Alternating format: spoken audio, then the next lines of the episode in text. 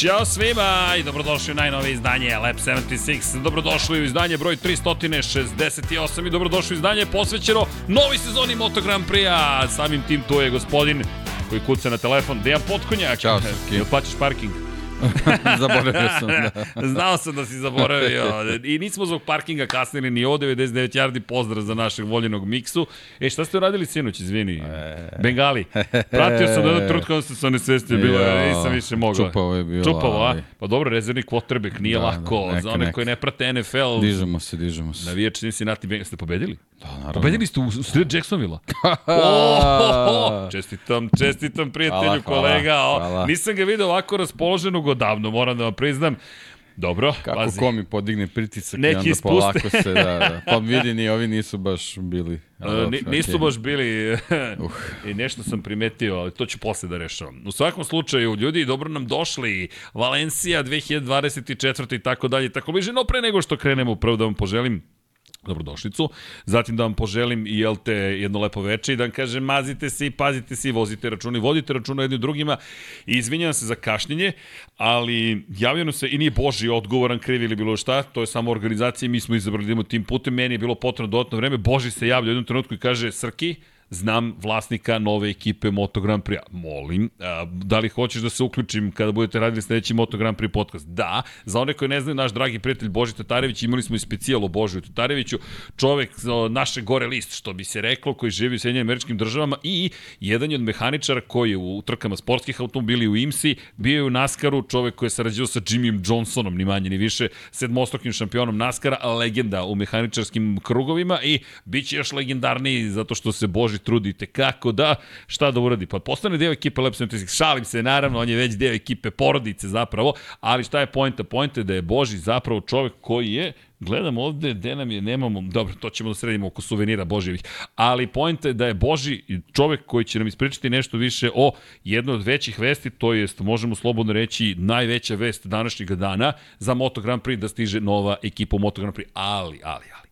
Nećemo da skačemo odmah na teme, Prvo da vam poželimo lepo u međusezonu, da vam kažemo još jedno, mazite se i pazite se i budite dobri jedni prema drugima, vozite računa jedni u drugima, kliknite like, share, subscribe, ko nije subscriber, evo mi vas molimo, postanite ukoliko nas već gledate, ne morate da uključujete zvonce, ništa mi ne tražimo, ali eto, molimo vas za pomoć, zato što nam znači kada nas podržite na taj način ili kroz like, patreon.com kroz Infinity Lighthouse takođe nam znači, ali ljudi, ono što je bitno jeste ono što smo i rekli, da delimo lepe priče, da se družimo, da se lepo zabavljamo i naravno da provedemo i među sezonu koja ne znam ni da li postoji. Deki, gledam Formulu 1 koja popularnost raste astronomski otprilike i gledam Moto Grand Prix koji stalno ima neke priče i ne može da dođe uopšte do tog momenta nekako kao da je neko, nije to prasti, ali mali, mali bata koji ne može da se dokaže, a pogledam Mi, mi smo juče radili pregled sezone, ocenjivanje vozača, Dakle, razgovarali smo o, o tome šta su uradili u drugom delu sezone u Formuli 1.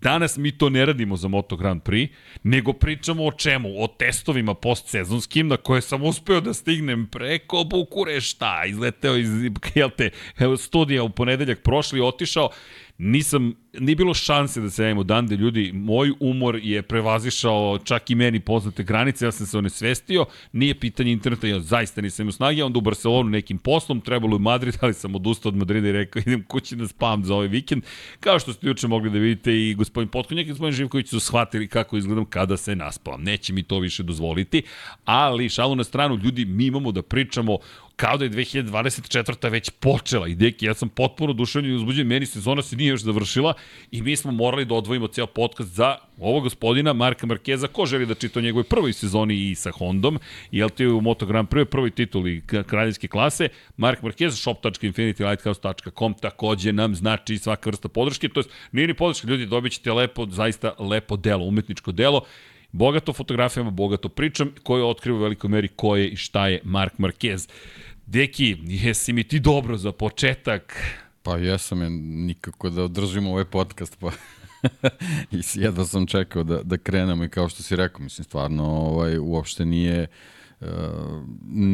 trenutak da, da čak ni analiziramo 23. da, da, da polako krenemo da sumiramo utiske, već eto, bukvalno ovaj, koliko smo ih u nekom trenutku kritikovali zbog nekih pauza, sad se de, stvari dešavaju ko na traci, neke, neke iznuđene, neke neki planirani, ali generalno ovaj, u svakom slučaju imamo večera šta da pričam i to prilično ovaj, stvari koji su generalno nove, znači bez, bez nekih preteranih revije analiza, nego bukvalno ovaj, imamo neke, neke novine koji su dešavali u prethodnih 7-8 dana, tako da kažem, ja da sam čekao da, da krenemo s ovim podcastom pre svega zato što smo onaj prethodni držali par dana ranije, tako da ono, 10 dana odlagali, pauze odlagali, odlagali. uopšte nije zdravo. Da. Nije ni meni prilo, mogu ti kažem, evo sad gledam, inače pozdrav za našeg Johnny-a, Johnny nam je večeras domaćin studija i dok povata sad ko šta, gde, kako, vlada nam nije dobro vlado, oporavi se, Srki nam je, ima porodične obaveze i Nikola, naš Johnny boy je uskočio u celu priču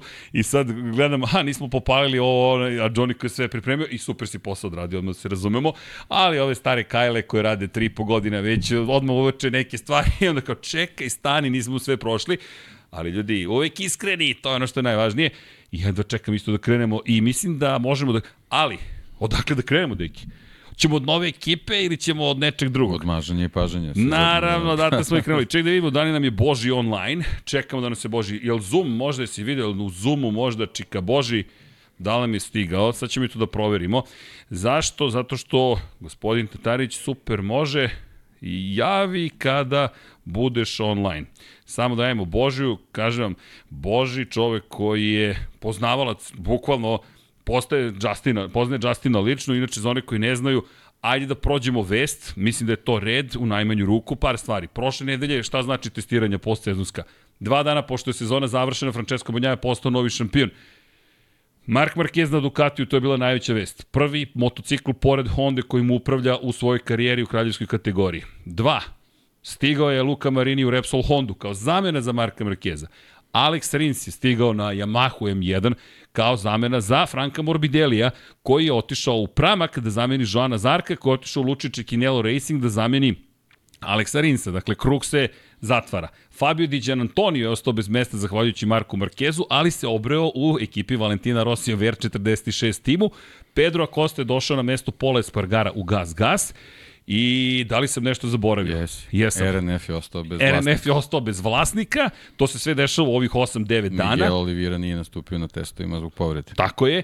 Zatim, pojavio se Luka Savadori kao probni vozač Aprilije sa ramom koji je bukvalno ceo od ugljeničnih vlakana. Dakle, nisu to delovi, nego sve od ugljeničnih vlakana. Stigla je nova Honda, revolucionarna navodno, koja je drugačija od svih dosadašnjih Hondi, kakva ironija na dan kada Marquez je seda na, seda na Ducati, nešto što liči na Ducati zapravo je stiglo u garažu Honde. S druge strane, imamo situaciju u kojoj Joan Mir slavi, a prešao je zapravo u ruke Santija Hernandeza, koji je do sada bio šef ekipe Marko Markezu. Kod Franke Karčedija, koji je nekada osvojio titulu sa Joanom Mirom, sada sarađuje Mark Marquez, tako da su zamenili svoje šefove ekipa. Fabio Di Antonio ide kod, u VR46 kod Davida Alonsa, sve kako treba, tako da e, ono što je pojnta jeste da je bilo uzbudljivo na testovima kao da je zapravo početak nove sezone. Gužva, teki, ja se frapirao, sleteo sam negde oko 9 ujutru u Valenciju i razmišljam, čekaj, da da uzmem kaficu, da uzmem sendvič, jel te, morala je da padne dobro, Hamon, jedan je španski je pao i kažem sebi, ok, ajmo sada lagano na stazu. Lagano na stazu, ljudi, gužva, znate kakva gužva, kao da je trka i sedim u taksiju, taksista koji kaže, šta se dešava danas? Ja kažem, test je u pitanju. Test? Koji test? Rekao Mark Marquez na Ducatiju i ljudi jedva smo se probili. Na kraju, kao novinar imamo parking poziciju, to jest imamo P1, taj čuveni pa, jedan od parkinga i dajem čoveku akreditaciju, zakači ti ovo na retrovizor, vadim akreditaciju da bismo prošli policiju da stignemo zapravo do ulaza u stazu jer je sve zatvoreno. Kao da je dan trke, I stvarno je bila gužva, vetar je bio toliko snažan i toliko je bilo hladno, na kraju su se ljudi pokupili kada su videli Markeza kada je išao rekli, odo smo mi kući. Srećom nije bilo toliko hladno tokom same trke, ali to ono što na što smo upozoravali. Vetar baš zna da duva u Valenciji. Elem, Pojenta je da smo stigli i imamo o čemu da pričamo, imamo i fotografije. Ljudi, ja koliko sam mogao da fotografišem, fotografisao sam, nisam profesionalni fotograf, ali sam pohvatao slike. Ono što jesu, prenećemo vam svakako utiske i naravno kada se bude javio Boži Tatarević, proći ćemo kroz drugu vest, a druga vest jeste, odmah da to i saopštimo, dakle, danas je bio zakazan sa randevu praktično, Iz Sjedinjenih američkih država Trackhouse ekipa nam stiže, Trackhouse Racing, ekipa koja je u relativno kratkom periodu u NASCAR-u došla do vrlo, vrlo lepih rezultata. Ono što je pojenta jeste da mi sada imamo dosta toga. Dakle, pod jedan razna razali nije re, šef RNF-a, Data više nije sponsor RNF ekipe, RNF ekipa prestaje da postoji, to je Trackhouse Racing sada. I Trackhouse koji, kažem, ima uspeha, izvinite, u NASCAR-u postoje prva američka ekipa u Moto Grand Prix-u postoje mnogo godina. Ja se ne sjećam još od Kenija Robertsa zapravo da li smo imali američki tim, pri čemu uzmite obzir sledeće, Dan Rozomondo je bio na prezentaciji, novi komercijalni direktor Dorne, koji je stigao polovinom ove sezone, bio je na prezentaciji kao predsednik Sjedinjenih američkih država. Zatim, predstavnici su takođe tu bili Sjedinjenih američkih država, konkretno Justin Marks, pričamo o osnivaču i vlasniku firme, koji je prijatelj sa Božim Tatarevićem, ako sve, izvinite, bude kako treba, možda ćemo uspeti sa Justinom da porazgovaramo nekada. Massimo Rivola je takođe bio prisutan izvršni direktor Dorne i Carmelo Espeleta, veliki šef Dorne. Tako da je to bio zaista mm, veliki bio dan. Sin. Bio je sin, izvinjam se, a Carmelo je dao saopštenje. Carlos je bio prisutan, Carlos je stajao pored zapravo cele ekipe sa desne strane. Pri čemu, ono što je to u toj cijeloj priči bitno jeste što se promena desila ovako. Dakle, u roku od 10 dana, nove boje, sve sređeno, ne sme da se Zbog čega mi deluje da nije baš ovako. Nije, da. tako je, to sam teo ti kažem. Mislim da je ovo bilo u pripremi, jer ti ne možeš, šta god da činiš, ne možeš ovom brzinom da dođeš do toga da ti imaš sve pripremljeno. Luis Duncan, naš kolega, inače imao ekskluzivnu vest i svaka čast Luisu Duncanu, on je prvi saopštio da je Trackhouse novi vlasnik Deki. Ajde dok čekamo Božija, et, kaže evo ga za minut stiže Boži Tatarević, taman da se uključi u celu priču. Johnny samo vidi na Zoomu, ako ti se pojavi participant, ti ga pusti da uskoči i onda samo prebaci kod nas kameru. Vidjet ćete Božija umeđu vremenu. Ja sam isto pripremio inače ovde raznorazne sličice. Ne mirorujem, cijenim da ti imaš moj drugi ekran sekundarni, ili tako, na ulazu 1. E to, imat ćemo i fotke iz Valencije. Sve smo pripremili za večeras, ne ti ništa brinete, ali... Ne bih ja sad nadirao Valenciju, ako će Ajmo Bože mi da za Bože sa pa da, Amerika. Da, zato što Valencija zaslužuje jednu odvojenu priču. Ako će Boži sada se uključiti, onda bolje da ga sačekamo da, da, da, da završimo sa, sa RNF-om, u stvari, da, da tako kažem. Ovaj, da, upravo to što si rekao, za, za tih nekih desetak dana dosta se ovaj promena desilo, posebno oko, oko te ekipe i ovaj, meni to nekako deluje da je to već da je to već kuvano i da se to ovaj ranije ranije izdešavalo jer ovaj, čitava priča oko, oko, oko američkog tima jednostavno mi, mi ne deluje pre svega zbog njihove organizacije vezano za NASCAR da bi, da bi ovu čitavu ovaj, priču sa Moto Grand ušli preko noći od trenutka kad je Razali saopštio, saopštio da, da, da se povlači, tako da mislim da je to već već bilo i ranije, da to u stvari bio i ne, ne, neka, neka stvar pregovora gde jednostavno RNF, kriptodata, Razali sebe apsolutno nisu videli u toj priči da je da je jednostavno na, na, na, na tom nivou još ranije odlučeno da, da će se ovo desiti, samo eto što su uspeli da, da sve drže ovaj, u najvećoj, u najvećoj tajnosti. I ono, eto, mislim, neka, neka prva reakcija Žao mi je što RNF-a i Razalije pre svega više tu nemamo, zato što to su već neke emotivne veze sa, sa Petronasom i Petronas Yamahom i, i, i nekim lepim stvarima koji su se u prošlosti dešavale sa, sa tom ekipom. Ne moramo da idemo dalje, dovoljno da kažemo da su oni zaslužni za pojavu Fabio Kvartarara u, u, u, u, ovaj, u Moto Grand Prix-u, a, a da ne pričamo ovaj, tu još neki nekih e, pozitivnih stvari koje su bile, a opet sa, sa, sa druge strane ovaj, um, čitava priča oko, oko nove ekipe ovaj, u, u, u Moto Grand Prix je pre svega interesantna zato što imamo tim koji je, koji je u Naskaru relativno nov, ali je nekako ovaj, uh, osvojio simpatije na, na razno razne načine tokom ovaj, uh, uh, prethodnih sezona, meni onako posebno upečatljivo Ross Chastain i ona njegova Pobjeda video igrica. Pobjeda o zid. da, tako da ovaj, eto, na taj način su skupili neke, neke fanove, tako da ako, ako na taj način donose neku, neku svežu krvu u, u, u Moto Grand Prix gde će na taj način biti otvoreni, znači ne pričamo sad o onoj, o onoj amerikanizaciji koja je zadesila Formulu 1 i tako dalje, tako dalje, ovaj, mislim da je ovo ipak organizacija gde, gde, gde moraš mnogo više da se prilagodiš čitom sistemu nego da ti namećeš ne, neka nova pravila, ovaj, mislim da će to biti jako zanimljiva priča, a posebno ovaj, iz ugla vozača koji su koji su ostali u timu, kao, kao što su bili u RNF-u, ovaj, Raul Fernandez i, i Miguel Oliveira, ovaj, koji su onako, eto, po meni momci koji stvarno mogu da, da uzburkaju Moto Grand Prix, nego nekako baš su u, u, u pogrešno vreme na pogrešnim mestima bili što se tiče ove, ove posebno prošlogodišnje ovaj, kombinacije RNF-a i Aprila, da ne pričam što se tiče Raula, on, onoj prethodni priči sa, sa KTM-om, to je sa, sa, sa Tech 3, tako da ovaj, uh, ne znam, mislim da, da, da, da dobijamo jednu, jednu svežu i pozitivnu priču, e sad kako će to da se razvije, vidjet ćemo naravno.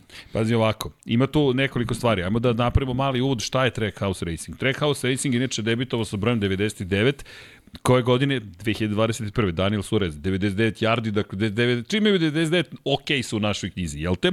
I lepo su počeli tu sezonu, Bilo je tu dobrih rezultata među top 10, međutim i pobeda prošle godine za Suareza jedna, međutim Roche Stein, kao što si rekao, čovjek koji nas je nekako osvojio. M je pobedio u Koti, M je pobedio u Taladegi, M je bio vice šampion prošle godine, završio sezonu sa četiri uzastopna druga, druga mesta i ove godine takođe dve pobede, uključujući pobedu u Phoenixu na, na kraju sezone.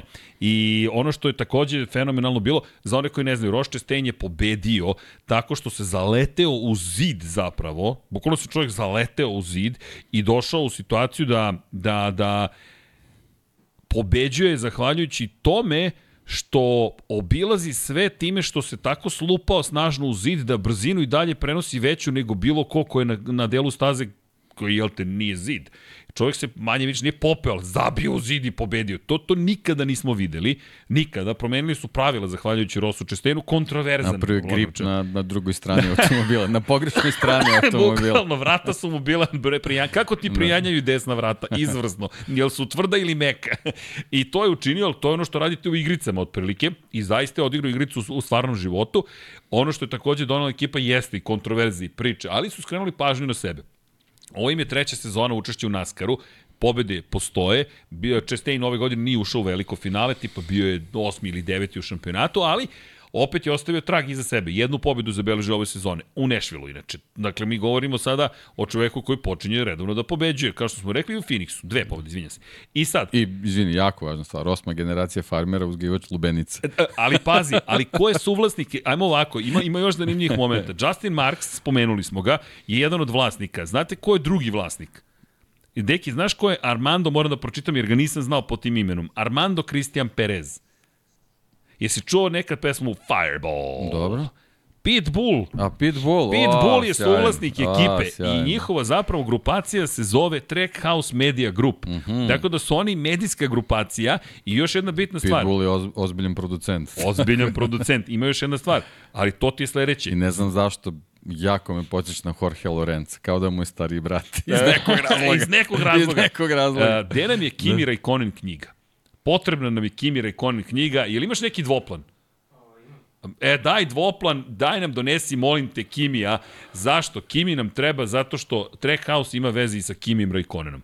Za one koji ne znaju, Kimi Raikkonen je vozio dve trke u Naskaru, ove i prošle godine po jednu, za Trackhouse Racing, koji je uveo šta? Ja, deki, koji biš ono čuveni projekat na Alemanu? Kako se zove garaža? Dakle, imate garažu ne 76, to je, to je Deki, de, de, de, Deki, Za malo da mi i Toki, ali projekat 91 postoji kao koncept da u NASCAR dolaze međunarodne zvezde. Ko je vozio ove godine, so, vozio je Kimi Raikkonen. Ko je još uspeo da vozi ove godine za ekipu koja se zove Trackhouse? Da li vam je poznato ime Shane Robert van Gisbergen? Ili ti popularni SVG. Ako nije, potražite ga. Dve trke je vozio u Naskaru i pobedio je u prvoj u karijeri u kojoj je nastupio i to su čuvene trke ove godine. Da Trackhouse, i to je u Čikagu bila ulična trka, je tim koji je već sada toliko pažnje skrenuo za sebe. Ja ne znam odakle ja počnem da ih opisujem, bukvalno. I sad, nadamo se da ćemo čuti Bože Tatarevića, ne znam da nam je nestao svemu ovome, ali ljudi, Trackhouse je jedna ozbiljna ekipa koja dolazi u Moto Grand Prix. Iskreno, Nadam se da znaju u šta se upuštaju. Imaju Raula Fernandeza, koji inače bio odličan u Valenciji na testovima. Dobio je Aprilu za 2023. i obradovao se kao malo dete. Nije silazio s motocikla, dečko. S druge strane, Miguel Oliveira, znamo koliko je dobar. Pet pobjeda u karijeri, jedan od Mene čudi da ga Repsol Honda nije dovela, da je bila spremna Mariniju da da dvogodišnji ugovor, a nije htela da da i Olivieri dvogodišnji ugovor. Mm, mm, ok, koja god veza da je tu odradila posao, odradila je posao, poštujem Mariniju. Sećaš se Olivieri prošle godine u Valenciji da je bio dobar na testu. Jeste, odmah na prvom sedanju Tako na Apriliju, kada su ga otpustili iz KTM-a. Potpuno sam zbunjen odsustvom te ideje uopšte da, da da Oliveira dobije šansu, ali okej, okay, doneli su odluku, idemo dalje. Nego je samo pojenta u tome da, da je to ozbiljan tim već sada. Aprilia stoji iza ovoga, pre čemu Aprilia već ranije htela Amerikanca u svojim redovima. Setite se ponude upućene Joe Robertsu pre tri godine, kada je Joe odbio Aprilia, jer tada Aprilia nije bila ova današnja Aprilia. Joe Roberts, američki vozač u Moto2 kategoriji. Dobro, ne, ne verujem da, da je to ova Sad neka da veza, da, je, da, da, ali, ali eto, generalno je ono, nekako dobra kombinacija u trenutku kad smo mogli da, da, da ostanemo bez ekipe ovaj, onako uz neki absurd gde, gde je KTM hteo da pravi još jedan tim gde je odbijeno čitaju priču, moglo da se desi da ostanemo sa 2 aprilija samo sledeće godine. Što bi bila katastrofa u stvari, zapravo. Nama je to tako delovalo, možda, možda ovo već, kažem, sa nekom zadrškom, možda ovo već ranije skuvano da nismo ni znali. Ne vidi, delo je, poznajući sve ono što se dešava u Dorni i Dena Rozomondo, da je tu postojala neka priča. Sad, da li su se kockice poklopile, Nadam se da ćemo jednog dana saznati, ali činjenica je da smo mi dobili situaciju u kojoj je to baš veliko iznenađenje. Od toga da u petak uveče saznajemo da prvo prestaje da postoji Prstel Grand Prix u Moto3 klasi, da su otpušteni svi i tu nismo dobili zamenu, do toga da Razna Razali više nije šef RNF-a, pa potom neka neubedljiva konferencija. Ne da nije šef NRF, RNF-a, nema tima. Nema, ne, ne, ne, ali prvo mislim, on, prvo on. To jeste, da. Pa onda tim saopštava... Ti shvataš, ti shvataš ako ostaješ bez vlasnika, Ne, ne, ne, ali onda Kripto da. Data kaže mi smo vlasnici i sve je okej. Okay. Uvodimo rumunski festival kao suvlasnika I ti se čekaj, čekaj, čekaj, čekaj, kakav crni festival muzički, ne znaš što iz Rumunije, nego kakve veze muzički sad festival ima sa tom tokom godine kovala infor, informacije da Data ne plaća svoje, svoje obaveze na vreme. Kri, kripto da, šta? Ne, u da, svakom slučaju, da, ali da, vidi, da. nije prvi iz kripto sveta koji, nažalost, kripto svet dobija lošu reputaciju zato što loši igrači u celoj priči se eksponiraju mnogo. Oni koji rade dobro, oni su ne eksponiraju, valjda pretpostavljam da uživaju u, u financijama, valjda meni taj celo kripto, ajde, ne ulazimo to, to je meni zero sum game. Šta znači znači Zero Sum Game ne vidim da su trenutno stvorili novu vrednost. Nadam se da grešim da će stvoriti, ali cela priča od koje je krenulo sa Bitcoinom da će to biti e, zapravo blockchain će da rešiti probleme zato što niko neće imati dovoljno računarske moći da sam Stvarno mislite da države neće imati dovoljno računarske moći? To je sad kao neće biti centralne banke. Nije, malo više treba se raspita i to ne funkcioniše tako. Ali da ne otvaram kripto svet sada. Pojente u sledećem, kripto će biti tu. Stake je prisutan, bit će novih sponzora u Formuli 1 su aktivni. Kripto je jedan od glavnih sponzora i samog šampionata sveta. Elem, kripto data, nažalost, nije bila taj partner za RNF. U utorak, inače, na testovima u Valenciji, motocikli su izgledali zanimljivo. Zato što imate motocikle koji su zapravo podeljeni po pravouganicima, ali bez jedne oznake. Samo farba je tu, ali su oni brzi, oni su stvarno bili brzi, mnogo je to dobro izgledalo. Bilo je hladno. da, da, imali su dobro grejanje. ali činjenica je da, da smo imali na kraju dana i Maverika Vinjalesa kao najbržeg vozača u, u Aprili, na novoj Aprili, 1.29, 2.53 je vozio. To se kabel malo šlogira s vremena na vreme ovde, ali namestit ćemo ga, to juče počeo da pravi probleme, nego da mi vidimo da nam je Boži, ako nam nema Boži, bacit ćemo se mi, nesto nam je Boži. Ako se pojavi, super, ako ne, šta da radimo? Nadam se da će nam ispričati priču Justinu, ali... Dobro, generalno smo prošli. Imamo ovaj, tako ovaj, je, lep da. uvod ka, ka Valenciji. Ljudi, ja moram krenuti od Marka Markeza. Prvo, utisak moj, Mark Marquez kada se pojavio, sve je stalo. Dakle, svi smo stajali i pokušat ću da nađem tu fotografiju. Dakle, nadam se, ali za to će mi biti potreban televizor. Deki, preuzmi na sekund samo uvod da, da Johnny i ja ovo sredimo. E, nema nikoga danas. Dakle, nema, da. E, čudno je kad je ovako prazan, pra, prazan prosto studio, ali molim vas, gospodin Potkonjak.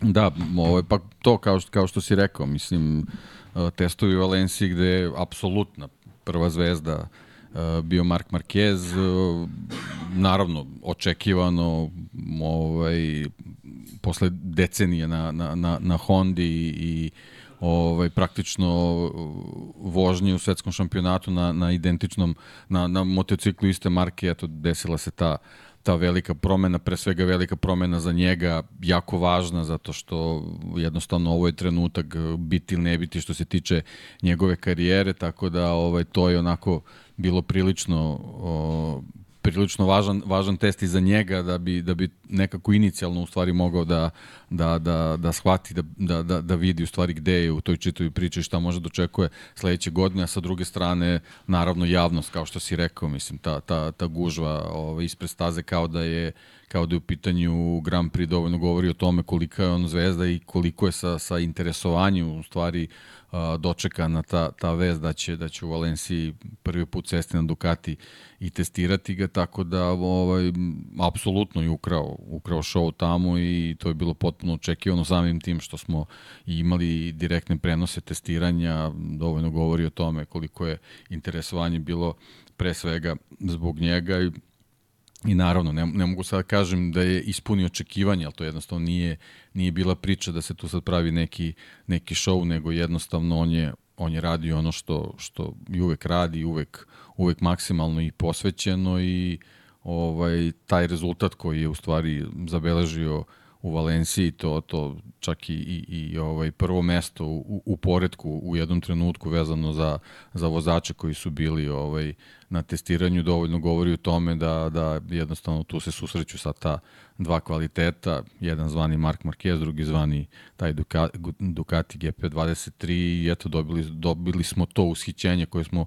u stvari tre, i trebali da dobijemo, koje u stvari samo predstavlja neku najavu tih očekivanja za, za 2024. godinu i situaciju gde ćemo ovaj, verovatno dobiti Marka Markeza koji je onako u tom nekom svom pobedničkom modu, željem pobeda, a i ovaj, kako sezona bude odmicala, ako to sve bude u toj nekoj pozitivnoj priči, ko zna možda i nešto više vezano za te neke njegove šampionske ambicije, ali pošto vidim ali, da je Boži da, tu, Boži vratit ćemo, tu, se, vratit ćemo, vratit ćemo se. se u Valenciju posle čuješ? toga.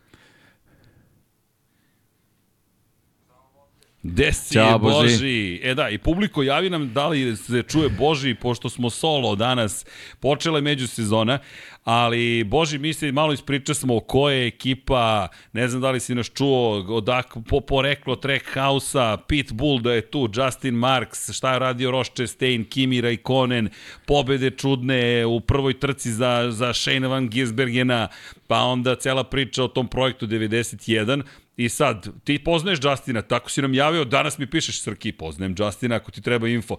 Molim te za info, ko je uopšte Justin Marks? Šta je to? Čemu se radi? Otkud oni u Moto Grand Prix? Ili imaš neke informacije? Daj, daj nam neki nešto onako malo iza kulisa.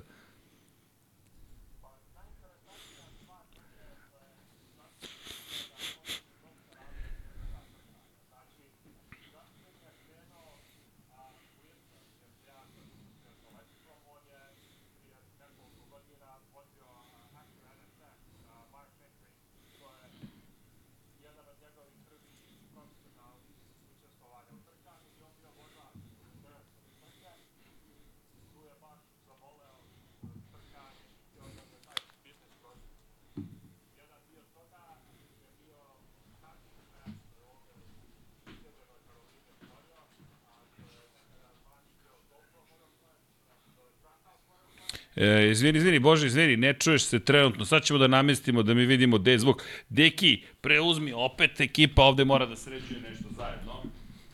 Da, ništa Bože, sačekaj samo, samo sekund da vidimo ovaj, pošto nam na četu ovaj, pišu ljudi da nema zvuka, a šteta je da, da se... E, možeš ti samo sad nešto, nešto reci, samo da vidimo može, da li... Može, ja, ja slabo srđana čujem isto. Aha, e, dobro. Sad ćemo i to da, i to da namestimo. Srki, jel, jel se čulo? Sad bi, sad bi trebalo da, ok, sad ćemo da zamolimo samo ljude na četu. Ti, ti da. Bože, molim te nešto reci, samo da vidimo može, da li... Može, da vidimo, da samo da vidimo da, vidimo, da, da tako je. Evo, kažu da se čuje, super, super, super, super. sad je, sad je okej. Okay. E, super. I Boži kaže samo da tebe slabo čuje, Srki. Eto, to samo da probamo da namestimo. To nećemo moći sad da rešimo. Dobro, okej. Okay. ti, ti ćeš biti voditelj okay, ovde. važi. Izvinite.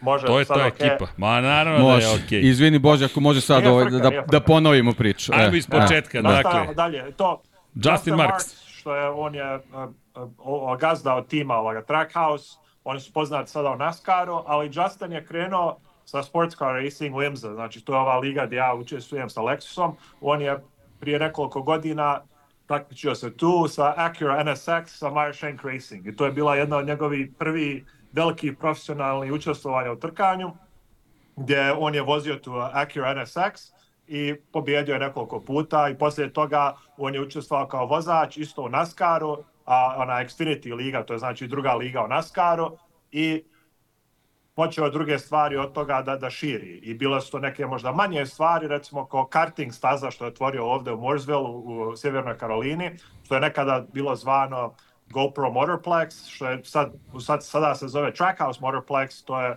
karting staza što je napravljena prema skicama od e, e, evropski onaj karting staza što je on vidio u svojim putovanjima i što je htio to da dovede ovde u Ameriku.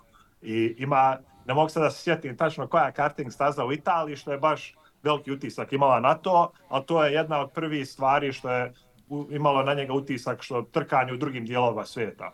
E, onda kada je Next Gen auto došlo u NASCAR, Justin je odlučio da hoće da otkupi charter od uh, Chip Ganassi Racing i da započne Trackhouse kao NASCAR tim i tu je doveo Daniel Suarez i Ross Chastain i onda očigledno dalje ovaj Project 91 gdje je Raikkonen dolazio, uh, Van Gisbergen i ovi ostali što imaju planovi. I tu je njegov cilj bio veliki da proširi uh, da, da bude svjetski tim. I oni imaju van trkanja počeli su da se šire u golf i a, u MMA ove tuče i tako to što već ono počinju da gledaju druge smjerove a, sportova i, i, i vrsta ona, učestvovanja gdje, gdje mogu da, da imaju svoje takmičare. E, Justin, sa, sa tim svim znanjem, Justin je odrastao u Sjevernoj Kaliforniji i jedan od prvi a, sjećanja što on ima, kako kaže, je da je gledao na motorima trke i to je bilo a, poslije nekog vremena ono značajna osoba što je za njega je bila je bio Nicky Hayden i Prema tome je dosta stvari što je on vidio i što je razumio trkanju, od toga je uzeo i, i učio. I zato imao interes u MotoGP i ovo drugo i zato je nedavno išao u Austriju i to sve istraživo. I sad ta prilika ispala da to sve sklopi. I slično ko što je u NASCAR-u krenuo, tako je i ovamo isto krenuo, samo za manju cifru, zato što u NASCAR Cup Series sad ovi čarteri, to, to ono, da uđeš u ligu, ja mislim trenutna je cijena oko 30 miliona dolara, a kako kaže vama za MotoGP, a, u, kako kaže ovaj, u društvu, da je između 7 i 10 miliona da, da se uključe ovamo. Znači, to je slično isto tako, samo manja, manja cijena da učestvuje. A to mu isto dadne cilj da se privuče evropskim stazama više, jer znam što je uvijek govorio je da ima cilj da što više ljudi iz Formule 1 dovede da prate trkanje u Americi. I isto tako ima želju da dovede MotoGP na, na veće, više, da se više gleda u Americi. Iako imaju dosta, dosta fanova, on, on je uvijek bio tog mišljenja da ima, da ima mjesta da se još ljudi privuče ovde, da, da upozna se sa, sa tom ligom i sa, sa tim takmičarima i mislim sad je svoje pare uložio da, da to pokuša da, da napravi. E, čekaj, jedno pitanje. Otišao je u Austriju da bi, u stvari ne znam da me čuješ, otišao u Austriju zapravo da, da, da, da, da, da, da napravi celu priču. Meni Austrija već miriše na Red Bull, iskreno, a nije da nije Red Bull zapravo glavni sponsor Miguela Oliveire kao na ličnom sponzorstvu, pri čemu Red Bull koji jel te, je trkačka ekipa, ne samo to vlasnik staze, ne samo proizvođač jel te, energetskog pića I druga stvar, znaš, Red Bull je prilično jak u Americi i američkim državama. Log, meni je tu logična veza direktna i ono što me zanima, sad izvini, malo kopamo, ne zameri, ali kad je on to išao u Austriju, čisto me zanima, znaš, kad se desio taj moment? Sad, to je, kad je, kad je bila to je ljetos bila, sad ne znam na pamet, moram, moram da pogledam poruke i slike da vidim, ali kad je, kad je, ne znam kad je bila, kad je bila trke su bile u Austriji, ali ne znam sad. A, možda... Ali da, ali tu je, tu je možda veza kriptodate bila generalni sponsor trke u Austriji, ako se dobro sećam. Moguće, Tako da ali... moguće da on sa kriptodatom imao tad već neke, neki razgovor, možda bio njihov gost tamo ili možda je neka priča bila gde on... A jel ti spominjao Apriliju? Ikada on je, ranije? Koliko ja znam, on je sa, sam od sebe napravio tu odluku već bio ranije u godini i tražio je samo trku gdje može da se uklopi da ode. I to je ispala prilika. Ali ispalo savršeno. Između, između njegovi onaj obaveza što tiče naskara i drugih stvari, da može da to vrijeme da uzme da ode, da ode na trku i, i, i da ima da najviše na istragu, da vidi šta se dešava i kako se dešava. Što to se često dešava, mislim, makar s ovima gazdama timova ovde što ja poznajem, da idu da vide kako druge lige funkcionišu, iako možda ne, nemaju želju da učestvuju, samo da razumiju kako da mogu svoje trenutne timove da poboljšaju. I sad recimo to se nedavno desilo sa Danny Hamlin. Danny Hamlin je gazda od 2311 Racing i njegov veliki cilj je recimo sad kad je bila ova Formula 1 trka u Las Vegasu, njegov veliki cilj je bio da ode da vidi tu trku, da vidi da vidi kako Formula 1 timovi funkcionišu, da vidi kako se reklamiraju, da vidi kako liga funkcioniše, da te informacije može da donese nazad svojim ljudima, da oni mogu da poboljšaju svoj tim. I tu je, ja mislim, to je bio prvi cilj od Justina, on je htio da, da ode da vidi kako MotoGP funkcioniše i umeđu vremenu mislim da je ispala ta neka prilika da počnu ti razgovori i to je onda se sve sklopilo da, da, da dalje onaj, da, da dođe do ove tačke. Ne, ne, to je zanimljivo, znaš, meni to pogotovo to Aprilija, znaš, ako je spominjao Apriliju ranije, moguće da je sve to bio već plan neki koji se polako razvio. Pa ne, ako se uklopilo u kalendaru ovaj, vezano za, za, za te ne, njego, neke njegove ovaj, planove, ispalo je savršeno zato što je čitava priča bila vezana i za, za generalnog sponzora čitave ekipe koju ispostavlja se sada, mislim, zaista jedini, jedini tim je i bio gde on mogao da se pojavi u, u, u ovom trenutku. Da, inače, kada pričamo o ekipi, to je trogodišnji ugovor. Dakle, oni su na tri godine potpisali ugovor, to je baš ozbiljna priča. Dakle, ugovor je na tri godine i to će biti 2024. 5. i 6. Da. Ovo, i, ovo, I ovo što je Boži rekao, to je on, on je danas rekao i to i u, ovoj, i ovoj prezentaciji, njegov prvi susret generalno sa trkama bila je Laguna Seka i motociklizam, tako da očigledno da je to neka njegova e, i ljubav i naravno sad je spojio taj posao, ali očigledno da oni, oni će tu ozbiljnu produkciju raditi, ovo što je Boži sve rekao, zašto su sve zainteresovani, tako da u stvari njima je Moto Grand Prix samo jedan od projekata, tako da se nadam da će u toj čitovi priči, toj organizaciji, on u stvari okupiti tu ljude koji su stvarno ovaj, sposobni da Moto Grand Prix tim iznesu, iznesu na, na, na pravi način i zbog toga mi je stvari drago i sad zbog toga to jedva čekam zato što smo videli da se RNF nije najbolje snašao sa, sa, sa isporukom tih, tih aprila, jer generalno ono što smo videli u, u, u sezoni koja se nedavno završila, uh, uh, aprili iz 22. godine su bile kvalitetniji motocikli, a ni Raul, nažalost, ni Miguel zbog, zbog svojih povreda nisu uspeli to da, da pretvoru neke rezultate na stazi. Pošto mene Boži slabije čuje, molim te ga pitaj na vezu, ili može nešto da nam sredi za Justina Marksa? Molim. Uh, čuvate. Pokušat ćemo razgovarati sa njim sutra, zato što znam da danas ima jedna za drugim zaredom sve ove zakazane ove razgovore, ali čuću se sa njim sutra, pa vidjet ćemo možda nešto da uklopimo. Vidi, ali vidi, vidi. Vidi kako smo da, da. lepi. to, to. Uh, ali što se, što se tiče planiranja i ulaganja i, i kakva, je, kakva je njegova, a, njegova smisla što tiče timova, ja imam lično iskustvo, recimo što tiče za primjer Shane Van Gisbergen. Shane Van Gisbergen je vozio Lexus za ovaj tim što ja radim 2020. godine.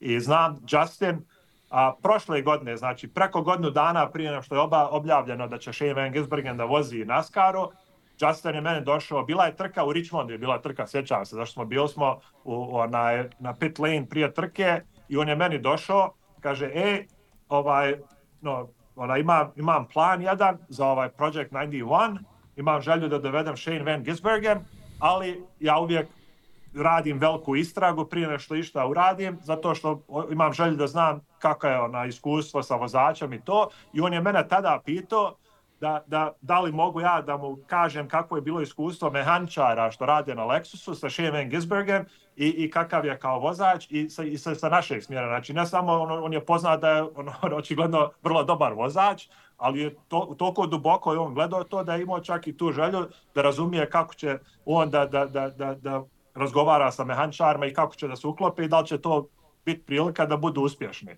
I naravno to je to je sve se uklopilo i na, na kraju su osvojili Chicago, ali, ali to, je, to je smisa koji ima za trkanje i to je što ja očekivam da će se ovdje desiti. Znači to je novi svijet, ono, za njega kao sa, sa druge strane, kao ne gledalac, ali ja očekujem da će on da, da traži ljude, isto tako da razgovara, da ispituje, da nađe neke dobre ljude u, u koje može da vjeruje, da, da pomognu da tim da bude uspješan. I tako ja, ta, isto, ta, ta rečenica što si rekao, smisao za trke, to, to, me, ovaj, to me ohrabruje, nadam se da će tako i trkač. biti, da, da nije poenta samo da se sve gleda kroz novac i tu organizaciju, nego da to stvarno budu trke gde će da se prave neki rezultati. To, to mi se sviđa što si rekao. Čekaj, ja znam neke ljude koji mogu da mu pomognu. Da. I- Vidi, on je čovjek ozbiljnih shvatanja, on je, on je modern, on zna šta su moderni mediji, zna, zna šta je YouTube, šta su podcasti. Imamo preporuku za njega. Imamo preporuku, Boži. A i jedno pitanje, pitanje Boži, pošto mi reče, topla preporuka Lab 76 i Boži Tatarević. Hoće Boži postati mehaničar MotoGP-a? I To, podcaster. to, to, to, ja, ja isto imam to mišljenje da, da idem gdje se razumijem. I što se tiče motora, ne razumijem se vrlo puno. Tako, ja jedino što se tiče MotoGP, što mogu da odem da, da budem gledalac ili da komentarišem, ali da komentarišem možda na hranu ili nešto tako. Vidi, onaj, gde, go, gde, god budeš i, gde god budeš išao, GoPro je na tebi, mikrofon, Da, idemo da. live. Ej, Pa da. samo javi, ako To budeš to, išao, ja- javi nam, ako nije- ne nije može moje Justin, iskustvo, tako odmah ne komentarišem. ako Justin ne može da mu završi Tako je. propusnici, znamo ko može.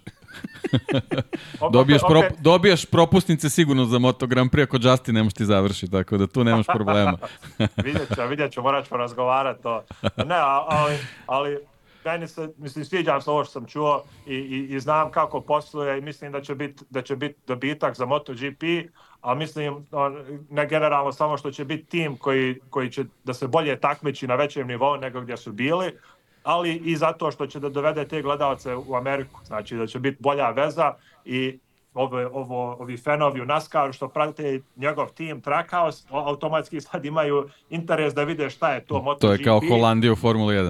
To Ja. je to. Da, i, i što je treća stvar, što e, znajući Justina i kako on razmišlja o budućnost, a, ovde prenos u Americi ovoga MotoGP je ovaj Turner, oni prenose TNT i ta isti a, ta isti prenos je sad potpisan za ovaj novi NASCAR TV deal što počinje za, za 2025.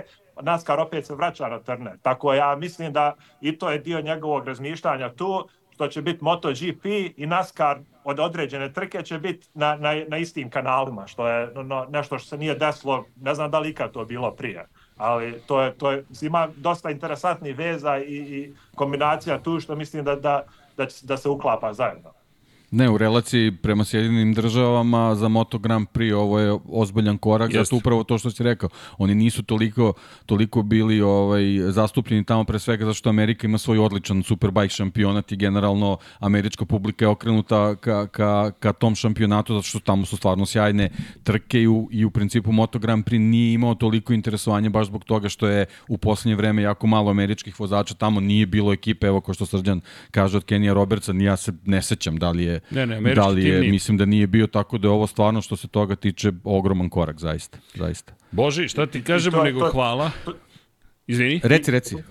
I, I to je isto velika stvar što se tiče toga učestvovanja, što je jedna velika stvar što makar iz mog pogleda kako ja vidim i što, što razgovarao sa ljudima je Moto Grand Prix je dosta prilagodniji da dođu Amerikanci, recimo upoređeno sa Formula 1, a dosta, dosta ljudi odavde računaju MotoGP na istom nivou kao Formula 1, samo mislim ono druga vrsta trkanja i onda to oni gledaju kao možda bolji cilj za američke timove ili možda za američke ovaj onaj neke druge ljude što se učestvuju tu da mogu da se uključe lakše nego recimo u Formula 1 i vide da MotoGP raste i da imaju te neke prilike što možda nemaju u Formuli 1.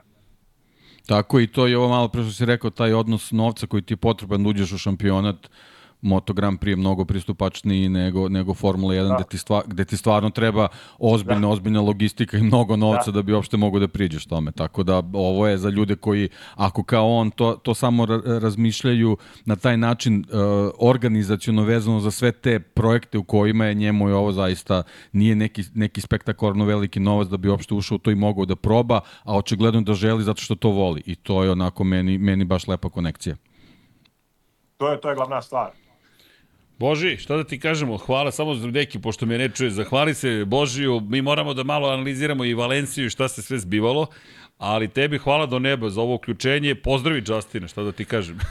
Od Lab Važi, 76 važi. ekipe. Čujem, čujem te, Tako. čujem te vrlo malo, ali čujem. Hvala vama. Da, ništa, evo ja ću, da, ja ću sa, sa moje strane se zahvalim u ime naših gledalaca, hvala ti na uključenju, nešto mi se javlja da ćemo se sad sve češće i češće čuti, ovaj, ali ovaj, mislim da ti, da ti neće A smetati. hteli smo za sledeću nedelju da, da, da, da, da, za Formulu da, 1. da, da, sledeće nedelje, da, bi možda već mogli da se čujemo, ali, ali bit ćemo na vezi pa ćemo se dogovoriti. Imamo planove, I, i, Bože. ćemo nešto. Super. Hvala ti Hvala, puno, momci, hvala. budi dobar pa se čujemo, sve najbolje. Hvala, Ćao. Čujemo se. Ćao. Ćao, ćao, ćao. E, e sad, e, kada je reč o, o, o, o svemu što smo čuli, pa, aj po par stvari. E, nisam ulazio u dublju analizu, ali ovo što Boži kaže, ako je Justin zaista taj čovek, a nema razloga da ne verujemo u Božju, jer su drugari, dakle, mi imamo situaciju u kojoj bismo mogli da dobijemo nekoga ko će promovisati trkanje, pri čemu, u svo dužno poštovanje prema Formuli 1, ali spektakl koji ove godine na stazi imao Moto Grand Prix, Formula 1 to zaista trenutno može da sanja samo. Dakle, ovo je druga sezona, ovo je, ovo je rekordna sezona, svaka čast i Maxu Verstappen Red Bull Racingu, ali ovo je sezona za rekorde, za istoriju, za njegove navijače. Međutim, kada govorimo o čistom trkanju, čekaj, mi imamo odlučujuću trku na poslednjoj trci sezone, Posle 38 trka, u 39. se odlučuje ko će biti šampion. Pored toga, u Americi imamo već NASCAR koji ima 33 trka, dakle sprint subotom, Njima to nije nepoznato. Tako je, nedeljom glavna trka, pri čemu to ima svega, laktanja, farbi, kontroverzi, kazni, teških reči. Znaš, ti kada pogledaš Marko Beceki, njegovi komentari posle trke u Valenciji su bili Mark Marquez je najprljaviji vozač, niko ne sme protiv njega, on je zaštićen, te ovo, te ono. Kad je poslednji put neko u Formuli 1 otišao toliko daleko da dođe s pivom na konferenciju za medije svoju i govori tako teške reči o drugom vozaču, a taj drugi vozač, osmostruki šampion sveta koji kaže, ma neću ni da pričam o njemu, on to radi isto meni, non stop i nikom ništa. I sad ti imaš nešto u Formuli 1, sam, samo, samo, samo ovako, zamisli da Lewis Hamilton nekog izbaci sa staze, taj neko kaže Lewis Hamilton je ne znam kakav vozač, Lewis Hamilton ga ignoriše, imamo opšti haos na stazi, odlučuje se u poslednjoj trci sezone, ja, ja mislim ne Netflix da bi trljao ruke, nego pola planete. Moto Grand Prix to ima. Ono što nema jeste popularizacija. Dakle, mnogo se malo zna za ono što se dešava na samoj stazi. I ono što si lepo rekao, da ne bude samo još jedan projekat koji, e, ovde je kinta, ovo je komercijalizacija. Ne, nego ovde nije samo novac, već ovde je trkanje, a novac pride dobro dođe. Pri čemu je njima ovo jeftino, u suštini. To je, Upravo to sam hteo da Znaš. kažem, mislim, ovaj iznos o kojem je Boži pričao, to je, mislim, u Formuli 1, ja mislim da u, u ovom trenutku vozač sa, sa tim budžetom ne može da sanja da će dobiti mesto u Čekaj, timu. Pastor A ti- Maldonado je platio tako je. 17 miliona godišnje A da bi bio Williams. tad. Tad, to je bilo 2009. Tad. 8. Sad, Tako znaš je. koliko se priča za Guanju Joe da plaćaju? 45 miliona godišnje. Eto vidiš. Tako da ovo je što se tiče Justina pre svega i te, te neke njegove vizije ovaj, oko, oko samog biznisa. Znači sad ne pričamo toliko, ovo je, ovo je generalno win-win kombinacija zato što on, on u ovom trenutku o, sa, sa 44 trke gde god da su na ovaj način koji Boži priča onako uspe da, da Moto Grand Prix ako ima, ako ima tu, tu, tu snagu ovaj, u Americi, ako on može da na TNT ubaci Moto Grand Prix sve trke uz NASCAR, on je, on je već tu već, već je tu praktično vratio sve svoje ulaganje ovaj, da, da bi ušao u šampionat, a ono što si ti malo pre rekao, bez obzira na, na, na tu ovaj zanimljivost koju nama kao publici donela, ja mislim da su tu i, i ovaj, same ekipe i njihovi vlasnici i ko god se našao u toj priči oko, oko organizacije timova, a, shvatio da imamo taj moderni šampionat koji eto od neke 2020. sad sa tim covidom je u stvari krenuo da, da, da je bukvalno uh, svaki vlasnik tima je, je shvatio da on može da pobedi. Bez obzira ovaj, koliko je se kasno priključio u šampionatu, tu jednostavno ne, ne predstavlja nikakav hendikep za njega, nego jednostavno a, isporuka tih motocikala i, i kvalitet vozača koji se nalaze u šampionatu je, je, je e, dovoljan parametar da ti kao neki Novajlija koji ulazi u, u celu priču možeš da se nadaš da, da nešto možeš da uradiš, a najbolji primjeri su im Ver 46, e, Gresini, znači timovi koji su bili na nekom, da kažemo, e, nižem nivou u odnosu na, na fabričke ekipe, oni su bez problema su se našli ovaj, u, u poziciji da Gresini se prošle godine bori za, za titulu, uh, Ver 46 Muni, Ver 46 ove godine donekle pred sam kraj šampionata su i dalje bili u igri za titulu, tako da uh, sada bilo ko, ko, ko pravi bilo kakvu kalkulaciju oko ulazka u Moto Grand Prix, posebno ste iznose koji zaista nisu, nisu visoki u, u, u tom svetu, može da se nada da će imati neku značajniju ulogu gde za razliku od, od Formule 1 ti imaš situaciju gde sa, sa basnoslovnim ciframa ti u stvari samo možeš da se nađeš da ćeš biti samo deo tog šampionata bez neke preterane šanse da nešto možeš da uradiš u prvim godinama. Još jedna stvar, znaš koliko, ne znam, da pre 5 dana je, to nismo ni stigli da obradimo juče, je saopšteno da je NASCAR potpisao novi ugovor vedan 7,7 milijardi dolara koji podrazumeva i prava za streamovanje i prava Amazon Prime ulazi, Warner Bros. Discovery takođe ulazi u, posao sa streamovanjem, Amazon Prime će čak imati pet ekskluzivnih trka koje će sam e, streamovati i tu se produžuje ugovor sa Fox Sportsom i NBC Sportsom. Šta hoću da kažem? Dakle, ne bih ulazio sad u preteranu lizu tog konkretno dogovora, inače dugoročnije, Dogovor stupa na snagu 2025. godine, ali neće se završiti u ovoj deceniji. Dakle, mi govorimo o dugoročnim ugovorima, što je bitno iz perspektive toga da ljudi znaju da će NASCAR biti tu. Next gen, jel te, stiga automobili, evo, privukao je novu pažnju. Generacije 5 automobili su stigli. To su sve neka unapređenja koje NASCAR i želeo da dovedu do ovakvih situacija kao što je, eto, nova ekipa koja je sada i u Moto Grand Prix. Zašto smo uzbuđeni? Ljudi ne znamo čime pre da pa budemo ne, ali, uzbuđeni. ali pojenta je što taj Trackhouse Racing pojavu uh, i svega ovoga što je Boži rekao, u stvari sad, sad nam je otvorio, otvorio taj neki širi vidik, njih samo ne, ne gledamo samo kao ekipu koja će se takmičiti. To već gledamo kao, kao o, skup ljudi koji će, koji će pomoći Moto Grand Prix ono, ono, onome o čemu smo pričali. Jednostavno oni moraju da naprave neki iskorak da, da ove uh, fenomenalne trke koje imamo Moto Grand Prix globalno se više vide. I ja mislim da će oni to uraditi. Tako da jer... to je, zato njima, njima sad u ovoj fazi, zbog cele ove priče oko, oko tih prenosa tih ugovora koji su potpisani, nije bitno što će trke voziti u Kazahstanu, Indoneziji i Maleziji. To trenutno u ovom, u ovom trenutku zaista nije bitno. Ima još jedna stvar, zašto je dobro što, ovako, dakle pričamo o amerikanizaciji u kontekstu toga da, je, da, da naravno mora postoji tas između sporta i zabave, ali u trenutno kada govorimo o negativnim posledicama toga, Amerika je donala mnogo toga, toga, toga dobrog kada je reč o sportu. Košarka je izmišljena konačno u Americi. Dakle, kada govorimo o tim stvarima, preterana komercijalizacija je problem. Kada ti podrediš sve tome da imaš pa spektaklu. golf turnir u Tako Las Vegasu, a manje ti bitna trka. Trka je bila dobra, inače, samo da se razumemo, ali manje promovisana trka koliko sve ono okolo. E sad, bilo dobro što je trka dobro. Međutim, srećom, ti ne možeš da imaš ulične trke u Moto Grand Prix-u. Znači, moraš da imaš Grand Prix stazu. Da bi imao Grand Prix stazu, moraš da uložiš novac. Imaš jednu, to je kota za sada, ako hoćeš drugu, ili ćeš da praviš novu stazu, ili ćeš neku od starih da renoviraš. Što, pazi sad uzročno poslednično, može da pomogne i Formuli 1. Ne kažem da će Watkins Glen oni sutra da srede, ali za, ako sređuješ MotoGP za Moto Grand Prix, bezbednost je toliko visoka da Formula 1 već po defaultu može da dođe iz bezbednostnih razloga. E sad, da li su i prateće stvari na istom nivou, ne znam, ali samo deluju uzbudljivo iz te perspektive. E sad, ima tu još stvari, a to je zapravo da dobijamo i možda i novi kapital koji može svima da pomogne. Vidjet ćemo, ajmo da se nadamo da je ovo baš pozitivna sila nas to što trkači nas uzbuđuje, a pazite, to je vest od danas. Ali hvala Božiju i nadam se da ste uživali, ovo je direktno bilo uključenje iz Amerike. Ne, hvala mu zato što nam je doneo sa tih nekih svojih par rečenica, nam je bukvalno čitavu priču ovaj, I potvrdio da se ovo valja već i kažem, neko vreme. Da, da, znači mislim, mislim da nije slučajno što je na kriptodatinoj trci u, u Austriji Justin bio. I do sada mislim su... da je tu u stvari shvatio kako je generalna situacija sa RNF-om i da je tu već počeo da priprema teren da startuje na vreme. I izabrao dobru trku, pozdrav svima koji su bili na Red Bull ringu, pošto ste stvorili jednu fenomenalnu atmosferu, što je eto, pomoglo možda da treka... Možda ste stajali pored Justina. Možda ste pored Justina, ali ne Bibera, nego Justina koji se zove Marks, a njegov kolega je Pitbull.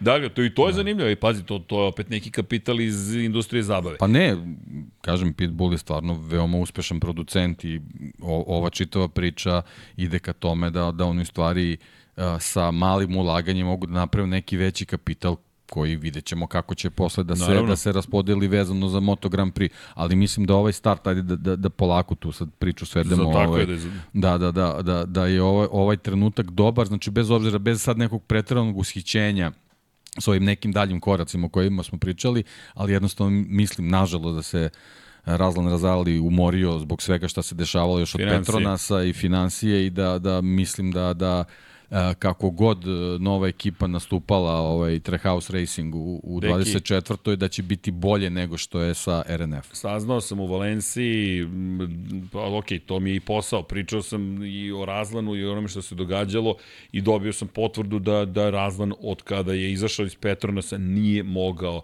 zapravo taj budžet da sastavi na način na koji je želeo da ga sastavi do tada.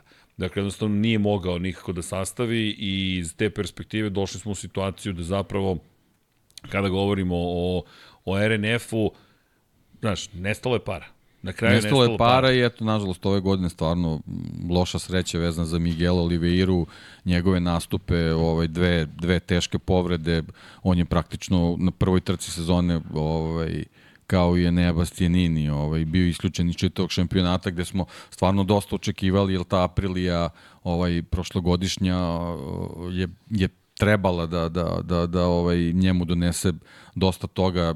Ja sam ga čak video ovaj, kao vozača koji je mogao u 23. da napravi neko iznenađenje kako je Nea Bastianini pravio tokom 22. godine, međutim, nikad nećemo znati, pošto stvarno ovaj, povrede su ga baš dugo, dugo odvojila od staze. Nažalost, evo, i, i bio je ovaj, toliko malerozan da i sad u, u završnici sezone jednostavno ovaj, nije, nije u mogućnosti bio da, da se pojavi i na, i na poslednjoj trci i na, i, i na ovim zimskim, zimskim, u stvari ne zimskim, nego postsezonskim testiranjima, tako da ovaj, eh, nekako ovo je, ovo je sad taj neki, neki pozitivan pomak što se tiče i, i, i, i Miguela i, i Raula koji su jednostavno ovaj, nekako stvarno ta neka loša sreća ih baš prati.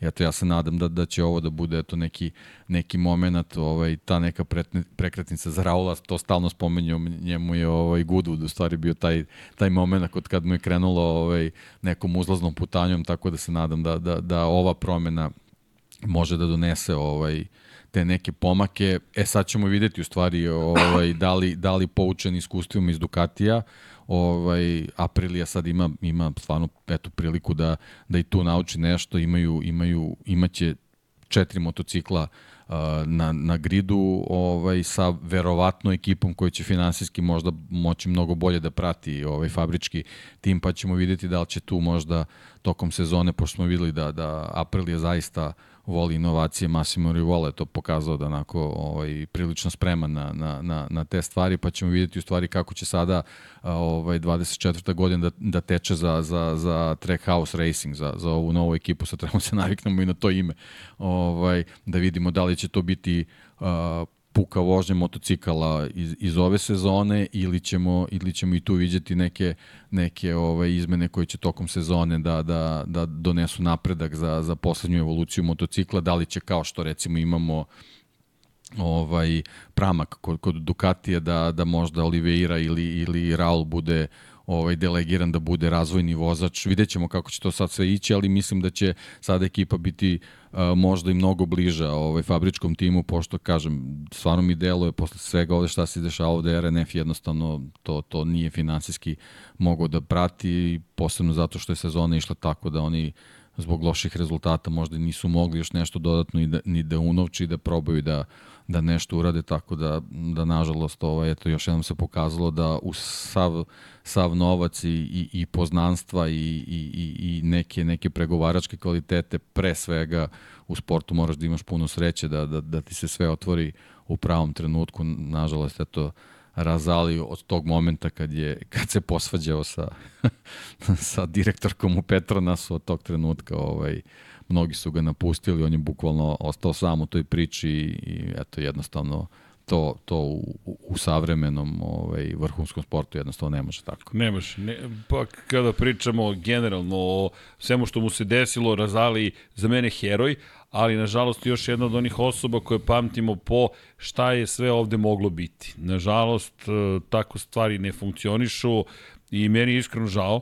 Žao mi je što Razali nije neko ko je dobio, dobio Pa bukvalno priliku da, da pokaže šta zapravo može kao jedan šef ekipe. Pa dobro, ali taj razlaz posle i sa Vilkom i sve to šta se izdešavalo jednostavno. To je nekako naslutilo da možda ni on nema pravu viziju kako treba to sve da izgleda. Pa ja mislim da nije znao. Evo da. iskreno ti kažem, djeluje mi da nije znao, jer jedno je biti čovek koji je navikao na neograničene resurse, manje više koji upravlja i svi ga prate jer ti predstavljaš Petronas, a drugo je kada ti ne više ne upravljaš, nego se istovremeno boriš da obezbediš resurse i upravljaš. Ali tu bih stao što se tiče RNF-a, zato što mislim da će nam pobeći kompletna emisija na novu da. ekipu, a imamo puno posla, još pride, Vratio bih se onome o čemu smo pričali malo pre, a to je zapravo priča o, o, o testovima u Valenciji. I otići ću ponovo ka Marku Markezu, zato što je to bio moment koji je bio jedan od najvažnijih koji se desio. Dakle, istorijski moment, prelazak na, na Ducati, ajmo ovako, deki, Koliko dugo se priča o tome da li će Mark Marquez otići iz Honda, neće otići iz Honda, šta će se desiti u toj Hondi, da li će biti nečeg novog, neće biti nečeg novog. Ja mislim da smo se naslušali od početka njegove karijere. Kada će na neki drugi motocikl. Mislim da ovo niko nije očekivao da će preći na motocikl koji je suvereno najbolji motocikl, da je priča bila druga. Ajte vidimo na nekom motociklu koji nije dokazani pobednik, Marquez je otišao u suprotnom smeru. E, ovaj moj motocikl više ne radi, idemo u Ducati. To nije kritika, to je konstatacija, ali bilo je dosta komentari na tu temu, da, da šta god da dobije od motocikla neće biti dovoljno brz i da je njegovo vreme prošlo. I deki, evo odmah ljudi par stvari. Prvo, taj utisak dolaska na stazu je bio impresivan. Zatim, količina ljudi koja je bila oko njegove garaže u tom trenutku je takođe bila impresivna. Dakle, me, moram da priznam da sam se obradovao što je bilo toliko hladno. Zašto? Zato što Evo, Johnny, ako hoćeš, možeš i da prebaciš na, na moj računar. Ja mislim da je... E, obratite pažnju, ovo je ispred garaže Marka Markeza. Dakle, ovo je da ovo je, evo, malo smo rešili da promenimo kako da, da, da ne bih sad Johnny-a maltretirao, daj ovu sliku, daj ima ih 270. Bukvalno ovo je Mark Marquez i izlazi iz garaže. E, one, oni koji su bili želeli malo drugačiju fotku, evo ih ovde gore, možete ih videti. Dakle, na terasici ste, stoje. Ja očigledno ne mogu da se vidim, mada sam primetio da su me mnogi tražili, nađi Valda, nađi Srđana, otprilike bilo je. Ljudi, duge ruke, selfie stick mi ne treba. Deki, ovo rekao mi je Mišel Turko iz Lekipa, da zapravo nije video ovoliko interesovanje za testiranja još od 2004. godine, Malezije tada, kada je Rossi prvi put izašao na Yamahi na stazu, i rekao da, da to podsjeća njega. Turko je bio i pre 20 godina tamo, jedan od onako čuvenih novinara, francuski čuveni novinar u Moto Grand Prix. Ovo je bukvalno na, no, šta sam ja zatekao i moram priznati da mi je bilo drago što, su sve, što je sve kasnilo, što je bilo toliko hladno, pošto je sačekalo i mene da taj istorijski moment iz moje perspektive krajnje lično, profesionalno, sebične zabeležim. I ljudi, ovaj kadar dovoljno govori. Naravno, posle se raščestilo, ali svi smo želeli delići istorije i dobili smo ga. Ovo je bio moment kada su uspio da proverimo unutra otprilike i da kažem ok, evo je ta 90 trojka, šta smo mogli da vidimo, pitao sam, ne znam čiji je motocikl dobio, deki, pošto si mi rekao, Srki, pita ih čiji je, pitao sam, svi su mi se samo nasmejali, jer ne znam da li je ovo Banjajin, da li je ovo Martinov, da li je ovo, ne znam, Zarkov ili Bastianinijev, ali ću i to iskopati negde informaciju, samo što ono što nemam kao kadar jeste što iza svih nas stavljao Luigi Dalinja i posmatram nas sve kao eksperiment neki, Luigi Dalinje koji vodi zapravo ceo Ducati. Ono što je zanimljivo na ovoj fotografiji možete da vidite kroz zapravo ovu ovde fotografiju šta se unutra dešava, to mi isto trik kada ste tamo na stazi, pa ne, vi možete da vidite zapravo šta, šta vaše kolegi mogu da vide, pa onda iako ne vidite u, direktno u garažu, vidite preko njihovih ekrana ali činjenica da je zaista bila ogromna gužva, ne zamerite ovo što je malo ovako, ali pokušavamo sve da vam predstavimo na najbolji mogući način. Elem, taj izlazak je bio istorijski moment, i pored toga, ono što je na mene ostao najveći utisak, Johnny, možemo na studio da možemo da, možemo da, da, da se prebacimo druge stvari, prikazat ću vam posle. U stvari, možeš nazad na, na, na ekran, da, samo jednu stvar hoću da vam pokažem. 93, zapamtite, pogledajte garažu pored. Ovde nema nikoga. Alex Marquez, ljudi, jedan novinar nije stajao tu, nigde nikoga, meni bi to bila prilika malo da fotografišemo, ovo je inače novi Bastianini, to je GP24, ali ali sve je to deo neke druge priče. Nastavit ćemo, Mark Marquez izašao na stazu, na Ducatiju, i kada pogledate njegove rezultate, bilo je impresivno, međutim, ono što je na mene ostavilo najveći utisak, to me dosta ljudi pitalo, jeste bilo pitanje kakav je moje, kakvo je moje viđenje stvari direktno, direktno sa staze. Mark je bio na četvrti na kraju samog tak, tak testiranja. Ukupno je imao 49 krugova, 1.29.4.2.4 je odvezao. Već možemo da pričamo o tome da je bolje bilo nego na Hondi, ali ono što je na mene ostavilo nači utisak jeste da je zvučao fantastično. Šta hoću da kažem za sve one koji su bili na stazi ili su mnogo veliki ljubitelji motociklizma, za one koji su prvi put možda sa nama ili nisu dugo u ovom sportu, zvuk vam otkriva mnogo toga i to i Deki i ja volimo zato da čujemo na stazu kada odete. Ne možete na televiziji da čujete ceo krug, osim ako vam ne stave kadar na sa sameg motocikla, čak ni tada ne čujete to što može da se čuješ. Če, po čemu je zahvalna Valencija? Vi možete u velikoj meri da pratite motociklistu koga želite, iako zvuk, jel te, dolazi i odlazi. Zvuk je bio vrlo ujednačen. Nijednog momenta nije zvučao kao da prelazi bilo kakvu granicu i to je bilo na nivom e, kada vozi, dode gas.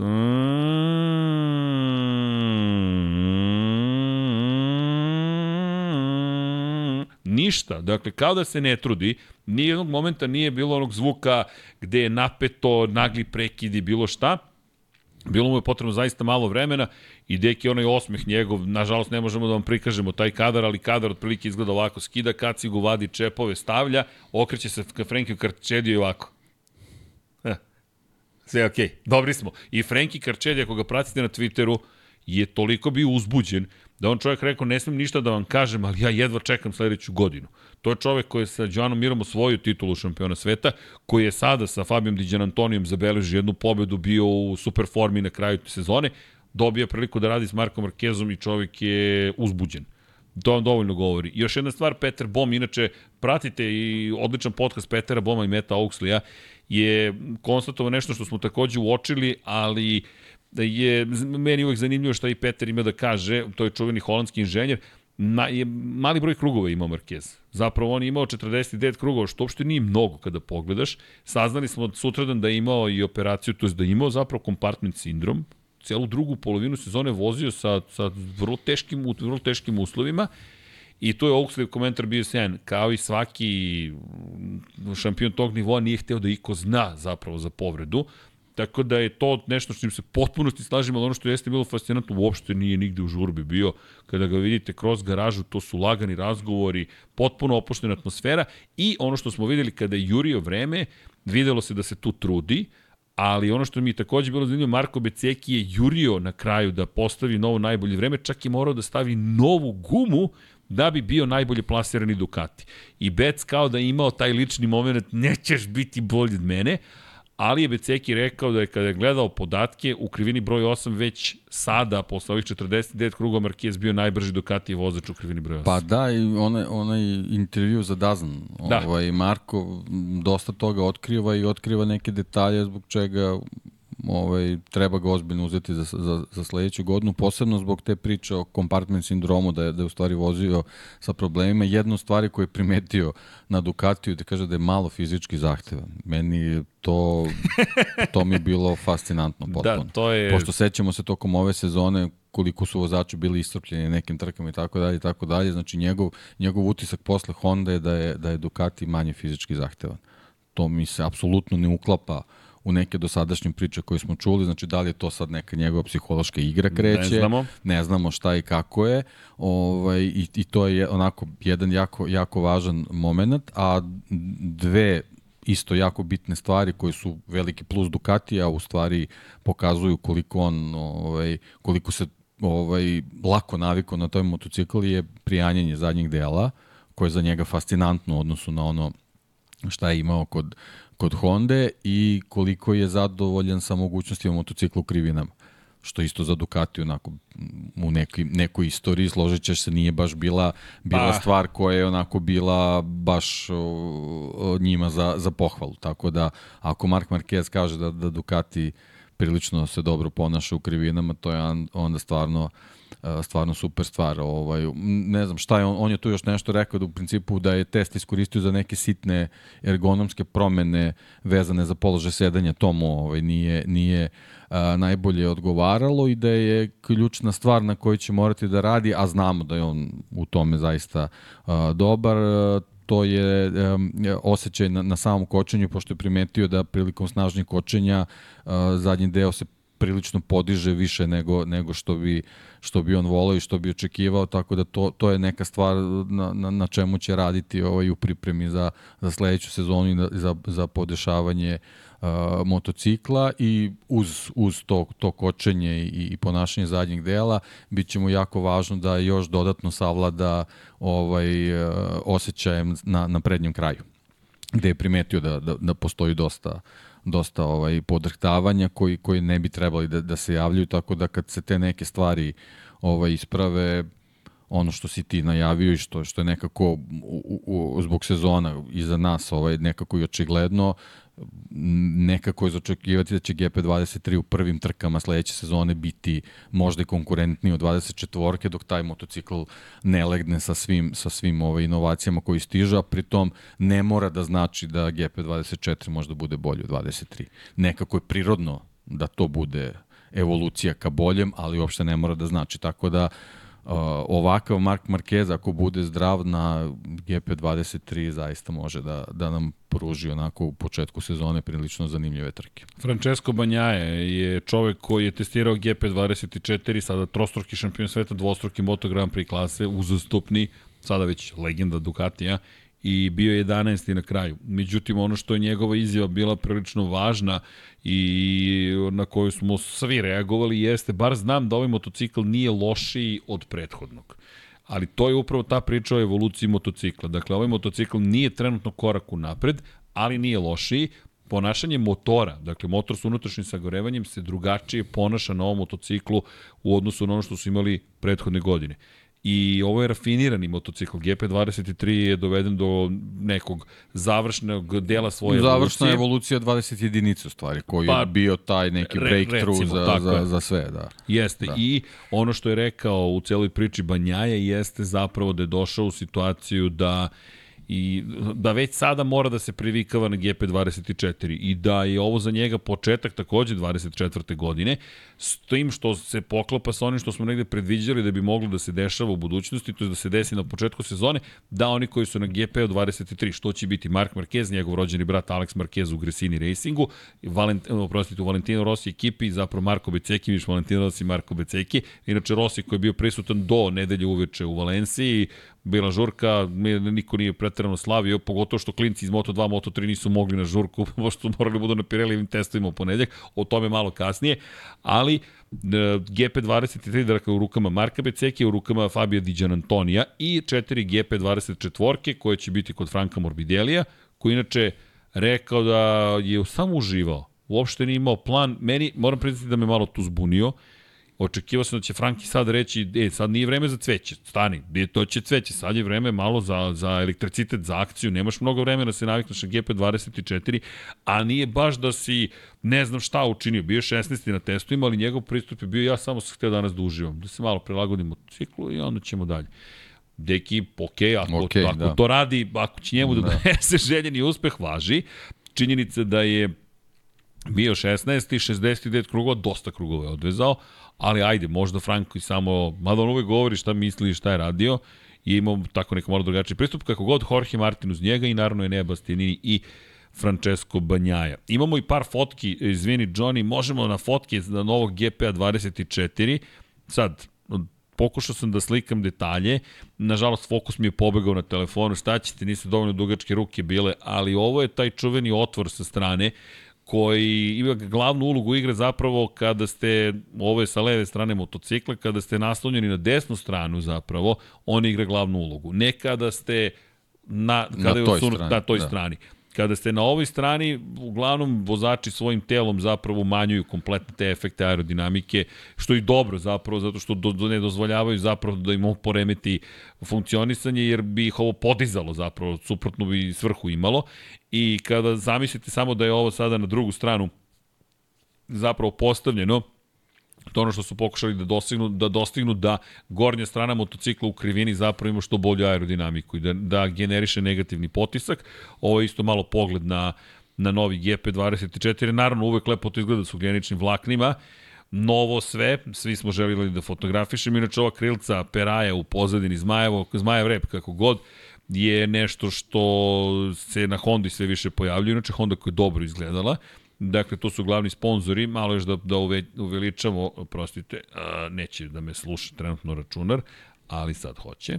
Dakle, pogled kako to izgleda zapravo iz, iz druge perspektive kada rečemo. Znači, inače ova rupa ovde je da ne bi vazduh pritiskao u ovom slučaju ručicu samog kvačila, to se dešavalo Rosiju svoje vremena u Kataru, da zato su izbušili zapravo taj kraj, jer tu je zapravo moment sile najveći na, na, na ručicu, konkretno u ovom slučaju kvačila sa desne strane, naravno prednje kočnice i čisto za one koji eventualno ne znaju, dakle ovo, ovde imate i okidač zapravo onaj čuveni koji aktivira zapravo spuštanje zadnjeg kraja, sve to inače mehanički Idemo dalje, pokušat ću da pokažem što više fotki mogu. Ovo sam se malo zadržao duže, pošto se vratio motocikl, to je vratio se bio Marquez, pa sam hteo da fotkam još. Ovo je pogled iz druge perspektive, opet na KP24, pošto mi je fascinantno koliko napreduju po pitanju aerodinamike. I tako, pokušao sam malo da ukradem jel te, informacije šta sam mogao. Ono što mi je ovde bilo zanimljivo jeste zapravo šta vozači vide.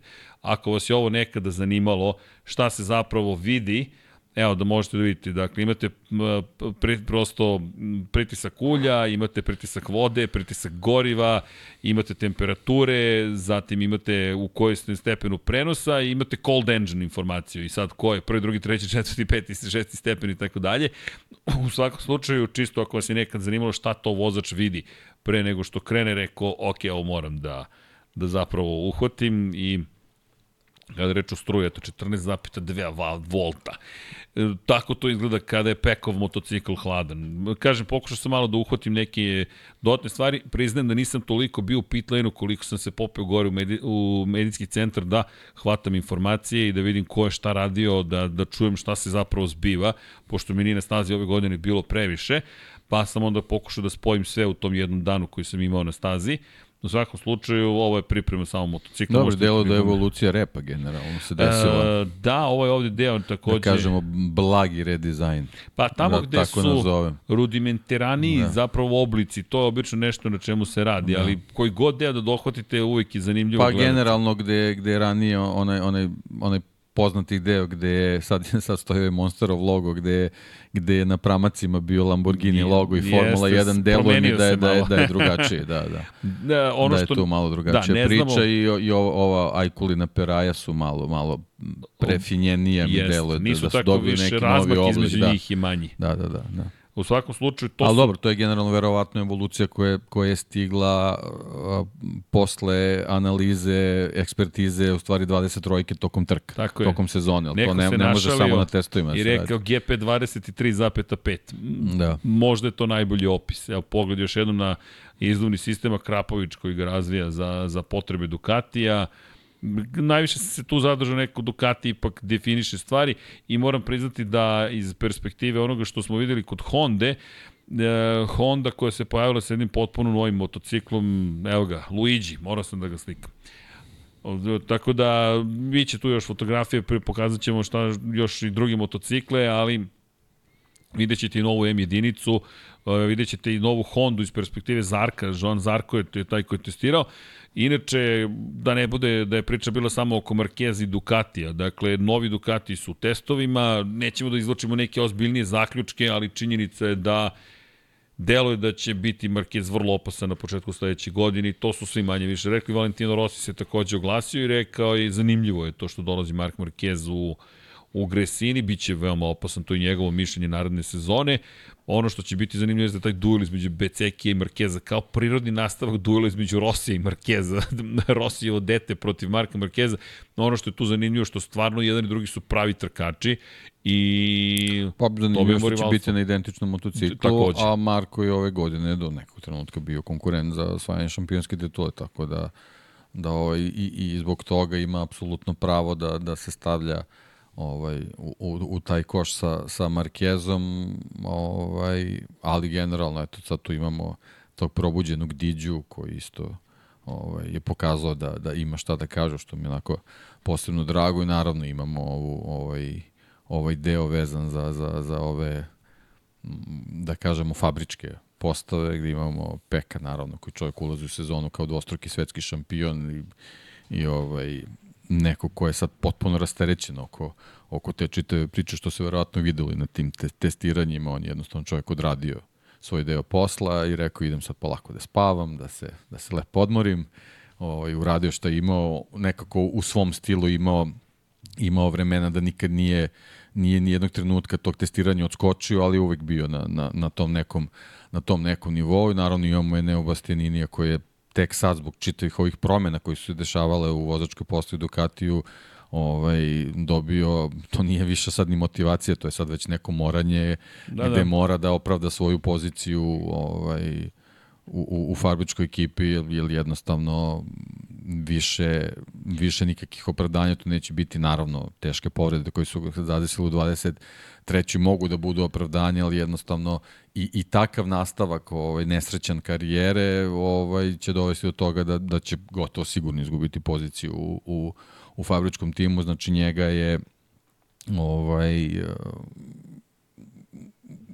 održava u toj čitoj priči, ono što je, što je najvažnije je da, da krene da, da beleži dobre rezultate i pobede pre svega i ono što smo pričali, mislim da je taj neki sledeći korak za fabričku ekipu da, da obojica vozača što češće zajedno budu na, na podijumima u 24. godini, jer to je, to je neki taj sledeći korak u, u, u kvalitetu što se tiče fabričkog tima i onda naravno imamo pramak sa Jorge Martinom koji je ovaj, sad, sad ima potrebu da pronađe novu novu motivaciju da nastavi ovaj, sledeće godine tamo gde je stao u 23. s tim što naravno jako je važno da, da mnogo bolje otpočne sledeću godinu da bi, da bi u, u nekoj boljoj poziciji ušao taj finiš sezone, naravno i dalje ostaje kao kao vozač kome sprint trke odgovaraju, to smo videli ove godine, ali to nećemo sad da pričamo, nije, nije, nije to tema i, i eto, već si spomenuo, Franki je tu koji je tu nešto, ima i dalje tu, tu neku svoju filozofiju, vidjet ćemo kako će u ovoj, u ovoj priči gde moraš prilično eksplozivan da budeš da bi nešto uradio, mogu da prođeš sa, sa,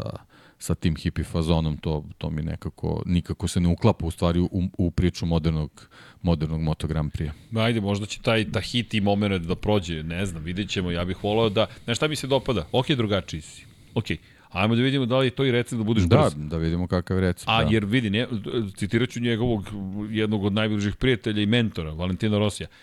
Možeš da se ponašaš drugačije ili da se ponašaš blentavo ili kako god želiš, ali ako nemaš rezultate, onda si samo pajac. Moraš da imaš rezultate. I kad imaš rezultate, onda možeš da reći šta god hoćeš. Tako je. Onda možeš da plešeš uh, haićanske plesove, da stavljaš cveće, da se zabavljaš, što u krajnjem slučaju Rossi radio, ali prvo i osnovno moraš da imaš rezultate. Sport pre svega. Ako nemaš rezultate, O čemu pričamo? Znate, nekad je bio vice šampion Moto Grand Prix klase. Ok, to je bilo 2020. godine. Franco Morbidelli je jedan od najzabavnijih ljudi koje, koje možete da upoznate u Moto Grand Prix padoku, ali to nije razlog zašto on ne, vozi taj motocikl. Njegovi rezultati, kvaliteti su davno prošlo vreme i on sad mora da nas razuveri da je, da je to samo stvar nekog kvaliteta motocikla ili ekipe ili, ili bilo čega. Jednostavno mora, mora da nas uveri da nije do njega. I da ovo nije da. samo sezona, poklon sezona, ajde, evo ti još jedna sezona. Ne, ovo je sezona u kojoj ti moraš, kao i ne da dokažeš da pripadaš tome gde se nalaziš. A gde se nalazi Franco Morbidelli na fabričkom motociklu u ekipi koja je ove godine bila najbolja ekipa na svetu. Bez obzira što je to privatni tim, To je najbolji tim. Pramak brani jednu titulu. To je titula najbolje ekipe. Dakle, kombinacija Martin Zarko je skupila najviše poena. Nevažno je da li su drugi povređivali ili nisu, oni su bili tim broj 1. I tu je Franco Morbidelli sada.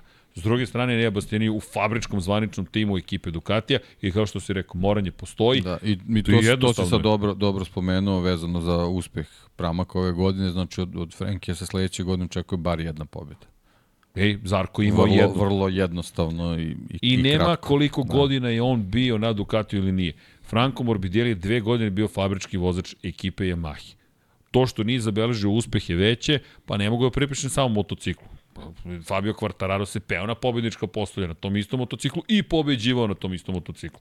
Sorry Frenki, sad je na tebi red da nešto više pokažeš. Kažete, ome, ome malo zbunio, ali okej, okay, ajde da kažemo drugačiji pristup pa da vidimo gde će to da ga dovede. Inače, na poziciji broj 1, malo pre smo spomenuli, kralj testiranja, to mu je nešto što ne želi da ga tako zovu, ali ga tako zovu. Inače, ja mislim da oslikava u velikoj meri nešto što je psihološko stanje Maverika Vinjalesa. Kada nema pritiska... Kada nije bitno. Kada nije bitno, on je brz. On je stvarno brzo, on je 186 krugova vozi, on je, on je proveo ceo dan na stazi. Če ne znam šta sve nisu radili, testirali, super je sve izgledalo i znate šta? Ništa. Opet ćemo da imamo istog Maverika Vinjalesa. Pa ne, opet se više pričao na primjer o Marku Markezu ovog puta. Vidi, ne samo Marku Markezu, više se pričalo o Aleksu Rinsu, svi smo hteli da čujemo i njega, pa i Zarka smo hteli da čujemo. Šta Zarko ima da kaže na konto Honda? Inače, čudne su bile konferencije za medije, pošto su nam rekli Zarko neće davati izjavu, onda da izjavu. Mark Marquez neće davati izjavu, ali hoće Dazanu. Čekajte. Da, da, A, pošto je dogovor da do 31. decembra ne daje nikakve karakteristike Ducati, on je, evo, malo pre što sam rekao, bukvalno ispričao sve. I znaš, ti sediš i kao, da. čekaj, to pravila važe, ali ne za sve, jer Dazan je, to ljudi, toliko je moćan, da, da zone, da niko im ništa ne zamera. Dakle, oni pitaju, odgovara se na pitanje. A nama se kaže, Zarko vam neće odgovarati na pitanje. Ja sam onda rekao, ok, šta sad ja tražim, e, što da vjerujem Zarka kad neće dati odgovore na pitanje, onda da odgovore na pitanje. Ali dobro. Kako god pogledate, svi znamo kako to funkcioniše. Ko je moćniji? Ko ima moć? to, a da Zone trenutno ima ozbiljnu moć. U svakom slučaju Maverick Vinales najbrže bio na novoj Aprili 1.22.5.3. Dobro, znači Ducati smo prošli. Pa tako, znaš kako, da. za Ducati bih dodao samo još, još, još jednu stvar, a to je da da se ne ponavljamo previše, ja imam najveće pitanje zapravo za Aleksa Markeza.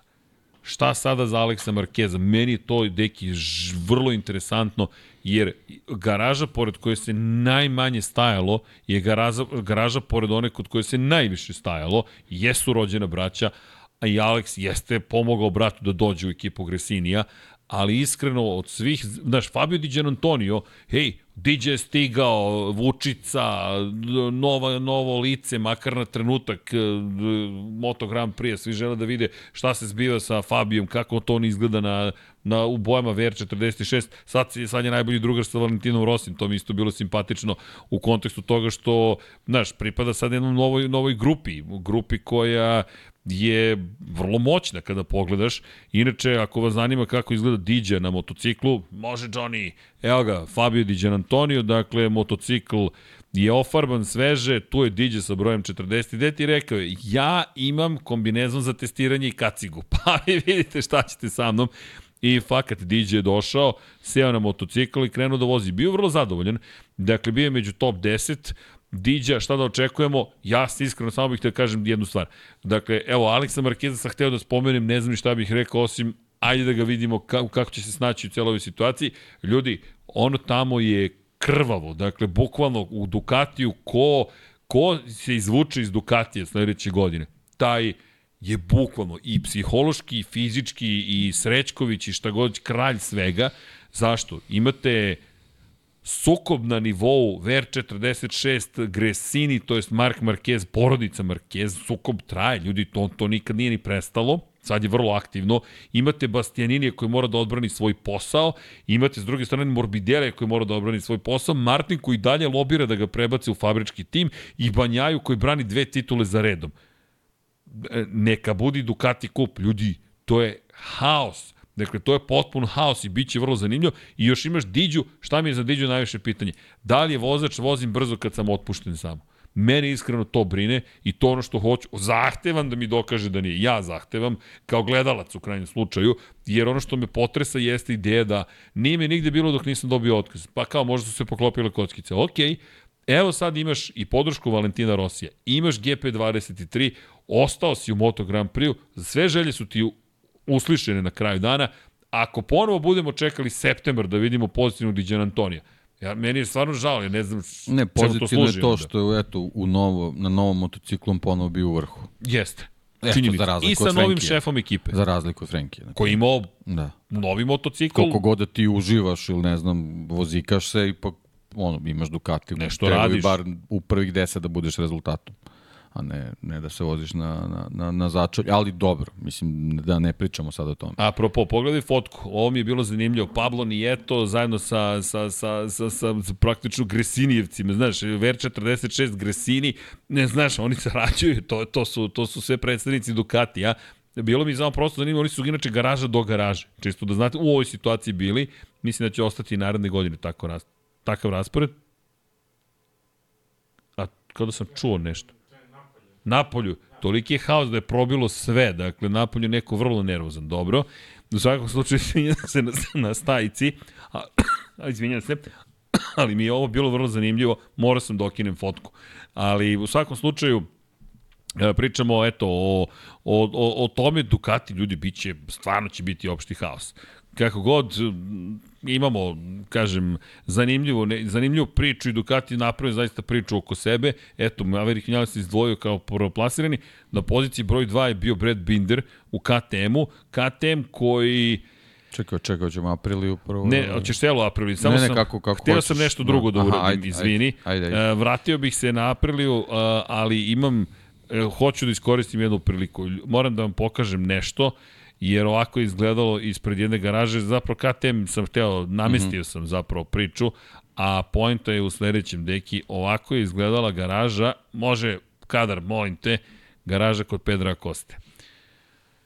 Mikrofoni, mikrofoni, mikrofoni i pri čemu ovo nisu kamere koje su tu samo da bi snimale za TV, ovo je dokumentarac. Dakle, Pedro Costa je, pored Marka Markeza, bio jedan od onih koji je dobio dokumentarac.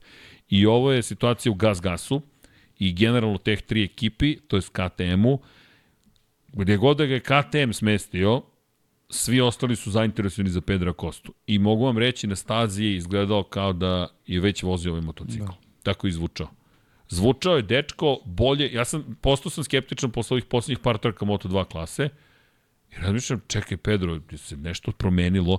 Ne, on je da, dečko... Da, pa, pa ne, promenilo se. Promenilo Ide u Moto Grand Prix. Nije ga zanimalo više. Ide u Moto Grand Prix, da. ne, ja mislim da je na kraju nije hteo da. da se povredi od prilike. Od prilike to I bilo, da, da se na kraju da. svelo, jer sam zaista postao skeptičan.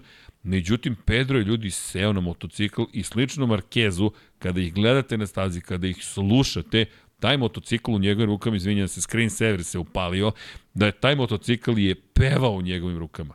Pevao. I moram reći da ovaj dečko obećava Dakle, to je delovalo zaista ozbiljno i mislim da od Pedra Koste možemo da očekujemo zaista mnogo toga. Inače, Pedro Costa je 18. bio na kraju, 70 krugova je vozio, 1.34.76 je bio konačni, čim završava krug sa 7.6, jasno vam je da će biti odličan, ali šalo na stranu, nije bio to daleko, tako daleko od Augusta Fernandeza koji je vozio 72 kruga, 4 desetinke otprilike zaostaju u odnosu na klubskog kolegu, super je izgledao, Jack Miller standardno 62 kruga, Binder 51, sve su odradili, ali sam imao potrebu da istaknem zaista Pedra Kostu, jer nigde nisam video ne gužvu ispred garaže, koliko gužvu u garaži. I to mi je bilo fascinantno, Dorna je tamo poslala dokument, ekipu za dokumentarce, nemam pojma sad s kim sarađuju, Trač je, za sad je Trač, nemojte me držati za reč, ali šuška se da će možda od 2025. Netflix biti zadužen za produkciju novog, nove priče iza kulisa Moto Grand Prix. Dakle, ne mogu da vam potvrdim, ali čuo sam od nekih ljudi koji ne pričaju na pamet, samo što su mi rekli, znaš šta, to je, znamo da se pregovaralo, ali da li su uspeli da završe pregovore, to ne znamo. Tako da Netflix svakako bio umešan u komunikaciju, da li će uz sad još ovu vezu sa američkim timom... To sam sad htio da kažem, da se sve to sklopiti, imam utisak posle ovog saopštenja da će Netflix biti još zainteresovani, ali kažem, nisam, nisam čuo potvrdu od Dorne da, da su potpisali bilo šta. Ali bio sam vredan. Trčao sam okolo, abrove sam jurio, daj kafu, daj ovo, daj ono. Imate pozdrav inače David Emeta i, i Nila Spoldinga koji su zapravo uh, čovek koji komentariše Moto2 i Moto3 kategorije na, na, u, na motogp.com i David Emmet iz Moto Matters. Bukvalno imate pozdrave, pošto sam sta, standardno spomenuo ih i ekipa koja, koja presreli smo se negde na pola padoka i propisno se ispričali, ali nisam od njih dobio ovu informaciju, od njih sam dobio neke druge informacije. U svakom slučaju, eto, priča se deki da, da bi Netflix mogao da i mislim da im je potreban, jer nije problem u produkciji, šta to znači, problem je u postprodukciji. Problem je u plasiranju toga, jer priča će se ispričati, vi snimite sve te ljude, sirov materijal skupite, ali kako vi to izeditujete, to je kako vi to kasnije izmontirate, mnogo je važno. Što kažu filmovi, se rađaju i umiru u montaži. I to je ona cela priča o tome šta se zapravo tu događa i ukoliko Netflix stvori nešto čak i poput Drive to Survive, ja sam ok sada s tim jer sam shvatio da zapravo je to način da se nova publika zainteresuje za Moto Grand Prix. Posle će Moto Grand Prix da odradi svoj deo posla, kao i Formula 1. Jer ko dođe jednom na trku Moto Grand Prix-a, inače pozdrav za Nikolinu i Nikolu, koji su, deki, ovo su utisci. Dakle, ljudi, ko nije bio na stazi? ja vas pozivam da odete na stazu, bilo gde, bilo kada, ne, nevažno je gde i kako, jer odlazak na stazu, i ako možete petak, subotu i nedelju da, da odvojite, to je, to je ljudi, to je doživljaj, to je avantura, to je izlet. I to je izlet kao da ste u vreme povušli, u kojem ste tri dana van svega ostalog. To je vaš lični sportski trkački balon i tu, su, tu ste sa nekom drugom porodicom, trkačkom porodicom, svi imaju neke odnose, a za koga ti naviš, za koga ti naviš, ja si bio ovde, si bio onde, i to je point cele priče, to spajanje koje je fenomenalno na stazi. Nikolina i Nikola, sedimo s njima u Valenciji, to su naši dragi prijatelji i divni ljudi koji mi mnogo volimo. Inače, bio sam im prvi gost. Toliko sam raporan i da su mi rekli, ne možeš ti primamo u kuću. Nije ništa sređeno, rekao, nema problema sedimo i njih dvoje koji kažu Srki, gde da idemo sledeće, jer mi sad ne možemo više bez ovoga. Njihova prva trka, izabrali su pravu i cela atmosfera šampionska i tako dalje, Zama vas toplo pozivam da odete na stazu jer to zaista vredi. E, Deki, izvini, morao sam da iskoristim priliku, ali kažem, Pedro je dobio podršku dokument, dokumentarne ekipe. Kakav je tvoj utisak ovako sa strane?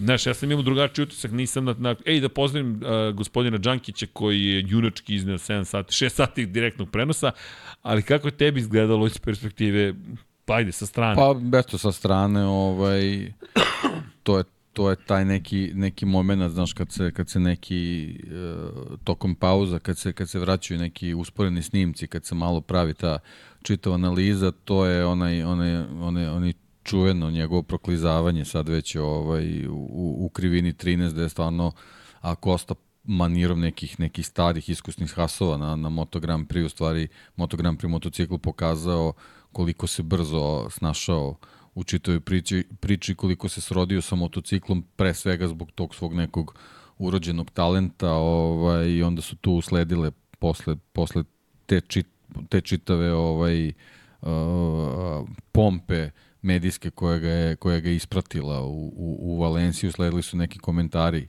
ovaj, nekadašnjih vozača, njegovih zemljaka pre svega, koji kao da su čekali stvari da vide šta će Akosta da uradi na tom testu, pa su tek se onda ovaj, odlučili za te izjave i od svega naravno najviše, najviše su prenošene izjave koje su dali Jorge Lorenzo i Alex Krivije, svetski šampioni naravno u Moto Grand Prix kraljevske klase ovaj, i Španci pre svega, naravno što je bilo naj, najzanimljivije španski medijima i nekako ja tu iz te, te čitave priče mi deluje da ćemo možda i češće Jorge Lorenza viđati u, u, u garaži Gas Gasa, to je kod, kod ovaj, Pedra Koste u stilu pojavljivanja recimo Casey Stonera u Ducatiju ili, ili ovih aktivnosti koje je koje Dani Pedrosa obavlja kao, kao zaposlen naravno u KTM-u, a i, i zbog toga što, što Jorge Lorenzo i dalje ima Alberta Valero kao svog menadžera, iako ne vozi već, već duže vremena, ovaj, a to je ista ovaj, menadžerska kuća koja prati Pedra Kostu i Jorge Martina, tako da moguće da ćemo i Lorenza možda češće viđati, ali on je onako baš iskoristio neke hvalospeve kojima je opisao ovaj, i ljudske vrednosti Pedra Kosta i te njegove, njegove takmičarske talente koje ispoljuje i u Valenciji i ono što je onako najteža rečenica od svih koje je rekao je da se vozač kao Pedro Costa rađa jednom u 10 godina. To je onako baš teška rečenica koju ako si i, i Jorge Lorenzo i ako imaš te neke poslovne veze sa, sa Pedrom Acostom, stvarno moraš dobro da odmeriš da li, da li smeš tako nešto da izgovoriš, ali kada je izgovorio, verujem da, da zna zašto je to rekao i otprilike nešto slično, samo u nekoj, nekoj blažoj varijanti Alex Krivije je govorio o Pedro Kosti gde, gde je naveo sve te njegove atribute i pozitivne karakteristike koji se pre svega tiču ovoj sposobnosti da se lako prilagodi na, na, na novi motocikl, bez obzira da li se radi na motociklu u klasi ili, ili, ili klasi, klasi iznad, ali pre svega je ovaj, apostrofirao to da je Pedro Costa veoma komunikativan, da se vrlo lako uklopio u ovaj, čitavu organizaciju ekipe u garaži svog stvari budućeg tima, da je izuzetno duhovit, lepo vaspitan, da, da ume da komunicira s medijima, tako da to su sve neke karakteristike koje jedan ozbiljan motogram privozač treba da ima i ono sad koliko god to prija, naravno, kosti, to su sad sve, sve rečenice kad izađu iz takvih usta, one se slažu na, na ramena i ti sa njima u stvari sad već ulaziš u neku sledeću priču gde, gde možda neko koji nije toliko obraćao pažnju na tebe sad već, već sve gleda nekim drugim očima, tako da to može da bude mač sa dve oštrice, ali sam kažem taj nastup i taj prolazak kroz krivinu 13 onako pokazuje da, da ume on da, da, da to iznese i, i da se dobro pripremio za sve. Ko to neko? da. Ko to neko? Ali dobro, da, kada, kada pričaš o Pedro Kosti, zaista se, svi su s oduševljenjem dočekali taj test.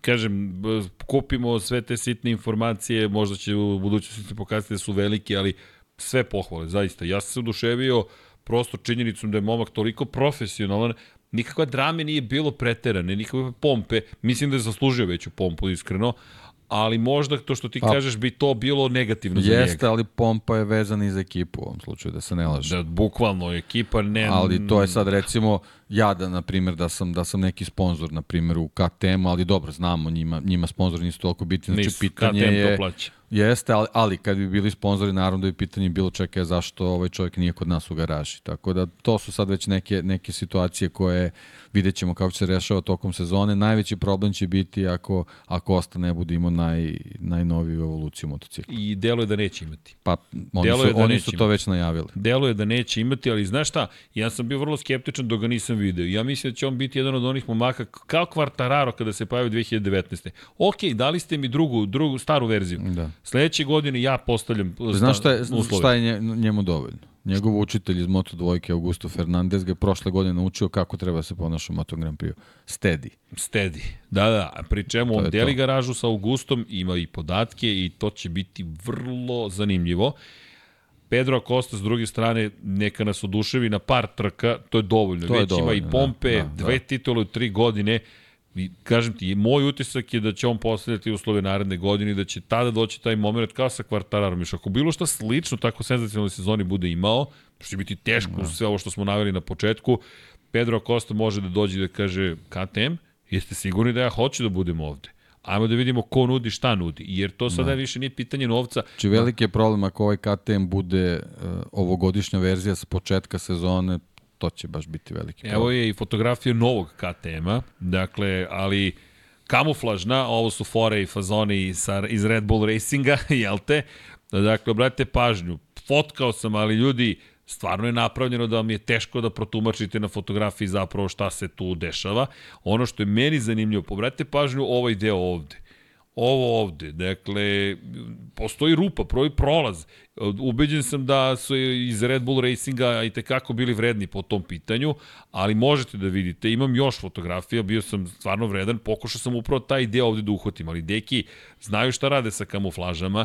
Dakle, ovde postoji ovaj, pre, ovo prednje krilo, dakle, tu ovaj ovde deo, dakle, sad da vidim da li mogu da uključim crtač u celoj priči, neće, ponekad hoće, aha, evo ga, ajde vidimo Ovaj ovde deo, obratite pažnju, dakle, ovo je krilo, jel te, ovo je jao, neposlušno stvorenje. Čekaj, evo ga ovde, sad će to da radi. Dakle, ovde je krilo, jel tako, i gde ulazi vazduh? Prolazi ovuda, jel te, i izlazi ovamo.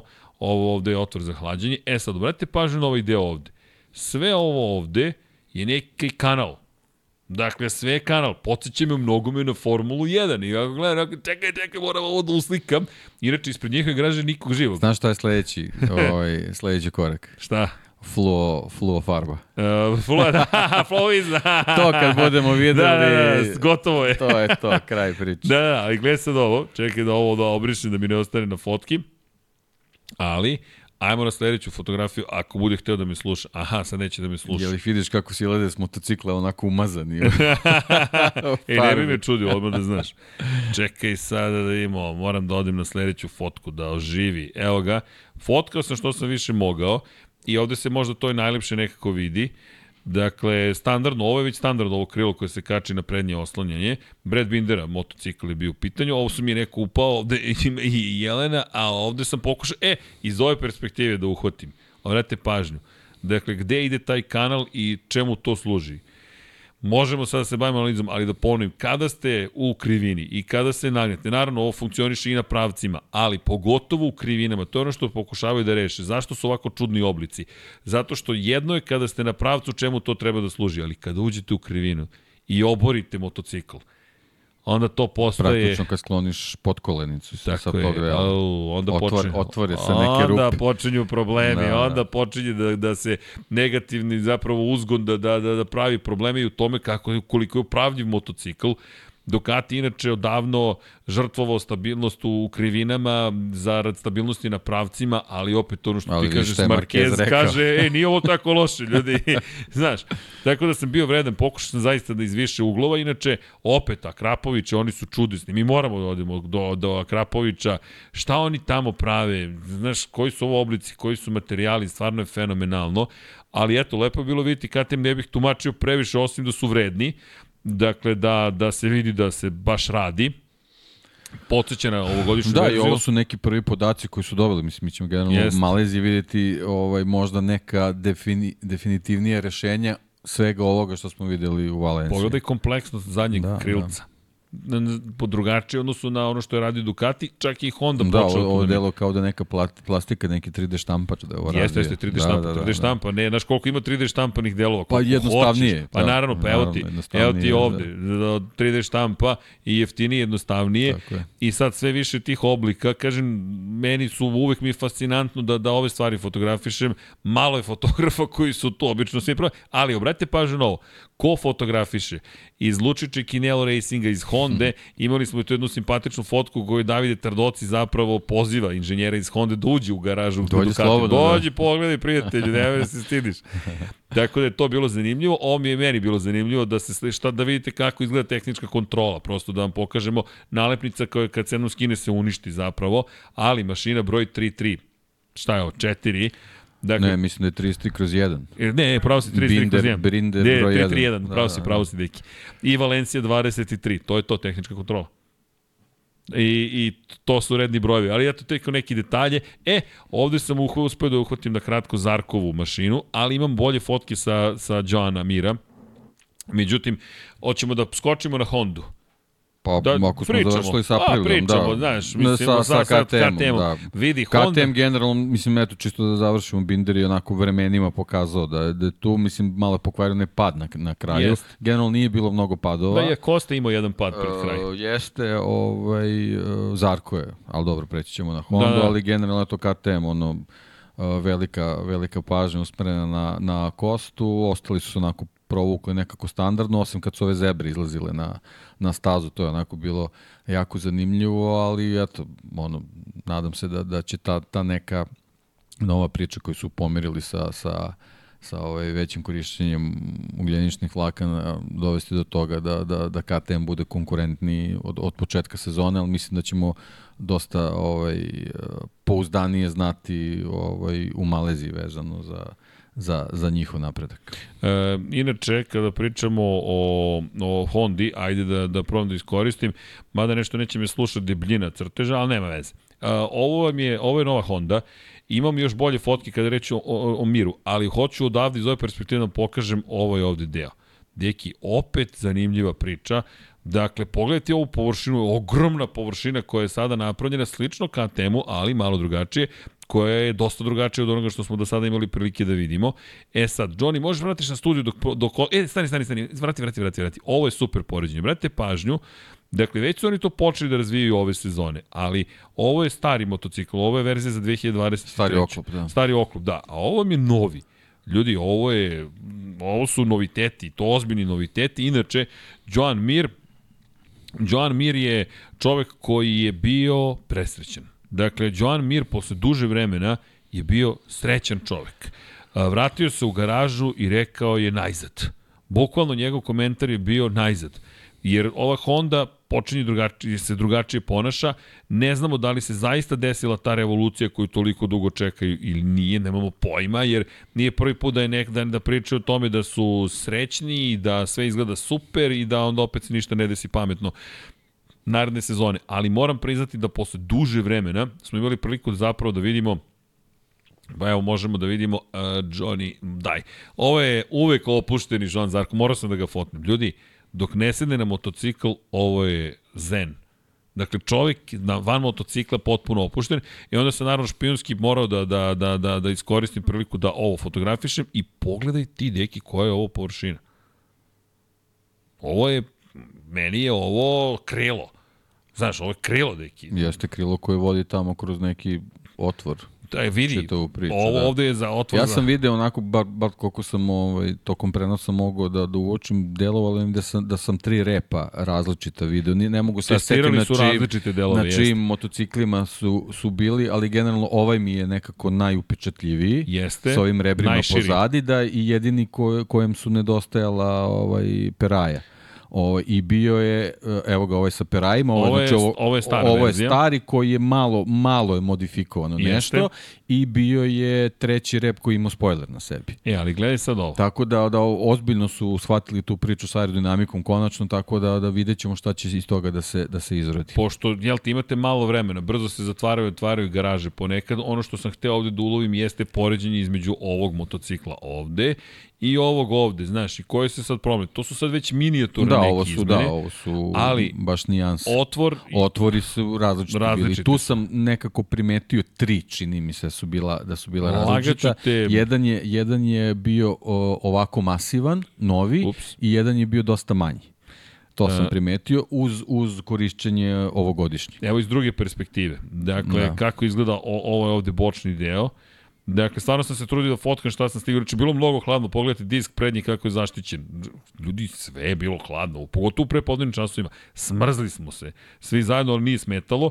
Ovde je lep pogled na, na, na, na bokove i na te otvore. Pozadi sam isto gledao, htio sam isto ovog akrapa da, da, da fotografišem, da vidim i, i rep i sve Meni to. ovaj, ovaj rep mi je najzanimljiviji. Čekaj da vidim da li imam bolju Drugačije rešenje od nekih Od većine. koje sam do sad video. Da, Ali da, znaš da. šta mi je bilo zanimljivo ovde? Samo da nađem, nemam tu fotku, nažalost, ali mnogo je širi od Ja, ostalih. širi je, dosta je širi zbog ovog, mislim da zbog ovog uvodnika koji se nalazi od između bedara sad vozača, koji odlazi gore i jako mi je interesantno ovo rešenje sa ovim otvorima, to nismo do sad videli. Da, da, da, da, Pa- nismo videli na, na, na, na drugim motociklima takvo rešenje. Deki, to obično stavljaš da bi nešto hladio. Šta ti hladiš u repu motocikla? Znaš što mene zanima? Koji su to sada, jer vidi, ne, elektronika je ograničena, ti ne smeš da koristiš elektroniku da bi upravljao ni jednim automatskim sistemom. Što neko kaže, što je Oaksley rekao, McLaren je koristio šta? ono kao um, kočnicama, kao tank. A ne, ne, ne, ne, ne, ne, ne, ne, nije nikada ne, znaš, znaš čemu je stvar. A, da nije point u tome, point je da ti možeš da automatizuješ mehanički, ne smeš elektronski. Šta radi, šta je Ducati stvorio? Stvorio je, što kaže Oaksley, vodovod. Imaš toliko cevi da ti imaš vodovod ispod motocikla. Šta je poenta? Zapravo mi imamo vrlo napredna oslanjanja. To je ono što se ne vidi i ja bih volio da vidimo, mi smo sada bukvalno deki kao što si najavio 91. 92. Aktivna oslanjanja mi imamo. Mi u suštini imamo nešto što je na nivou poluaktivnog oslanjanja zato što vozač aktivira na, na prilasku krivini, kad krene da koči, on već aktivira sistem za, za spuštanje zadnje kraja. Dakle, on već tada aktivira šta će da se dešava u nastavku. I sad, oni prepoznaju na osnovu i žiroskopije i pozicije gde se nalaze šta treba da se desi. Ali, opet, ti moraš da radiš to maši, mehanički. I poenta je da ti ovde nešto hladiš. Nemam pojma šta hladiš, hoću da vidim šta je. Znaš, prvi put kad bude neko pao i to se bude raspalo, mi ćemo reći, ok, ček da vidimo unutra šta se dešava. Znaš, kao, živjeli bezbedni padovi kada se vozač ne povredi i onda se tamo otkrije šta se tamo zapravo zbiva. Ali to su neke stvari koje eto, su se dale uočiti i morao sam da odem do Honda, naravno, zamislim da ne odem do Honda u svim ovim testovima, ali, kažem, Mirova reakcija je bila najvažnija. Mir koji je bio potpuno oduševljen i opet vratit ću se iz ove perspektive na ovaj bočni deo, samo ako ne umre računar, volim da ih mučim, evo ga, ovo je ovde. Aha, dobro, čekajte, evo ga. Evo ga ovde. Znaš, pogledaj ti to, to je drugačije. Sad, naravno, možda ja previše tome pridem značaja, nemam pojma. Pa da, ne, i ne mora znači da je to neko Ali- konačno rešenje. To je Tako sad, je. sad za ovaj trenutak bio neki pomak, pa da vidimo da li će to uopšte da se, da se primi i da li su ga uopšte notirali kao nešto što je efikasno. E, to je, evo ti je isto perspektive može da, da, da, se da, možda vidi. Pogledaj koliko je to, Da, to je kažem, veliko. to je, to je samo jedan i meni onako bio najpočetljiviji, zato znaš, znaš ona stara, stara ovaj, priča iz Formule 1 koja uopšte ne mora da, da znači da je, da je ovaj, primenjiva na Moto Grand Prix, da su stvari najjednostavnije najjednostavnije rešenja i Najbolje. najefikasnije, da. Ne mora da znači da je Da, tako, ali generalno ono, ono, ono rogobatno ovaj, krilo koje se pojavilo pozadi je još jedno od rešenja koje su testirali i tu ta neka kombinacija ovogodišnjih peraja i to je nešto što se onako golim okom primetilo vezano za Hondu kad je taj zadnji kraj u pitanju, a zadnji kraj je nešto što njima pravilo velikih problema ove godine. Tako E, ali da, zadržao bih se sada na novom kadru, zato što ovaj kadar, pogledaj, ovo je Ducati. I on nije takav napred. Ducati je od toga odustao manje više. Ducati, to je Martin koristio do polovine sezone. Ducatijeva rešenja su više i dalje usmerene kao, kao ovim otvorima ovde. Dakle, mi dalje pričamo o, o ovim ovde otvorima. Dakle, mi pričamo o tome da zapravo ovo rešenje koje je opet najjednostavnije u suštini, jer tebi vazduh ulazi ovde, jel te, izlazi tamo pozadi, ali ti zapravo koristiš opet verovatno neke venturijeve tunele da ti povećaš zapravo, da ubrzaš vazduh i da formiraš, eh, jel te, polje niskog vazdušnog pritiska u prolazu i sa gornje strane višeg vazdušnog pritiska i da nabiješ motocikl u krivinu u suštini. Znaš, to su sad naravno pretpostavke na osnovu onoga što smo gledali da, ove to je godine. vezano za prednji deo, ali Jeste, ali pazi, taj turbulentni da. vazduh tamo kasnije utiče ti na ponašanje zadnje kraja. Jeste, ali to je sad opet to je individualna stvar od, od ovaj, od, Proizvođa- od od, od, od, da, ne, ne, da. ne, Od vozača, da, da. od vozača. E, i, e, I to je bitno, koje, koje si visine, Tako veličine, je, to znaš. su, to su nijanse koje mogu da promene čitavu priču, tako da treba u stvari doneti neko rešenje na koje, na koje konstitucija vozača ne utiče, što je, što je prilično nezgodno. Da, Ne vo- možeš da praviš casting da svi budu identične visine. Mislim, to je- Teško. Pa, e, teško. E, ali gde se tu takođe da. dešava? U Lemanu. U Lemanu ti zapravo prilagođavaš motocikl d- svoj trojici iz vozača. Znaš, ti, ne, ti imaš kompromisno rešenje podešavanja automobila. Niko nije najzadovoljniji i svaki od njih bi mogao da bude brži da je samo njegovo, ali onaj drugi bi bio mnogo Pa sporiji. generalno u, svim trkama gde se deli kabina je taj problem. a ovde se deli. E, imamo još jednu fotku Ducatija, apropo tog zadnjeg kraja, dakle, evo, da vidite tu razliku. Zaista je, o, da, dobro, ovo mi je bio beštija koji mi koji izlazio, ali, izvinjam se, Znaš, opet taj pogled na drugačiji izgled Ducati. I to mi se dopalo, kada su ostali pratili Aprilio, ne Ducati. Ne, nekako sa, sa usvajanjem ovog repa Ducati je postao mnogo, mnogo opasniji motocikl. Izvinjam se, Banja je, Banja je bio taj koji je izlazio. Lepo to izgleda. Evo ga i Bastianini, sve sam ih fotkao, trudio sam se zaista da, da, da se isšetam koliko sam mogao i dobili su prvi kvalitet. I ovo su mi sad ove prošlogodišnje verzije. Neš, ne vidim neku veliku razliku. Postoje nijanse, ali opet to je to njihovo rešenje koje će oni nastaviti da, da, da, da, da razvijaju. Evolucija, evo ga malo i Alex Marquez. Da ne bude da nisam Jorge Pa Martina. evo, sad ti je na onom malo pre kadru, kod Aleksa se vidi to ovogodišnje rešenje. Vidiš, Jeste, Jeste, ipak drugačije. je drugačije. Drugačije, ipak drugačije. je drugačije. Ne, ne, vidi se razlike između GPA 23, GPA 24, 23,5, kako god, šta god daje. Ali, 2.3, 2.4. da, da, ali, i, ali kažem ti, kad je reč o Hondi, hajmo, Luka Marini je stigao, Luka Marini na kraju deseti, 1.29, Nisi ga 9, nešto 5, 6. slikao. E, nisam mogao da ga slikam. Nisam ga ni jednom uhvatio. Svaki put je izašao na stazu čovjek. I, i znaš ti, mislim, deki ti znaš da su to stotine metara, znaš, treba stići s jednog kraja na drugi. I Luka mi je po, i pobegao, 72 kruga Luka, i imam jedan kadar tamo gde pokušavam da ga fotografišem, ali je bio zatvorenom i onda kad sam slikao Hondinu garažu, nisam mogao da dođem do njega. Vidio sam samo da razgovara sa nekim, ali bukvalno Luka tako se sve isprečilo između njega i mene da nisam mogao da ga fotografišem. A, a bio mi zanimljiv baš da vidim Luku Marinija. Čak nisam ni Rinsa uhvatio jer u momentu kad sam ja mogao da fotografišem je bio na stazi, ali sam uhvatio zato motocikl. Nego Honda, pazi, bolje je sve to izgledalo. Takaki na Kagami ne bi komentarisao Taka. Taka je u realnoj penziji. On čovjek jednostavno, ja se nadam iskreno da će to biti drugačije ove godine, ali ja ne vidim tu nikakav... On nije lenj čovjek, on je 60 kruga, 3 kruga od on je ozbiljan vozač. Ali ako pričamo o nekim sad ozbiljnim ambicijama, Ma ne, ne, ne radi se ovde ni ambicijom. Ovde je sad poenta vezano za Honda u sledeću sezonu, sposobnost da, da imaš vozača koji će da razviju taj motocikl na, na, na taj ovaj, konkurentni nivo. To je ono što je njima najvažnije. Luka nije loše izgledao uopšte. Znaš, Luka uopšte nije loše izgledao i vozio i brže od Mira, puno krugova, zadovoljni su bili jedan i drugi koliko je mogao Marini uopšte da da izjavu, ali Mirove izjave su meni bile vrlo, vrlo indikativne. Da je on srećan. Sad naravno, možda opet to situacija, ej, nevažno je, testiranje su, pa sad sve je super, sve je bajno, ali ne znam, nadam se da napredak zaista postoji. Potrebna nam je mnogo bolja Honda od ovoga. Ono što je činjenica se završila ta era, Marquez Honda za sada, da li će se i kada nastaviti, nemam pojme, znate kako, u trenutku kada se završavala trka u nedelju, delovalo je pa ovo je samo pauza, ali posle onog osmeha na Ducatiju nisam baš siguran da je to baš pauza. S druge strane, u Japanu je bio pre, juče, prekjuče, sa Maxom Verstappenom, Serhijom Perezom, sa celom ekipom iz Honda, baš je bilo emotivno i veliki broj obožavalaca se pojavio i lepo što ga je Honda pozvano na taj track day, na, na, na oproštaj, na, na pozdrav, to je njen veliki šampion. Tako je, naravno. Znaš, drugačija je situacija. A i dalje pod ugovorom. Tako je, i do 31. Mora, mora i to da se poštuje. Da. Tako je. I, ali drugačija opet Ne, ne, naravno, priča sa Rosijem. Znaš. Valentin Rossi kada je odlazio, to je bilo nisu mogli da se gledaju očima više. Ovo je nekako onako dosta, dosta i emotivno i pozitivno između njih. Pa eto, ali vidjet ćemo. Ali Honda deluje bolje, svakako.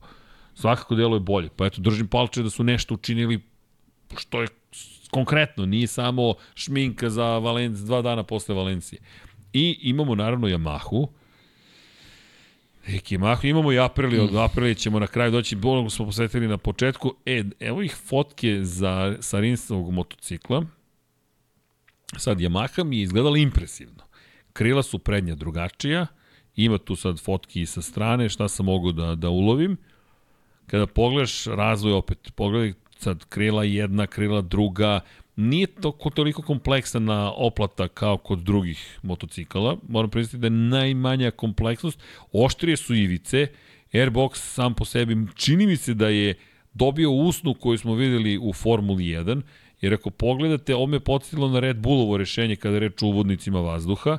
Pogledaj ovaj deo ovde. Znaš, izdužen je. Kad pogledaš formu, izdužen je. Pa povezan je sa, sa ovim krilima, sa, sa tim nekim njihovim Zanimljivo mi je. elementom. Jeste zanimljivo ovde rešenje. Da. neka zakrilca, drugačije, oštrije, sve to izgledalo, opet standardna ova krila na oslanjanjima, ovo nešto što vuče ka Ducati, ali baš i nije, e, znaš, Pa ovo je nešto kao u drugi pred 3-4 godine. otprilike. pa da, To je negde taj... moram Taj nivo, da. Nije mi baš bilo upečatljivo ovako. Pa dobro, sad kažem. nekako navikli smo na te agresivne izglede ovih ostalih, ne mora znači da to nije efektno. Tako je, Samo tako je, samo drugačije. Da, samo drugačije izgleda upravo. Evo kako je povezano sa prednjim krilom, imaš ovde tunel praktično, to je tunel, imaš, imaš prosto jednu veliku površinu horizontalnu koja je tu i oštrije su ivice, to je ono što mi je bilo zanimljivo, lepo izgleda motocikl svakako, to je činjenica. Rinsov, jel te? Rinsova je mahica, čekao, mi se ponavljaju fotke, pomislim sam pokušao da uhvatim bolji kadar, ali ništa nisam vidio toliko kompleksno, moram da ti priznam. Pa vidiš, ima, ta zebrica ispod sedišta, možda se tu nešto krije Da, od moguće nekih da su... elemenata, da. Da, ajde da malo uvećamo pa da vidimo da li možemo da otkrijemo. Ha, opet malo teže. Dobra kamuflaža. Da, dobra kamuflaža, definitivno. Ček da vidimo. Vidiš, ima, još. ima i dole kod nogostupa isto neka kamuflažica.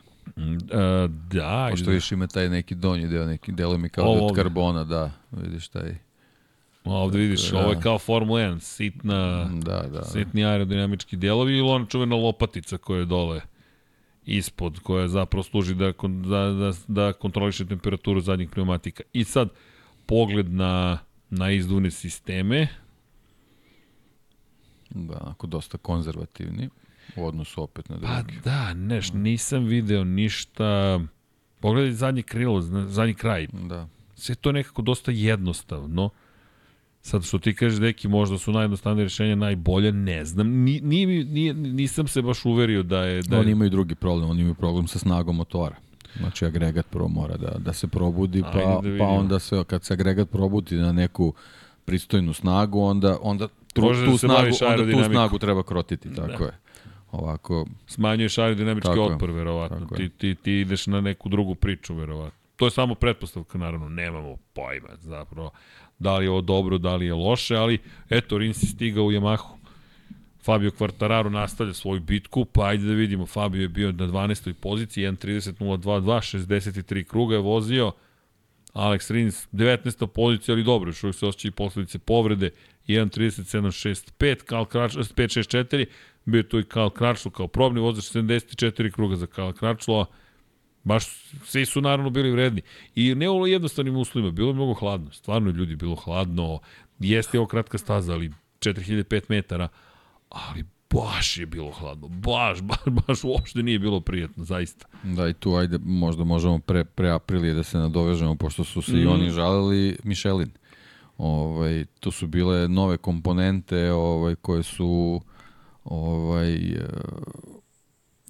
ovaj test u stvari poslužio i za, i za taj test i ekipa iz Michelina se u stvari žalila da, da, da je bilo baš posebno prepodne suviše hladno, ali generalno zadovoljni, zadovoljni su feedbackom koji su dobili od vozača koji su rekli da je, da je komponenta sasvim ok i ja sad koliko sam razumeo oni su za, za 24. na staroj konstrukciji gume će biti nove komponente, a da su vozači popodne dobili, jedan deo njih je dobio ovaj, tu novu komponentu sa konstrukcijom s kojoj će se koristiti u 25. godini. Mislim da, da je bila priča o, oko zadnjeg pneumatika i da su prilike isto dobili neki feedback da je to generalno ovaj, ok, da su zadovoljni, nego eto problem je bio što, što vremenski uslovi nisu bili takvi da to može da se da se testira do, do tog nekog nivoa do kog su oni želeli, ali generalno sad znaju otprilike šta će da spreme za Sepang, tako da ih tamo čeka novi kontingent guma za 24. ali i za 25. tako da ovaj, i, i što se njih tiče i oni nastavljaju testiranje. Da, mi, mi, koji inače Michelin koji naredne, naredne godine oprostite uvodi još izvinjam se oprostite, ali ovo, ovaj kašem traje već 10 dana. Dakle, uvode veću količinu zapravo organske materije u proizvodnju guma. I to će tek da bude sada izazov, apropo priča o gumi Jorgea Martina, još više zapravo limunove kore, pomoranđine kore će se koristiti. I još više odstupanja od gume do gume. Jeste. Da, to je, I... to je taj neki mali problem, ali ovaj, ja neću zaboraviti, ja i dalje čekam da dobijemo izveštaj šta se desilo sa Martinom. Juče me pitao naš drugar Dušan, kaže, šta je bilo sa Martinom gumom? Rekao, Dobro, još je rano, oni su da, oni su rekli da treba da prođe neko Od vreme, ali do čekat ćemo. Da. da, još dosežu da. božićni da. praznici, novogodišnji praznici. A verujem da je zbog toga. To. Ba, realno idu ljudi na odmore polako. Kao da sigurno. da rade uni, urenu kulturu, pa sad treba da se bakterije razvije. Vidi, šta god da rade, potrajaće. Inače, još neki, ima tu, evo, da imamo još jednu fotku Ducatija iz druge perspektive, čisto da, da kada govorim, primjer, o izduvnim sistemima, ovo mi je bilo zanimljivo, deki, obrati pažnju na, na, na zapravo šta se meni čini da, da, da se ovde dešava. Kako preusmeravaju toplotu zapravo ka pneumatiku. Jer ako pogledaš, ovo je neki, znaš, ili, ili ga štite od, Zato ono što me zanima jeste da li će se time baviti ili neće se time baviti. Zašto? Zato što su u Formuli 1 znali da se ovim bave kako da preusmere toplotu ili da sklone toplotu. Ovde je čista zaštita, dakle ovde si ga zaista zaštitio. Kada se spusti dole da ne utiče zapravo na, na sam pneumatik i izduvni sistem. Ali mi je takođe, to je sad samo moja spekulacija, sedim i razmišljam, čekaj, hoće sad ovo da iskoriste možda kao što su dole hladili, da li će negde se da, znaš, zanima da, me kako će se igrati s drastičnu razliku u rešenjima kod Yamaha i kod da, Ducati. Da, da, da, ne, Ducati kao da je svemirski brod u pitanju. Ducati zaista izgleda iz druge ere u odnosu na, i jeste iz druge ere u odnosu na Yamahu. Sve izgleda potpuno drugačije. Yamaha zaista mi izgledala kao što si rekao, kao da je iz 2020. 19. motocikl.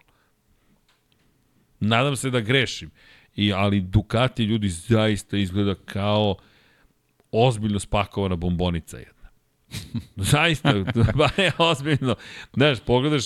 pogledaš Odačar grla, tako deta... izgleda, pošto je crna. ne, pogledaš detalje, pogledaš kako oni ljudi to su razvili, do koje mere su proizvodni proces doveli, kako, kako, znaš, kako je sve ovo obrađeno i ti gledaš, ovo ovde bih volio sve da razotkrijem, znaš, oko motora, pa tamo, ovo, ovo ovde, oko oslanjanja, ovaj deo, evo, ovo za sve one koji žele da istraju, ovo ovde, da istražimo svi zajedno ovo ovde.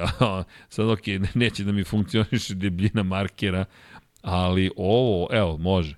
O, ok, sad imam balonče. ok, malo se šlogirao. Ali činjenica da ovo želim zapravo da vidim ispod kulisa šta se sve tu zbiva. Pogledaj ti koliko tu imaš prekidača. Prednji, zadnji, crvene dugme, žuto dugme, zeleno dugme, Me ne znam, baš, baš mnogo to lepo izgleda i opet ova priča o ovim bokovima, pogledaj, oni samo ovde žele da vazduh izlazi i to je to.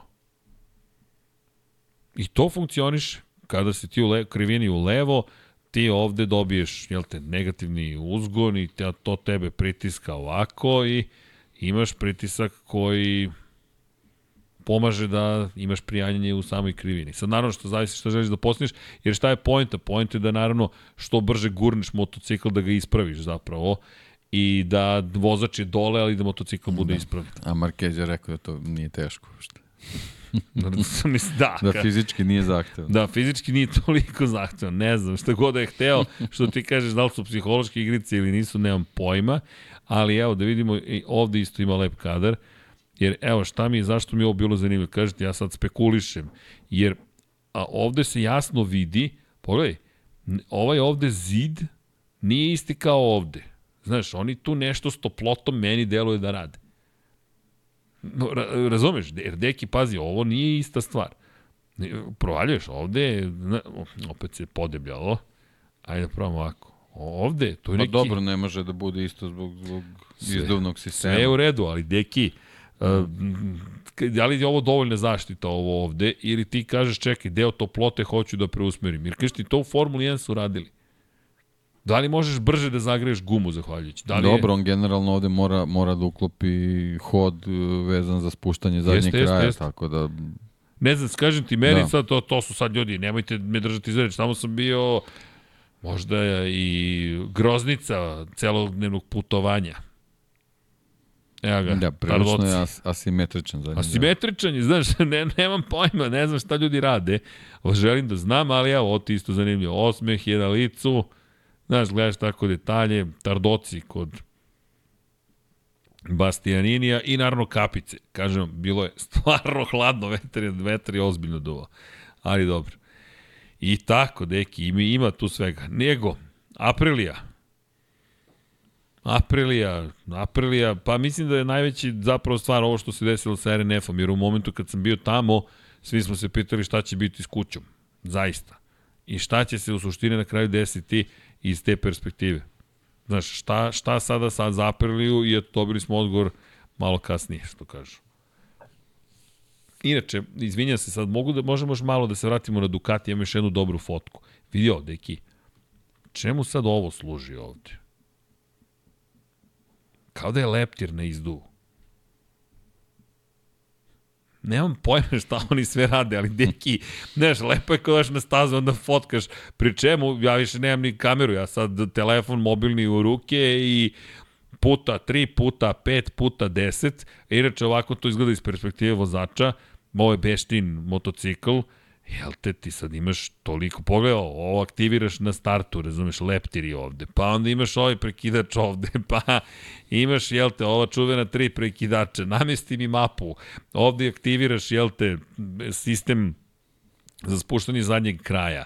Imaš prednju kočni, imaš A, zadnju da to kočnicu. Nije, da to nije na desnoj strani. Mislim da ovo za prednji. Zato što ovde ga naoružavaju, znam kad god vozi, zato što ovde dodaju gas. I kad dodaju gas, prednji mislim da na početku ili mo, ali pazi ne, kad odaju da, ne, možda, ne, možda snimaka, je to individualno. iz snimaka se sećam da je sa leve strane ali kažem ti opet toliko toga imaš i sad zabavite se. I evo kako izgleda taj novi zadnji kraj zapravo koliko su blisko da, blizu. savršeni sad već da. Da da i opet asimetrija pozadi asimetrija potpuno, da. nešto tu nešto radi. Šta, nemam pojma ljudi, ali eto, ja sam fotkao, pa evo, ko, ko hoće nek rastumači, Ali eto i ovde. U svakom slučaju nije slik na na, na slik nije, ne, ne, ne, ne, vidi, koristiš priliku kad te niko ne gleda. Koristiš priliku kad, kad, kad, jer znaš kako, najvažnije je da budeš što, mislim, ja sam ovih 1,92 i 110 kg, baš nisam neprimetan tamo, pogotovo u crvenom duksu, ali, znaš, vremenom se naviknu da te viđaju tu i onda ne obraćaju pažnju na tebe, I onda ti ono, pružiš ruku unutra, ne sam da zagazim unutra i fotkaš I znaš, ja volim ove kadre da vidim šta se unutra krije. Do sad nisam video leptir ovde, možda samo sam propustio.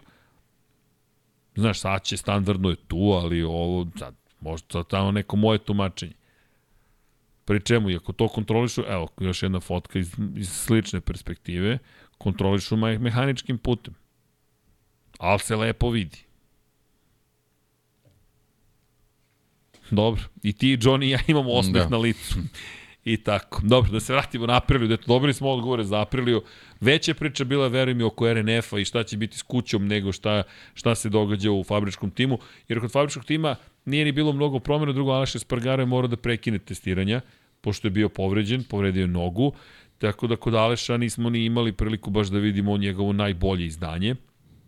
Zaista nismo, nismo mogli da dobijemo ništa bolje, a ja imam inače, sad ću da spremim još nešto što bih voleo da prođemo, ali mi treba minut samo da nešto, da, da, da to sredim, pošto mislim da je važno. Pre, e, da li imamo neka pitanja, deki? Jel pratiš chat? Mm, Da, ali, ali je nekako ovaj, U nekom drugom u smeru nekom otišlo. drugom smeru, da. Jel ne, ima veze s takmičenjem, makar Ima, ili... ima, ali neke, neke ovaj, priče vezane za prognozu za sledeću sezonu. Aha, doći ćemo do toga. Hoćemo prvo da vam pokažemo nešto drugo, a to je, sam mi treba minut, molim vas, da bih mogao, sad Johnny, pošto vidi moj računar, on zna šta radim trenutno, ali Johnny, vidi šta radim? A kontaš, e, to, to nam sad treba. Hoću samo da, da uradim jednu bitnu stvar, e, zato što je ovo važno. Dobro, deki, hoćeš da prognoziraš ovako, da mi kupiš vreme. Šta će biti sledeći godin? Nećemo sad ništa prognoziramo. Deki je ozbiljan čovjek, Ne, nije, ne, on, ne, pa ne. nije on kao ja. Ja bih vam prvo sad dao prognozu, čisto prognoze radi. Pa nije ali... čisto prognoze, zapamti ljudi šta si rekao. Ne, ne može tako. Dobro, dobro, dobro, dobro. Ali dajte mi minut. Ovo neće tako dugo potrejati. Do, relativno sam brz u ovome, jer ovo mislim da je mnogo važna informacija. Elem, Deki, e, kada je reč o, kada je reč o, o Miguelu Oliviri, to mi je ono što mi je bilo bitno, zato što se iskreno zabrino i za njega i za Raula Fernandeza da li će ostati uopšte, e, da li će ostati deo ekipe. Iskreno Pa, sam se pitao. da, to je moglo, moglo da se vrlo lako desi.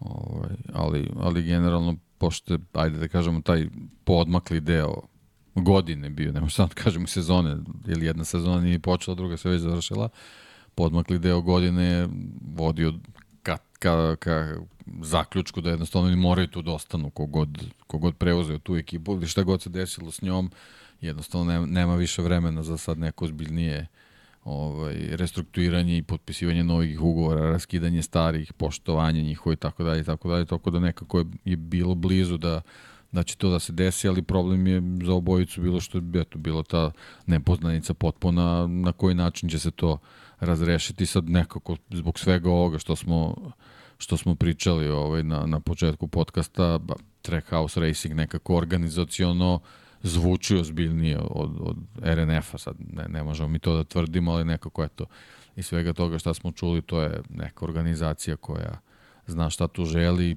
posebno je bitno da imaju sredstva koje mogu da, da uložu taj, taj početni e, razvoj i ulazak u, u, u Moto Grand Prix kao, kao ekipe, a Yamaha, a Aprilia je tu da ih sna- snabde sa motociklima, tako da tu generalno nije, nije njima to toliki problem. Znači, poenta je samo zadržati kvalitetan kadar vezan za, za mehaničar inženjere ili, ili zadržati deo koji je kvalitetan, dovesti neke nove kvalitetnije ili već uložiti u neku, neku edukaciju ili ne znam ja šta je već tu potrebno i da li je možda potrebno da se ekipa ojača i proširi na nekom, na nekom drugom nivou, tako da generalno mislim da je da ta situacija pozitivnija što se tiče ovaj, da kažemo satelitskog tima Aprilija, opet sa druge strane, tu su sad te neke poteškoće koje su se javile u završnici sezone kod fabričkog tima sa, sa tim čuvim pregrevanjem ovaj, motocikla i, i tim toplim vazduhom koji pravi ogroman problem vozačima, znači to je nešto što verovatno konstrukcijno treba, treba da se reši i, i to nismo mogli da dobijemo nikakav odgovor vezan za to, ovaj, što se tiče testiranja u Valenciji, upravo zbog tih vremenskih uslova i te hladnoće, ovaj, nećemo moći ni na, ni na predsezonskim testiranjima, jer generalno neće biti toliko ekstremno toplo da u stvari vidimo kako se ti motocikli ponaša- ponašaju na taj način, tako da to je u stvari najveći problem koji sad Apri- Aprilia treba da reši ako, ako već radi neku evoluciju ovogodišnjeg motocikla, ovaj, pretpostavljam da, da konstrukcijno taj problem i dalje može da postoji i bitno je da se oni otkloni na ako, ako ovaj, nova ekipa sada dobija ovogodišnje motocikle, taj problem jednostavno mora da se ukloni, jer će vozačima prosto biti nemoguće da, da voze te motocikle kao što je to bilo i, i ove godine, tako da ovaj pred aprilijom leže, leže ti problemi koje moraju pre svega, pre svega da reše da bi mogle da se pozabave ovaj generalno ovaj podešavanjem tog motocikla da može da pruži te, te maksimalne performanse, ali eto ono što je, što je dobro za Apriliju je to što ima ovaj, u ovom trenutku svi su pokazali da su sva četvorica stvari prilično konkurentni vozači, sad tu je samo taj moment, nije samo, prilično velik, potreban je taj otklon da se pojavi taj neki šampionski vozač. Nažalost, Šaleš i sve više Maverick pokazuju da očigledno to nisu, da su momci koji su kadri za pobede, ali za nešto više u, u nizu teško. A opet s druge strane, ni od Miguela, ni od eh, Raula nismo do sad u stvari dobili potvrde šta sve mo mogu iz razno raznih razloga. Eto, ono što sam i rekao na početku, nadam se da će ta njihova loša sreća da se, da se promeni u, u 24. i da ćemo njih, do, njih dobiti u nekoj onako da kažemo pravoj reprezentativnoj formi da, da, da mogu da pokažu ovaj, sve šta mogu i da u stvari vidimo i da procenimo da li su oni zaista vozači koji su, koji su budućnost Aprili i da li obojica zaslužuju da, da nose ta, tu, tu titulu, da kažemo, fabričkog vozača da se možda oni prekomanduju u, u fabričku ekipu ili da se eventualno pronađe prostor za nekog superstara kao što smo pričali poput Fabija Kvartarara ili tako nego koji će doneti taj neki neki konačni pomak za Apriliju da, da se i ona uključi tu neku borbu za titulu, to jest u ovom slučaju za početak da, da dođe u situaciju da, da, da može na, na, na svakoj trci da se, da se računa na, na, na, na pobedu.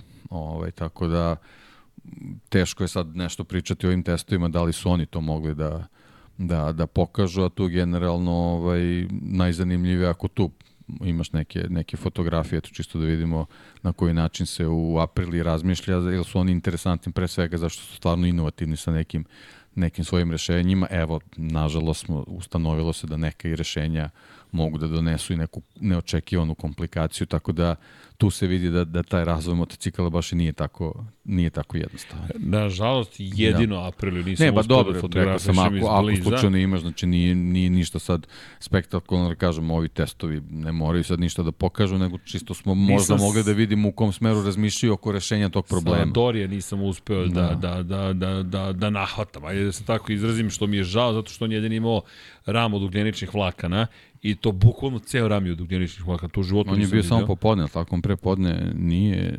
Ti, da. ja sam, kažem ti, jurio sad informacije, bio po garažama, hvatao ljude i tako dalje i tako dalje, ali činjenica je da, da mi to žao, to sam vidio samo na fotografijama, tako da bih volio da sam, da sam mogao, ali sledeće godine, kad, kad budemo zajedno, Znaš, onda ti, ti, ti pokrivaš gornji deo, Pa ja da, donji deo. da, da. to je otprilike taj moment.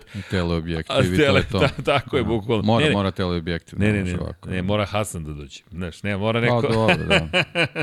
Ali- Radio sam ja svašta. Ne, ne, znam da, ne, ne, ne, ba vidi, ovo je ovo pecam Hasana, šta ti je, da, da kažem, a nema problema, razumeš, da, ali dobro, nije mogao, ja cenim da bi Hasan bio na velikom finalu MotoGP, ali kad je to isto vreme kad je Formula 1, to je nemoguća misija, to su besmislice, ali dobro, ali ono što je velika stvar, i ne prekidam sada priču o Aprili i ne pokušam da pobegnem od nje, ali bih nadovezao Johnny ako može kadar, ovo je, ovo je mislim da je veoma važna tabela za budućnost Moto Grand Prix. Dakle, uvedene su koncesije. Imamo četiri ranga A, B, C i D u procenatu poenima u odnosu na dakle, ono što, što je moguće osvojiti tokom sezone. Ko osvoji više od 85% od onoga što je potencijalni maksimum, spada u kategoriju A. Od 60% do 84,99 je rang B, od 35% do 59,99 je rang C. Ko osvoji manje od 35% mogućih poena je zapravo u rangu D. Konkretno, posle ove sezone, Ducati je rang A za narednu godinu, ovo važi celu sezonu, rang B niko nije rang B, dovoljno govori o dominaciji Ducatija, rang C su KTM i Aprilia i rang D su Yamaha i Honda. Šta to konkretno znači? Rang A, 170 probnih guma za probne vozače. za sezonu. 190 guma za rang B, 220 po vozaču za rang C i 260 za rang D.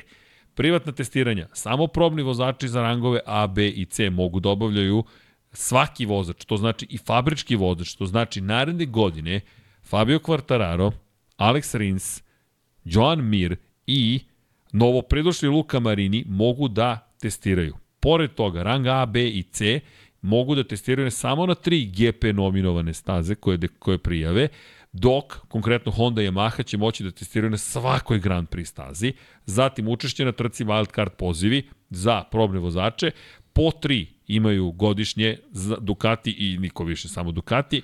I... Ja sam izvinjam, imam tabelu gde je nula za kategoriju. E, moguće da sam ja pogrešio. Moguće da je moja greška. Samo, ne, ne, moguće da sam ja pogrešio u prepisivanju. To je, to je tabela koju ja imam, da, da. Ne, ne, mislim da si ti upravo, da. ovo je moja greška u prepisivanju, nula učešća na trci, dakle 3 za B i 6 za C to i D. Je, to je u stvari za wild card. Tako je, wild card. Da. Ali, šta, pazite, to je sad ogroman udarac za Ducati. Ducati je ovo na ovo pristao. Ducati je spreman da sport ostane vrlo konkurentan i ja sve pohvale Ducatiju, ne znamo šta su dobili za uzvrt, to nemamo pojma. I samo još jedna Naravno. napomena, ovaj kao fusnota za, za wild card. Uh, wild card ne potpada pod zamrzavanje agregata. Ne pada pod, pod tu kategoriju. E, misliš agregati koji koriste wild koji card vozač? Tako, tako, je, tako ne, da, da. ne potpadaju pod kategoriju zamrznutog razvoja. E, ali sad dolazimo na jedan još moment za ovih šest poziva. Tri te tri wild carda koristite pre sezonskih testiranja, međusezonskih testiranja, tri posle. Dakle, ne možete doći na prvih 10 trka sezona i šest puta koristite wild card. Ne. Tri, kada se obavi testiranje, to obično mizano, pred kraj sezone, tri imate posle toga. Pored toga, broj motora po sezoni, od 7, do, i 7 ili 8, zavisi od toga kako se završila prethodna sezona za A, B i C, D, 9 ili 10 i ono što je bitno, kada, kada deklarišete prethodnih godina, kada biste prijavili motor za narednu sezonu, vi niste mogli dalje da ga razvijete celu sezonu. To je Suzuki-a i Andreju Janonea ozbiljno koštalo svoje vremeno, tako da je ovo pozitivno u kontekstu toga da imaš slobodan razvoj. Naravno, slobodan razvoj samo imaju Yamaha i Honda u ovom trenutku. Yamaha je to preko potrebno da nastavi da razvija motor tokom cele sezone i aero napređenje imate po jedno za A, B i C, imate dva za kategoriju D, ali Onoga momenta kada upotrebite bitno, da. drugo aero napređenje, ono prvo morate da odbacite. ne možete da ih da. koristite i jedno i drugo paralelno. Tako da je ovo velika stvar. Ovo je Ducati uh, prihvatio kao, kao bukvalno ustupak konkurentima koje je deklasirao. I ovo je velika i pobjeda za Ducati da je on taj koji kaže ok, ajmo i Luigi Dalinje je povukao je potes, KTM je takođe pristao na ovo, dugo se bunio KTM, ali KTM je takođe lepo prošao ovoj priči. On je u kategoriji C i ima dosta prostora tu za, za unapređenje i za razvoj. Naravno, najveći dobitnici su Honda i Yamaha. I ovo mnogo znači jer da vi date fabričkom vozaču priliku da testira tokom sezone, to je neprocenjivo. I oslanja se na ono što si ti predlagao pred tri meseca još, Slušaju nas, kažete deki, slušaju Lab 76, dakle, bukvalno smo pričali o ovome. Ok, ne morate da im dajete ne znam kakve kontesi, dajte im da testiraju više. Dajte im da više testiraju i to smo i dobili upravo. Tako da moram priznati da mi ovo deluje mnogo zrelije nego... Da, i ovo je generalno dobar Ducati da. diplomatski potez za neku budućnost. Jer možda se desi situacija da oni Obrne upadnu neke stvar. probleme i jednostavno oni će se pozvati na ovo i i mogu vrlo lako da dobiju nešto što u ovom trenutku deluje kao hendikep. Jednostavno nekako su ono, samo kažnjavanje su sproveli zbog svog kvaliteta, ali upravo ova, ova kategorizacija gde su oni bukvalno za dva koplja ispred ostalih e, dovodi do toga da oni bez problema mogu da dozvole rivalima, kažem, zbog, zbog neke kasnije igre u pregovorima kada njima bude nešto odgovaralo, jednostavno da se, da se na taj način naprave ustupci lepo si rekao, pravi diplomatski potez, meni se dopada što su učinili. Iskreno dopada mi se zato što da mislim da je ovo nešto što je neophodno da bismo imali konkurentnu budućnost. Ne, ne mislim da treba po svaku cenu nekom pomoći, ali ako vi nekom vežete ruke razvoja, to je ono što je najveći problem.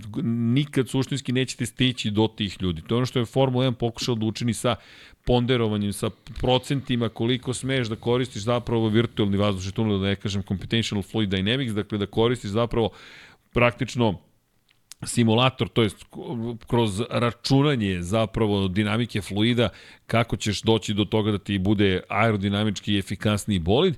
Red Bull Racing kao šampion će imati najmanje vremena, imali su još manje ni da im je mnogo odmoglo, ali su bili u jel te, nekom hendikepu, ostali su u prednosti i to će polako nekako pomogućiti timovima da se sustignu. Ovo je agresivnije, ovo je brže želimo da se izjednače stvari, tako mi deluje, pogotovo ovo sloboda za Yamahu da testira nove motore tokom sezone i pride i za Honda i za Yamahu da imaju fabrički motor, fabri, zamisli za, ljudi za fabričkog vozača ovo je nezapamćeno da ima takav poklon u sred sezone. Fabio Quartararo ode sedne na Yamahu i ne znam vrti krugove po Motegiju ili vrti krugove po Mizanu i donose mu nove motore on to testira. Naravno ograničenje najveće u gumama, ali tu 260 ih imaš, ima dovoljno guma da se radi. Ali opet nije potpuna sloboda, to je isto u redu, makar me to moje tumačenje i dođeš u situaciju da ti zapravo kažeš ok, imamo dobar balans neki. Deluje kao dobar balans, kao dobar kompromis. Pa deluje ovako na papiru, vidjet ćemo u praksi u stvari to to. kako to izgleda. Ali ja moram ti pristati da sam mnogo srećan nekako, pri čemu, paziti, mi imamo, mi imamo 10 dana, pošto je prošla sezona, nastavak sezone. Znaš, stalno pričamo o Moto Grand Prix, nedostaje nekih dešavanja.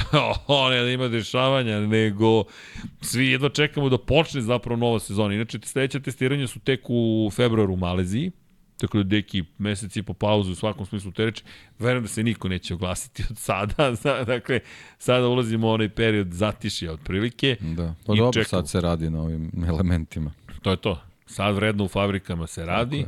I čeka se... Sad se tumače podaci iz Valencije. Jeste. I priprema se, marketičko odeljenje priprema nove boje, majice, kačkete, itd. itd. itd. I mene isto zanima sledeće godine ko će biti glavni sponsor, kome. Priča se da to da Pertamina će biti glavni sponsor Valentinu Rosiju. Mnogi su očekivali da će danas biti saopšteno da će zapravo Rosiju 2025 tim imati Yamahi u svojim redovima. Čak su se i oni trolovi, tra, klasični trolovi, gde su na Twitteru zapravo u official box 46, VR46 izbacili fotografiju Golaz Yamaha M1 i ispod piše 2025. I svi kao, eto, znao sam, dolazi Yamaha 2025. u VR46. Mm. Pa dobro, VR46 je već u Yamahi sa garderobom, tako da... pa i sa Yamaha Master Camp. VR46 je tamo, tako da Yamaha treba da, da dođe vamo, da. Ali dobro, ne, mislim... Zanimljivo je to trolovanje, znaš, nešto se dešava na društvenim Tako mrežama. Je. Svašta se radi. Ja nemam više fotografija nekih bitnijih, mogu da mogu pokazujem lepote Valencije, ako hoćete. Mislim da to... Da ne, po, ne, ne, vidi ga Johnny što me prebacio, nema, nema više fotki. Da. Nema više fotki, ali dobro. I da, to... dobro, generalno, eto, to je ovaj, onako nekako, ovo, ovo, ova promena sa RNF-om je u stvari nekako i promenila tokove cele priče, ali Jest. generalno ovaj, mislim da, da smo, da smo ovaj, pokrili to na neki, neki drugačiji način i zahvaljujući i, i Božiju i ovim tvojim fotografijama s lica mesta, tako da eto, nadam se da ljudima bilo zanimljivo i na ovaj način da, da prođemo kroz tu, kroz tu čitavu priču pa, oko testiranja. Znaš, meni je mnogo bilo bitno da budem na stazi u tom trenutku, da čujem te motore, da vidim lica, da vidim utiske, da vidim mehaničare, da porazgovaram s ljudima. A dobro, mislim, mi smo odavno, odavno smo pričali da generalno tim testovima treba biti nego ovaj, ajde, test je bio specifičan zbog Markeza. Pa je malo dobio neku, neku drugu težinu, ali generalno ovaj, ovaj, treba, treba biti u toku i videti u stvari kako oni razmišljaju da bi u stvari moglo da se razume kad se kasnije dese neke situacije ovaj, na stazi što vezano za konkurentnost ili neko, neko loše izdanje da u stvari možda može da se shvati šta se desilo i kako, kako su stvari bile filozofije ekipa kad su u nekom trenutku razmišljale o, to, o, o svom razvoju, a generalno ono što se našeg posla tiče uvijek je tamo malo opuštenija atmosfera pa ono što ti kažeš možeš te a broj malo da čuješ da, da pustiš uvo s jedne ili druge strane, da, da, da pokušaš nekog da otvoriš, da, da, da dobiješ neke, neke informacije opet na kojih, na osnovu kojih možeš da, da, da složiš neke, neke slike malo šire. O, ovo kažem, eto, Bože, što, mi, što, je, što nam je sad i naveo vezano za gostovanje ovaj, u, u Austriji, u stvari pokazuje po meni, u stvari kad se, kad se generalno ovaj, malo uzbiljila ta ideja vezano za track house racing i, i preuzimanje RNF-a i da to u stvari nije tako baš preko noći bilo kao što smo, kao što smo videli. Nije, nije. To si ti negde i posumnjao da, da, da, da bi moglo da se desi. I Pa ne, evo, generalno cela priprema ovo, ovo, ovog današnjeg programa i farbanje motocikla tako dalje, tako dalje. Mislim, ono, svaka čast ako su to za 7 dana sve, sve razmislili i spakovali, ali mislim da, da to ne ide tako.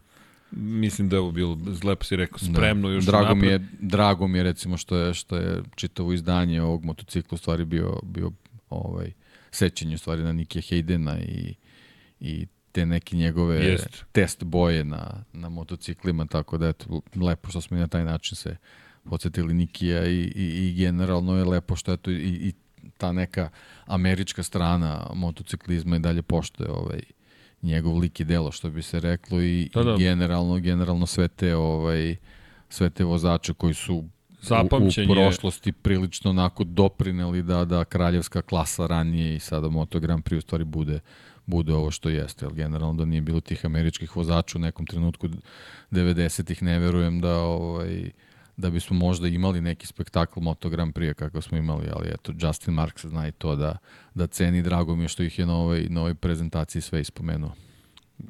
lepa je i omaž celoj toj priči i što kaže eto i Boži koji nam iz druge perspektive daje priču kao prijateljsku priču koja se poklapa jedan na jedan. Što mi se takođe dopada, čovjek je rekao, deluje da je rekao, ej, ovo su, ako stoje stari sa mnom i to je to.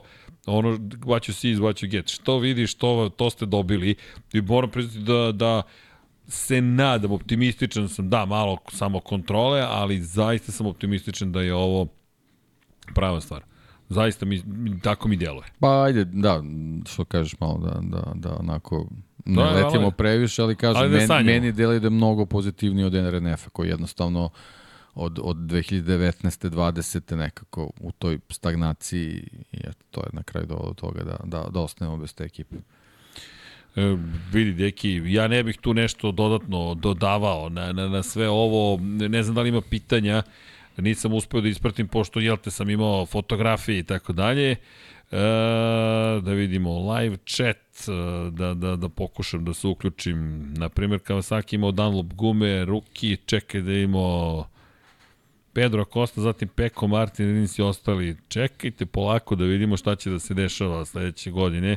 Ko će biti glavni sponsor Gresinija? Ne znamo, to je isto, to je sad, to su te misterije.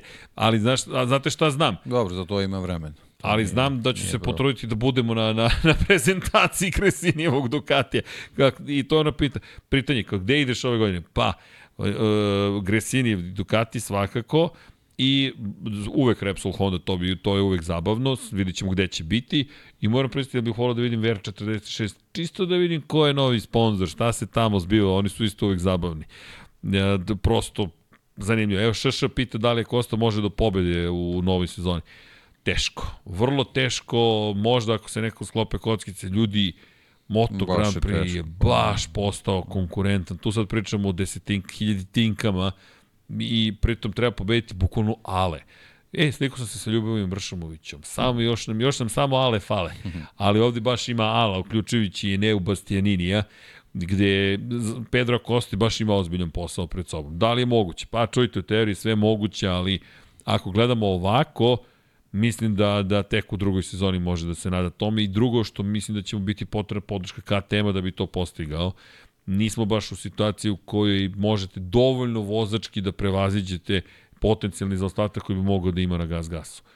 To je, to je neko, ajde, delimo mišljenje, to smo Da, pričali možda smo, na nekim stazama, ali ali bit će baš teško. teško, da. Baš teško. Ali ajde, da vidimo, zašto da ne.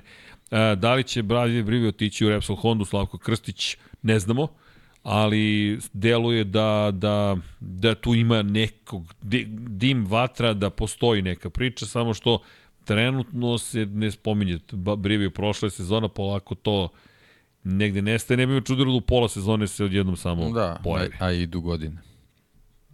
Da. Inače, nisam znao to, nije toliki sci-fi imati tri proizvodnjača uh, guma. Pa, Kawasaki, ne, uh, Slavko Krstić, za- ako pričamo o gumama, nije Kawasaki imao Dunlop, možda je u nekom trenutku imao, ali u Moto Grand Prix Kawasaki je sarađivao sa Bridgestoneom, Ducati je sarađivao sa Bridgestoneom, Suzuki takođe, i Dunlop je bio zadužen za Tech 3. Tech 3 je žuti bio Dunlopov, oni su zapravo koristili Dunlopove gume, to je bilo 2005. 6. 4. 7. tako nešto. I e, potom Michelin koji je bio u Yamahi, Hondi i onda je Rossi 2000 izvinjam se, 2008. prešao na Bridgestone, čuveni zid između njega i Jorge Lorenza, Lorenzo na Yamahi na Michelinovim gumama, Rossi ima Bridgestonove, Dani Pedrosa na polovini godine deli garažu Repsol Honda, zahteva Bridgestonove gume i Michelin 2009. se povlači, dobijamo samo jednog proizvođača, tada i uvode pravilo da samo jedan proizvođač i proizvodi gume i to je bilo Bridgestonov ugovor dva puta po tri godine do kraja 2015. i tad odlazi era Michelina. Izvinite. Leptir iznos zatvori sa gornje se preusmera na zagrevanje gume u početku trke. Mirko Brođanić. Ne znam, eto, to je to, pretpostavka. Čujte, ali deluje mi da tu nečeg ima. Sad ne znam da li ste to negde pročitali, da li to neko potvrdio, ali eto, to mi je ono što je meni bakar bilo zanimljivo. Lep pozdrav Srki i Deki, šta mislite da li će se neko u skore vreme pojaviti neki novi proizvođač u MotoGP-u i da li postoji šansa da se Suzuki vrati u šampionat?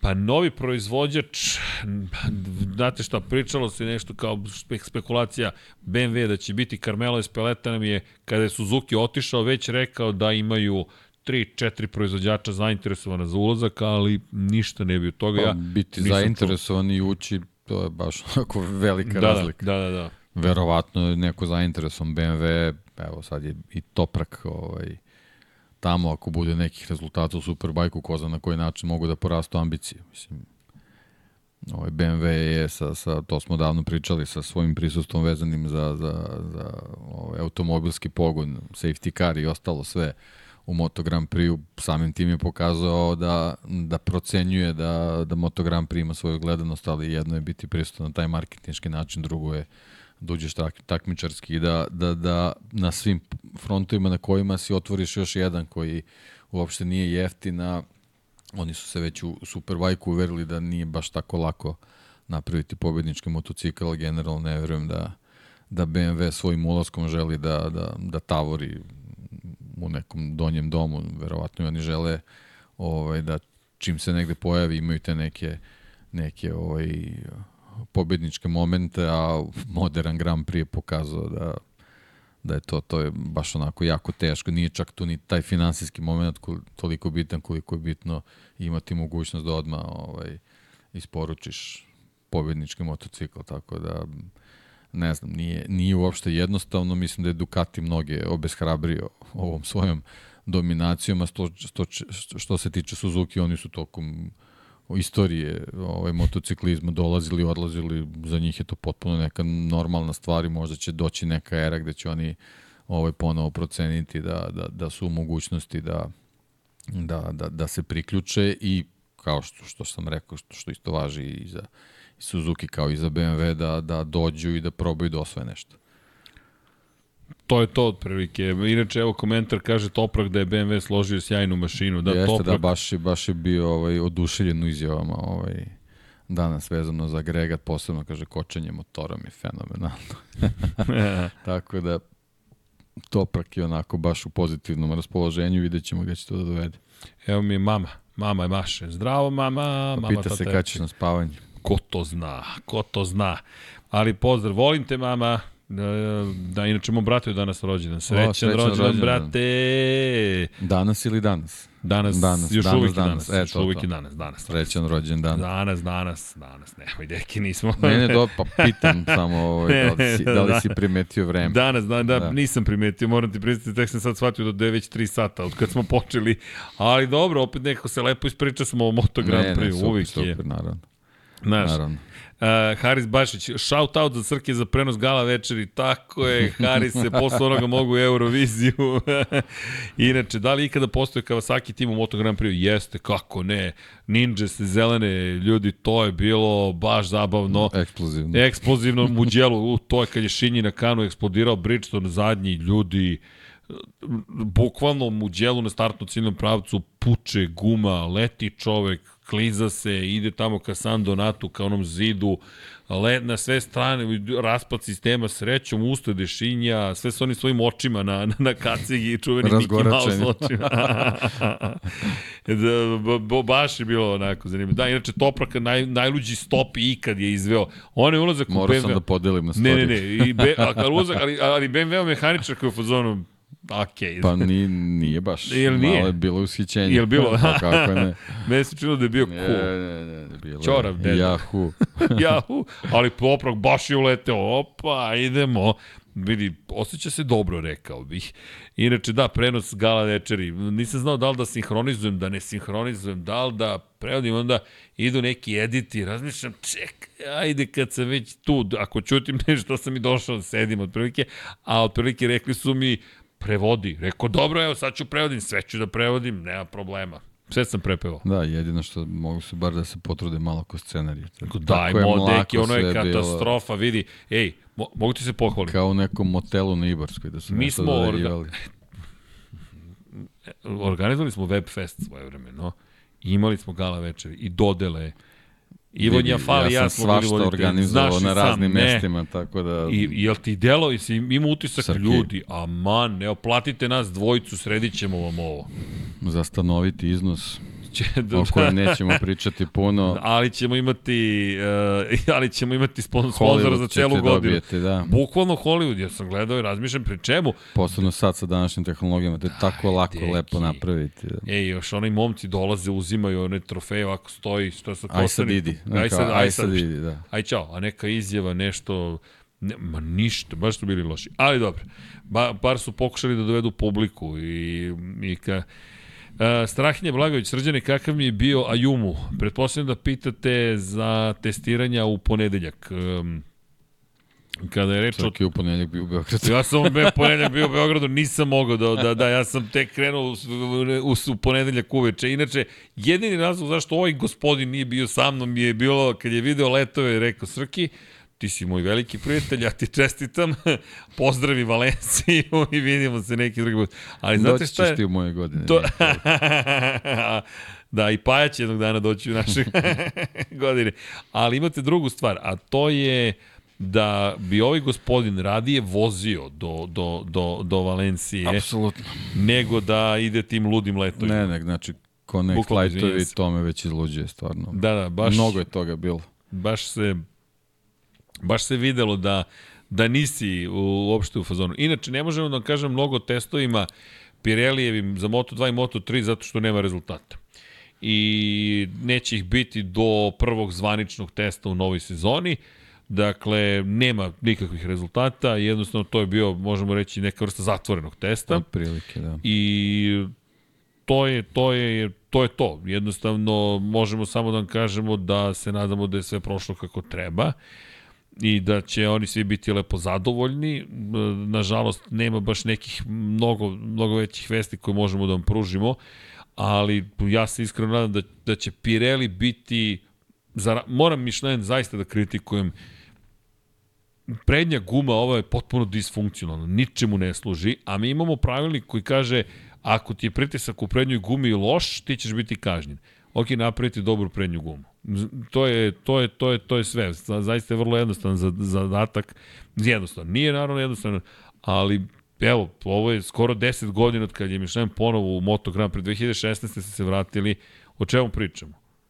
I, I o čemu sad pričamo? Pričamo o tome da će naredne godine šampionat možda biti odlučivan na, na konto toga da li si diskvalifikovan, jer ti guma bila previsokog pritiska u 0,01% ne znam nija čega. Znaš, potpuno je Potpuno je pogrešno kako se tome pristupa.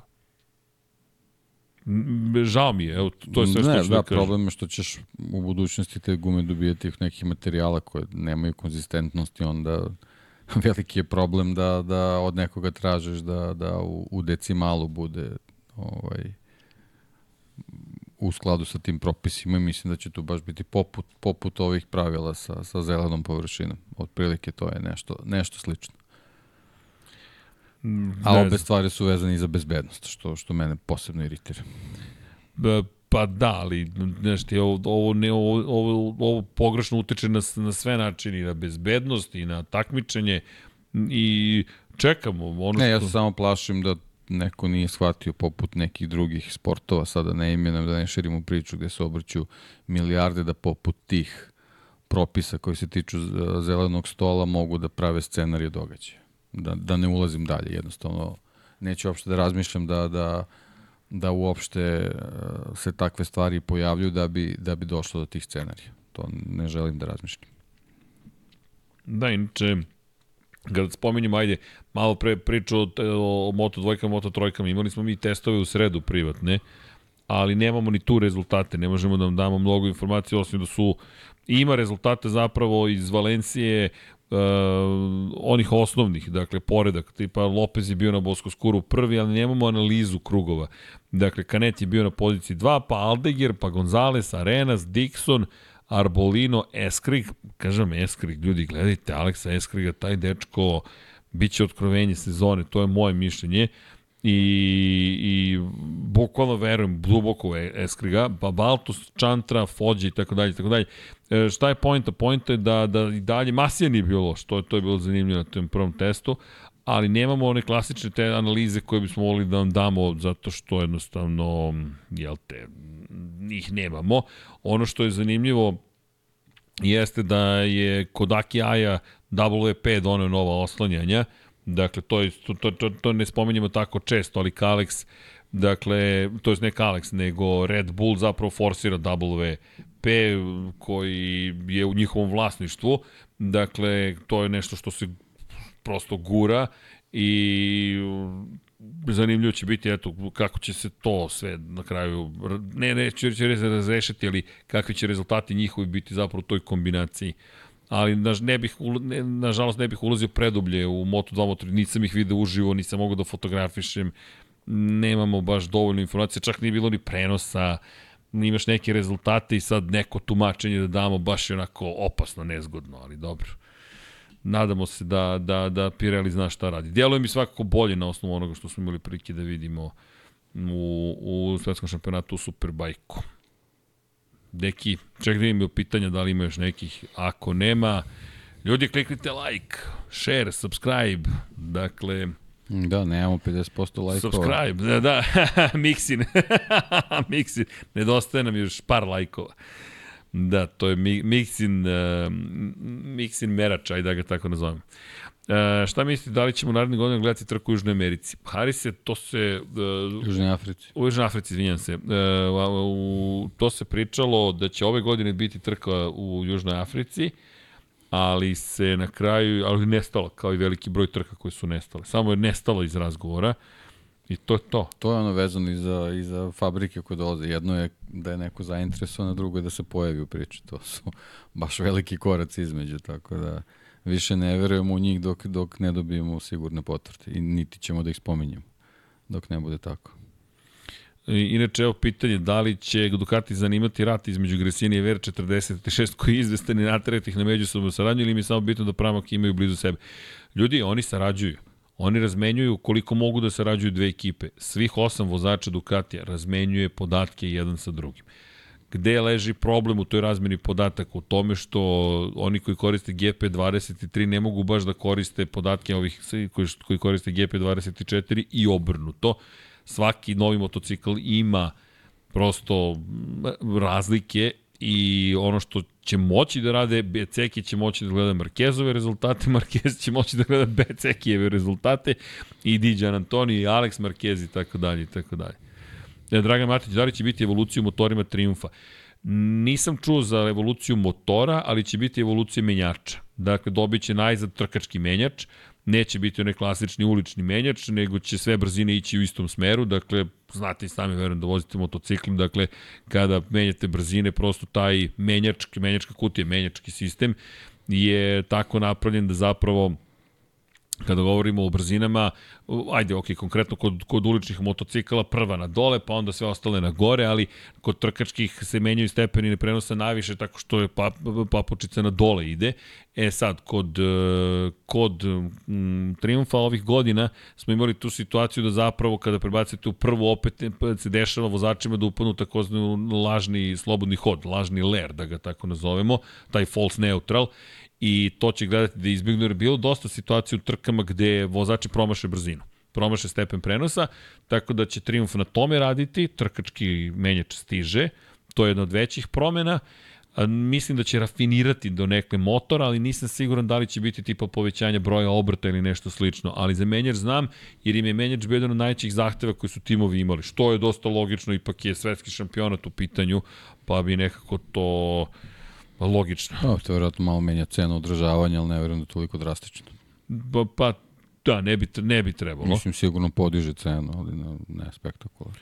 Inače, Posebno ako su ekipe za to, znači svesne su da da nek, neki deo troškova će biti veći. Vero, verovatno, ali opet trebalo bi. Kaže, da li dolazi Deki u 99 yardi? Pa to čekamo. Te Nema us- potrebe. Ne, čekamo da bude u Superbolu, da, da budu ti igreći. Ej, kad ta će doći? Imam ja, imam ja ideju kako da dođe, ali dobro, sad da čoveka ne dovodim u neprijetan položaj, shvatio sam da ne moram neke stvari javno da radim, jer meni to nije bilo neprijetno da shvatim, ne, dovodiš čoveka u neprijetan položaj. Inače, pitanje za Tulovića, kada će imati prve testove i šta očekivati od njega u narednoj sezoni. Lukas se vraća u Moto E klasu, biće sa Intact Grand Prix, dakle Dinavolt, će biti glavni sponsor, ne Enel kao što je, ne, kao ne, ne Moly kao što je slučaj u Moto dvojkama i Moto trojkama, tako da će Lukas ostati u svetskom šampionatu, ali se vraća na električne motocikli, što je super da ostane u tom krugu, u padoku i mi, mu, mi se nadamo, navijamo za njega da se vrati u Moto dvojke. I kada će biti prvi testovi, ne znam, ali ćemo ga zvati, pitaćemo, nadam se da će nam se i pridružiti. E da, što se tiče Mahe, šta, šta, da, šta dalje za Yamahu iz perspektive Lin Jarvis i komentara, Ljudi, nema ničeg novog suštinski. Cela priča se svodi na to, radimo puno, bit će bolje, ekipa u Japanu naporno se trudi, doneti su novi delovi, nadamo se da će se stvari popraviti i to nećemo se predati, nema odustajanja. Stigao je Alex Rins, ali sve to je nevažno. Mi, čak nije ni važan test u Maleziji. Setite se, Lab 76 broj 5. Maverick Vinales koji nam priča kako je srećan zato što je Yamaha jača nego ranijih godina i zato što sada kada je u zavetreni može čak i da pretekne, To su, to su izjave ovde, ovaj sto, ovi mikrofoni, o, o, ovo, ovo okruženje i Vinjales koji nam priča kao fabrički vozač Yamahe kako stiže otprilike u ovoj novoj sezoni, bit će mnogo konkurentniji i tako dalje. On zvuči poznato. Ja hoću da vidim u trci da ta Yamaha bude brza. Ne verujem im ništa ni u Sepangu da budu sekund brži od najbržeg kruga ikada. Tako da, eto, čekam, bukvalno čekam. Ivan Ortola i Manuel Gonzalez, da li se može očekivati borba za šampionat? Andrija pita. Nisam siguran, iskreno. Ivan Ortola možda, možda. Neko pita ko će biti u Moto trojici zamene za Masiju i za Sasakija. Pa, ljudi, David Alonso, ne, ne, ne, ja dalje od toga ne idem. Alonso, ako se ne bude borio posle ove četiri pobjede ove godine, nešto su ozbiljno pogrešno radili tokom međusezone. Alonso mi je tu broj jedan i onda da vidimo Mislim da Olgado može biti vrlo opasan, jer Olgado je bio šampion u juričkoj konkurenciji. Mislim da je ova sezona za njega nauk. Ne kažem da će nužno baš osvojiti titul, ali mislim da može da bude u toj borbi. I da, Ortola, zašto da ne? Ajmo da vidimo to sazrevanje, da li će se desiti. Bi, biće zanimljivo. Gonzales, ajde da pobedi za početak, pa onda da vidimo za sve ostalo. Jedno pitanje nevezano za MotoGP, jeste li najbolj za film Ferrari koji izgleda krajem decembra izgleda dobro? E, video sam samo nečiji Ja sam komentar. trailer. Nisam čak Da. video ni trailer, video sam samo nečiji komentar na trailer. Da. Kako izgleda? Pa, okej, ozbiljno izgleda. Ozbiljno, Sad, sad je, nam, nama je najvažnija radnja kako je to prenešeno ovaj, i o čemu se tu radi. A, znaš, ono, glumačka postava je zadovoljavajuća, tako da ovaj, ja mislim isto, ono, jedva čekam da, da vidim film, čisto da bismo znali da li, Može, može. da li smo dobili još jednu stvar koja je onako realno prikazuje svet, svet automobilizma i autotrke, ali je opet s druge strane nešto što što su napravili ljudi koji se apsolutno ne razumeju to, tako da ne, nema, što se mene tiče, ne može da bude sredina, znači ili jedno ili drugo. Dobro, vidi, ali u sledeće godine možda će biti godina Ferrarija. Ko zna šta nas če, evo, ovde se širi, ovde navijači Ferrarija su Nešto studiju. kod nas je, kod nas je premijera, ako sam dobro vidio, nešto kraj januara, početak februara, tako da Mm, tako bi trebalo. brzo je, brzo će biti Da. film ovde. E, inače, pitanje, ko dolazi umesto Pons Racinga? Umesto Pons Racinga je Teo Martin zapravo ušao u Moto2 kategoriju. Tako da MT Helmets MSI, Sergio Garcia ostaje u toj garaži, Ajo Gura ćemo se pridružiti, Aaron Canet odlazi zapravo u Fantic Racing umesto Celestina Vijetija koji je otišao u kod Aki Aja i Čavi Kardelus se vraća ponovo. Kardelus dolazi u Fantic Racing, da to nismo prokomentarisali, eto imamo, dobili smo potvrde ko će gde biti, inače Mario Ađi je došao iz Moto trojke je prešao u Moto dvojke kod Somketa Čantre, forsiranje azijskih vozača i to je u redu, neka im se otvore vrata, samo što nisam baš vidio nešto specijalno kod Marija Ađija, pa da kažem u Moto2 će jednom to biti neki nevjerojatni spektakl. Ajde, okej, da sačekamo, da vidimo da ne sudimo ništa i da sačekamo, a Jumo Sasaki je prešao u Yamaha VR46 tim zajedno sa Jeremy Alcoba, večiti Jeremy Alcoba, čovjek, ne, čovjek će uvijek imati Čovjek s angažman. najlepšom kacigom. Da, jeste, a lepa kaciga, ali neki i lepi rezultati bi bili potrebni. A inače u forwardu Alex Eskrig i Xavier Artigas ove godine, Artigas koji je ostao bez posla u, u zapravo Prstel Grand Prix, ali eto, dobio je priliku da pređe u Moto2 klasu. Ja, ja vam kažem, gledajte Aleksa Eskriga, ljudi, taj dečko samo da dobije već, da dobije veću podršku. Inače, za Teja Martina je zanimljivo da se opredelio za boskoskurove motocikle, to jest šasije, tako da će i Garcia i Ogura biti na novim motorima, prelaze na Boskoskuro B24, eto, to su neke promene umeđu vremenu, eto, da ispoštujemo malo i, i Moto dvojke iz te perspektive. Eto. I čekamo Joe Robertsa u Moto Grand Prix. Na aprili. Kao što mu je bilo već ponuđeno. Ali to je samo spekulacija moja, to je samo moja spekulacija, ništa drugo. Ne vidim nekog drugog američkog vozača će dobiti šansu.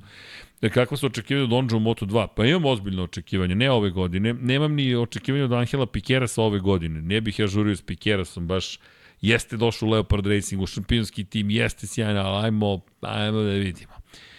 E, inače, kaže Rakeful, mislim da je Hayate Racing promenio ime u Forward plus sponzori, bukvalno posle rastanka sa Milanim Kavom. Pa zapravo na, na, na ostacima Hayate jeste naš, nastao Forward Racing. Giovanni Kuzari, koji je šef ekipe, je bio zapravo čovek koji je vodio marketničku agenciju i bavio se nabav, prodajom sponzorstava i pa, odnosima s javnošću za potrebe ekipe. I pošto je kao veliki zaljubljenik shvatio da mu se ukazuje prilika da vodi tim, jedan tim Moto Grand Prix-a, on je zapravo formirao Forward Racing, inače Forward svojevremeno imao i Colina Edwardsa kod sebe pod svojom kapom, dok nisu Kuzarija uhapsili zato što su kao optužili da je proneverio novac e, kada je reč o porezu u Italiji, međutim ispostavilo se zapravo da je Kuzari funkcionisao u okviru legalnih zapravo okvira i da nije prekršio zakon, međutim gde je ležala caka? U tome što je Kuzari bio upoznat sa zakonom koji je bilateralni sporazum koji je potpisan između Italije i Švajcarske pre tipa 150 godina, na osnovu kojeg je uspeo da nađe rupu u zakonu i da ne plaća porez kako bi ga neki drugi plaćali, tako da Giovanni Kuzari zapravo bio genijalan u tom kontekstu, ali reputacijalno je toliko nastradao tim hapšenjem da su doveli do toga da je ostao praktično bez ekipe u Moto Grand Prix klasi, osramoćen, bez ugovora, bez sponzora, cenim da je Kuzari dosta sposoban, dobio obeštećenje od države, ali nije se više vratio u Moto Grand Prix ekipu, eto. Denis Vođa, pozdrav Srki, Aksis Kole kaže da li će biti fa favorit za titulu. Možda. Ne znam. Pa, suviše ga dugo nema. Da, inače Srki kaže, ako je previše intim, nema odgovoriti, ali zanima koliko vas kao novinar košta odlazak nema moto vikend u Evropi. Da li sa akreditacijom imate neke povlastice, a šta se plaća? Povlastice imamo tačno nula. Koliko je kad uđete u GSP prevoz... dakle, znate šta je povlastica? To što imate pristup zapravo vozačima. Ako to zovemo povlasticu, to je naš posao. Sve sami plaćamo. Da. Dakle, put standardno, kao i vi, odemo na, ne znam, Momondo, na neki odete na, ne znam, ponekad, zavisi odakle, mi, Air Srbija, na primjer, ne neki letovi dalje Vizer, da ne reklamiram nikoga, Booking, Airbnb, standardno ili uzmemo kola pa sednemo pa se vozimo po Evropi, Eto, to je tu suštini. Troškovi su isti ljudi, mi smo civili, nema, nema ničeg specijalnog za nas, nemamo popuste u hotelima ili nešto slično. Jednostavno, se snalazimo ili znamo kako da... Najveći popusti su, to se meni ranije dešavalo, čisto kao iz radoznalosti, pokažeš ovaj, legitimaciju Međunarodnog udruženja sportskih novinara i dobiješ besplatan ulaz u neki muzej. Eto, to je to. To je bilo i recimo je to. sećam se, sećam se, ne, ne, ne, ne samo sećam se, tako je zaista. Znači na velikim takmičenjima, ali ne pričamo o, o, o trkama Moto Grand Prix-a i Formula 1 šampionatima, znači, ne znam, olimpijske igre, evropska svetska prvenstva, a, kad se akreditovani novinar, na primjer, besplatan je prevoz gradski. Da, to, toga nema Ali to su ta Grand velika, Prix. velika takmičenja koje se periodično de, događaju. Olimpijske ova- igre, Olimpijske igre, evropski šampionati svetski i to šampionati, to. da. Ne, za Moto Grand Prix Formula 1 nemate Ne, ništa. ne, ne, ništa. Apsolutno ništa. Nemate ni besplatan parking ako ne dobijete uz Tako akreditaciju je. mogućnost. Nama je bitna... Pri tom to trebate tražiti. Da. Ne, ne, ne sledujemo akreditacijom parking mesto. Da, ne, mi uvek tražimo i sad imate ili godišnju propusnicu. Meni je zaista bilo fenomenalno kad sam prvi put dobio godišnju akreditaciju za Moto Grand Prix. To vam je neka vrsta potvrde da radite neki posao na neki, od, neki kvalitetan način. To lep je osjećaj i naravno mnogo je lep, lako osjećaj zato što vi možete da uđete na svaku trku. Inače se akreditujete od trke do trke ali što se tiče financija nema ništa. Inače naše kolege sa weba, Motometers, Da li, ja na mislim primjer, da je ta godišnja akreditacija plaćena. Ne, ne, ne, ne. E, ne, ne, ne plaća se. Ne, plaća To se sam na upravo- ime Srđan Erceg, ali neko to plati. Ne, ne, upravo to hoću ti kažem. To sam se raspitao Zašto znam, sada. za Formulu 1 se to plaća. Ne, ne vidi, za, za Moto Grand Prix, evo sad kažem ti, to su najnovije informacije, sad sam baš to pitao, sa, sa Emetom sam pričao, kakva je situacija, zato što su oni plaćali do pre dve godine 9000 eura godišnje su plaćali, ali ove godine je to ukinuto. Rozomondo je to ukinuo, to hoću ti kažem. Pa dobro, da, možda. Onda, onda, onda ovaj, Tu, proverio sam sa Emetom, jer sam pitao Emeta, pošto, pošto su oni ljudi web novinari i njih su, njima, njima su uvek naplaćivali kao da su po, elektronski ne, mediji. je za, za, svima su naplaćivali. Ja to, ja to znam. Ne- Godišnje akreditacije su plaćene. U MotoGP-u nisu ih naplaćivali printu. Štampanim medijima nisu Ja naplaćivali. koliko znam ranije u Formula 1 se i to plaćalo. Vidi, kod Samo Bernija, pe- verujem. race per race nije. Ovo, ne, ne, ne, nije. ovo Moto Grand. Prix, pazi, mi, evo da, da odgovorim, mi, na primjer, ulaznice za Moto Grand Prix možemo ponekada da zamolimo da, da dobijemo, ne znam, dve ulaznice besplatno. U Formuli 1, ako tražite ulaznice, oni vam pošalju račun. Ne, nema besplatnih ulaznica. Ne postoji koncept besplatnog u Formuli 1. Čisto da znate. A što se tiče akreditacije, ove godine to Rozomondo ukinuo. Baš sam pitao Emeta, rekao, David, kako ide sa webom, pošto je to njima bio znaš, 9000 eura daješ eh, i reka, kaže, ovo, polovinom ove godine su došli i rekli ukidamo plaćanje i prebacili su ih zapravo u redakciju kao da su štampani mediji i uveli su koncept content creatora i influencera. I to je sad, to su izmenili, to je Rozomondo sve insistirao i od ove godine zapravo to promenjeno, eto, čisto da znate. Lepo. Da, ranih godina to je, inače, pojedinačne nisu koštale, godišnje plaćali su 9000 eura, da. I, o, I sad smo, sad, eto, to, to vam je, dakle da ni, ni, ni, ni ti ljudi, ni Simon Peterson iz The Race nije mogao da odi besplatno i on je morao da plati.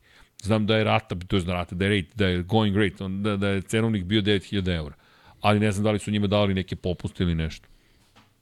Tako da, nemamo, nemamo. Mi inače ne možemo na nekim stazama ni da uđemo u publiku. Ne možemo mi da se prošetamo u publiku. Mi smo akreditovani da idemo u padok, da imate servisni put, zavisi koju akreditaciju dobijete.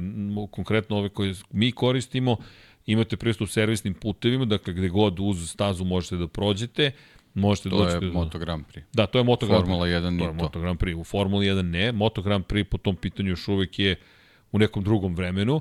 Ka, ako hoćete u pit lane, možete da idete samo sa akreditacijom u prvom, drugom i trećem treningu. Za kvalifikacije možete samo ako imate bib, dakle ako imate uh, prsluk redar, uh, fotografski i morate da imate kacigu za trku i za kvalifikacije. Inače ne možete da uđete u pit lane ali to je opet ne dobijaju, ne možete da dobijete tu akreditaciju ako niste došli, na primjer, na tri trke prethodne godine, pa niste se pojavljivali. I onda s godinama, naravno, izgledate neku reputaciju, pa vas znaju, ali to je, kažem, to je, eto, to je neki proces. Znate, malo da otkrijemo iza kulica. I nema hrane besplatne, da znate. Osim u Kataru. Da to je, to je, to je bila razlika u Formuli 1, imate besplatnu, besplatnu hranu, pošto ste već sve Nekad naplatili. bilo. Nekad bilo, sad toga više ne znam da li ima uopšte. Katar je po tom pitanju super i Red Bull Ring je super. Red Bull Ring svi slavimo. Ljudi deluje kao banalno, jao, imate sendviče otprilike. Ne, imate hranu. E, Što u Barceloni je pakao, zato što u Barceloni, to sam već pričao, nema restorana u okviru staze. Ne postoji restoran u okviru stazi. Vi dođete na stazu, ubeđeni kupit ću hranu na stazi i onda shvatite, pogrešili ste. Onda kupujete salate i slično, nije ni bitno. Ali, ali to su stvari sa kojima se suočavate, ne zaboravite, mi smo od 9, ma kakav, od 8 ujutro do 8 uveče smo na stazi. I prođete ozbiljnu kilometražu. To mi je bilo zabavno, neko, ne znam ko je prvi put išao sa mnom, ja, srđane, to ono, 30.000 koraka danas, pa naravno kad samo pit lane da pokriješ ti 350-400 metara, otprilike tam pred nazad, ali, jer kao došao na borilište, ne, ne, došao si na stazu Grand Prix. Ne, poenta je dolaskom na stazu ne dolaziš da gledaš trku. E, Da, ne dolaziš da gledaš. To je poenta. Da, da, da, tako je. Ne, ali to, to, ne, ne, to se sećam da, e da, Johnny, uh, nešto moraš da uradiš ako kasni zvuk. Aha. Uh, čekaj, sad ćemo to da sredimo. Uh, deki, preuzmi, zato što John... Šta da preuzmi? Preuzmi dva kelu. samo, samo krak, prebaci samo... Ništa, ajde da, da dok Srki namešta to, onda da pogledam šta je bilo još od pitanja, samo da vidim da li sam da probam da ispred... Uh, sad sam se mnogo vratio. Kasnije slika za zvukom, dobro. To je to. Aha. Da li će biti intervju s Lukasom Tulovićem? Pa, mislim, realno da, radimo na tome. Mislim, mi smo u kontaktu sa, sa, sa Lukasom s vremena na vreme. Ovaj, čekamo naravno sad što se tiče njega i njegove sezone da vidimo kako će se to razviti za sledeću godinu pa kad, kad bude bilo nekih konkretnih stvari koje mogu da, da, da ovaj, budu vezane za, za aktuelna pitanja zašto da ne naravno on ima generalno zanimljivu priču vezanu za karijeru tako da ovaj, zašto da ne zašto da ne sad da Lukas li, inače- da li ovaj, Zoomom koji ja najmanje volim ili ćemo nekako nešto Probat da radimo da ga dovedemo. lice u lice ili da ga dovedemo ovde, vidjet ćemo da- kako će to da bude, ali probamo. generalno ovaj, zašto da ne, naravno. Da, inače, evo pitanje da li ćemo Simona po- pozvati. Hoćemo i Simona i Davida Emeta. Voleli bismo da nam dođu u Beograd da, da, da, da sednu ovde sa nama. Rekli su, jedan i drugi su, Simon još i dolazio. David stalno obeća, doći ću, doći ću, doći ću. Ako dođe, ja sam mu rekao, Davide, mi te ne poštamo iz studija bez, bez intervju. intervju.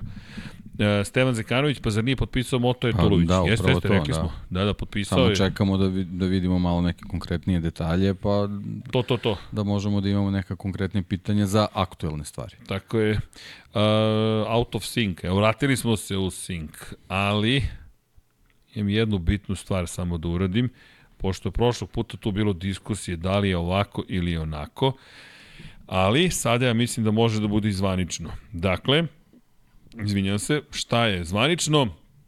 Ninč jeste šampion, zvanično je Lige, Fantasy, Lab 76, prošlog puta je bilo pitanje da li je Overeno, zaista overeno.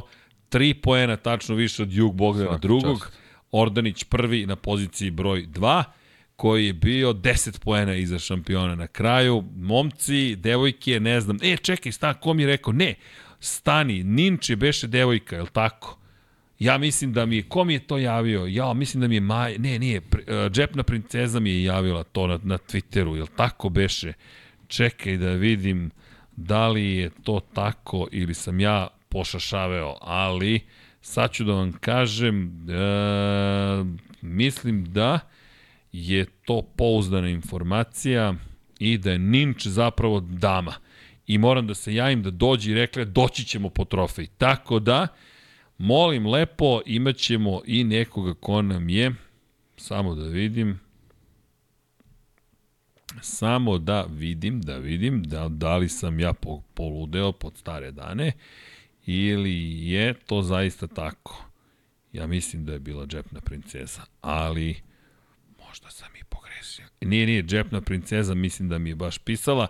Ajmo da vidimo u replies da li je toga bilo. Bele, e, da citiram Diđa, e, če- čekaj, čekaj, Ninč, Evo sad ćemo da vidimo. E, t, t, da. Dragi naš Tercek, samo da znaš kada kreneš priču o Fantasy Ligi, Ninč je devojka, naša devojka. Uhuhu, tako da znate. E, I dogovor je eto da nam dođu svakako. Eto, pobednica će doći. Samo javi kada i gde doći će i to je to. Tako da, Svaka. Ninč, ko, kako god da se zoveš, Ninč, čestitamo, Ninčice, čestitamo i hvala džepnoj princezi za pomoć, tako da znate. Ali znam da mi, da, da, da, da, da to je baš bilo tokom gala večeri, mislim da mi je pisalo, ej, kao da znaš, to, to je devojka, rekao, dobro, e, to je to. I da, inače, džepna princeza sve koje je inače dobila zasluženi sat pa da dođe da nam pokaže. E, još da sam ja dobila, ne, nije dobila sat. Tiso, pogodila je i nikad se više nisu javili. Znaš, ono je fine print. Možda vam se a možda i ne. Jer možda je vulkan aktivan negde u pacifičkom prstenu vulkana, pa nećete moći da dobijete. Nisam preterano zadovoljan. Zaista. E, u svakom slučaju, kada govorimo eto, o pobednici, Ninč je naša šampionka. Ninč, očekujemo te u studiju. E sad, pošto smo dobili potvrdu, sad ćemo i da napravimo trofeje. Ovog puta ćemo da napravimo najveći trofej. Deki, ja mislim, treba bude pola metra. Ovoliki trofej i onda da to bude onako hit potpuni, ali znam da sam čekao da vidim potvrdu, tako da znate. Inače, Lemi 46 četvrti, Stefnik Racing 5, Redding 45, pa Mesija, Omer FC Inter, Škoda Fabija, 1609010, pa Brka 21, Jovan, Vranje, Adam Medjica, Ver 46, Picigin Racing Team, Škoda 110R, Ladna voda, Akimar 3, do Doktor 46 i Juventino. I kada već imamo Juventino, Deki, ja mislim da je to poziv da završavamo, jer to znači da je Paja Živković prisutan na jedan specifičan način u ovom podcastu. Dragi ljudi, 3 sata i 18 minuta prođe za tili čas, ali vreme je da se polako uh, opraštamo. Zašto? Zato što treba da se vidimo i sledeće nedelje. Dajte nam da nešto imamo i za sledeću nedelju. To bi bilo, to bi bilo zanimljivo. Da, nemoj, nemoj Simon u politici preže, eto, pa dobro, ako vi kažete nemoj, kako god vi budete hteli, mi ćemo lako se organizujemo. A što se tiče Borise, očekivanja, ajmo da to ostavimo za neko časkanje. Sledeće nedelje, deki, šta radimo? Druga, druga dva tromesečja. Pa trebamo da ne, Pregled, neke ocene drugi da, deo da uradimo, sezone. Tako. Si spreman za ocenjivanje? Pa jesam, što. Deki je juče kako je naoštrio razredni penkalo, da olovčicu bilo je Kečevi su pljuštali na sve strane. Nisu baš to leh. Nije, nije, bili Nije smo dobri, bili smo dobri. Jedino sam ja malo na kraju ošurio Pereza, ali mislim da je zaslužio. Ne možeš da voziš šampionski bolid i da im budeš na isti, isti broj pobedničkih postoje kao Oskar Pjastri Novajlija u McLarenu. Nema, nema smisla, prosto ne ide. Ne biva, što kažu. Tako da znate. U svakom slučaju, Nadam se da ste uživali naš kratki izveštaj od 3 sati i 20 minuta, što iz Valencije, što kada je reč o novoj američkoj ekipi. Ljudi, lepo je družiti se s vama, hvala vam za sve. Ni, nismo se oprostili od godine, ko zna šta nas još čeka. Imamo gomilu automobila za sklapanje, nemamo Ducati ni jedan ili... E, znaš šta, ajde nabimo onaj BMW tehnik, e, Lego za, za sklapanje. Mislim da je to dokolica na kvadrat, bukvalno, ali da napravimo to možda... E, Miksa je obećao da će učestvovati u tome. Miksa je konačno sklapao, imali smo Jest, sa njim filmski podcast, tako je to bilo lepo. Pomogao je prilično. Pomogao ima ovde još kandidata koji su se prijavljivali.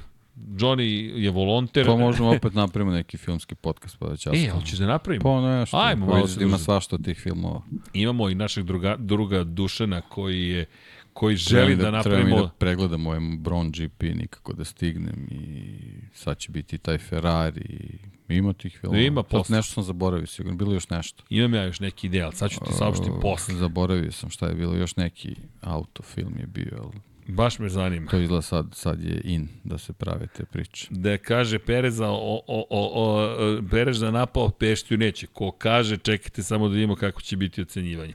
U svakom slučaju, ljudi, hvala vam još jednom za sve. Kliknite like, share, subscribe, mazite se i pazite se i vozite račune drugima, to je najvažnije, delite ljubav, širite pozitivnu energiju, zabavljajte se. Ljudi, trkanje nije prestalo, naprotiv, ko zna, možda napravimo i kup Lab 76, ko može da vozi bolje od nas? Jel te, Moto Grand Prix trke, svako, to je odgovor nagradni tačan, ali dobro, i naravno, like, share, subscribe, kao što smo rekli, patreon.com kroz Infinity Lighthouse, ko može da nas podrži, ljudi, hvala. Idite kako znači, guramo dalje priču, ko zna šta nas čeka u novoj godini, I u, pa i u ovom decembru, tek je počeo decembar. Brate, srećan rođendan 5. decembar, jel te? Mama, volim te, ne zaboravite te lepe poruke. Tata i tebe volim, naravno, nema ništa da brineš I ma sve vas volim, deki volim te. To ti kažem, u svakom slučaju, Johnny tebe, ali poenta je u sledećem, Volim ljubav je jedina. va. Tako je, tako je, deki. Pobedili ti Bengalsi, te budeš radostan čoveče. To je sve u sila i u balansu. Osmi smo. Pa vidi, još jedan, još jedna pozicija i tu ste. U AFC-u je to ozbiljan uspeh, a kada je reč o motociklizmu, mi se vidimo sledeće nedelje. Ko zna koga vam dovodimo uskoro u studio, ko zna ko će tu biti, ko zna šta smo još spremili. Svakako je zadovoljstvo ovo raditi i, i živeti ovako posle ponoći s Dekijem. I Johnnyjem, da ne zaboravim, Johnny ima škola. Dobro, dobro, nemoj da si mi bez prevoza, inače moramo da se, organi, da se re, reorganizujemo, a mi sad ćemo da se zahvalimo svima koji nas podržavaju i kao članovi YouTube kanala, kliknite join ili potražite nas na Patreonu, patreon.com kroz Infinity Lighthouse, svaka podrška je više nego dobrodošla, mi vam se zahvaljujemo svima i družimo se sledeće utorka kada je reč o Moto Grand Prix, kada je reč o Formula 1 u ponedeljak, u petak 99 yardi, negde u tom među prostoru 1 na 1, pod kapicom, sta, ta tradicionalno u četvrtak, a ko zna šta će biti i u subotu i u nedelju, ko zna šta donosi budućnost, što bliska, što daleka.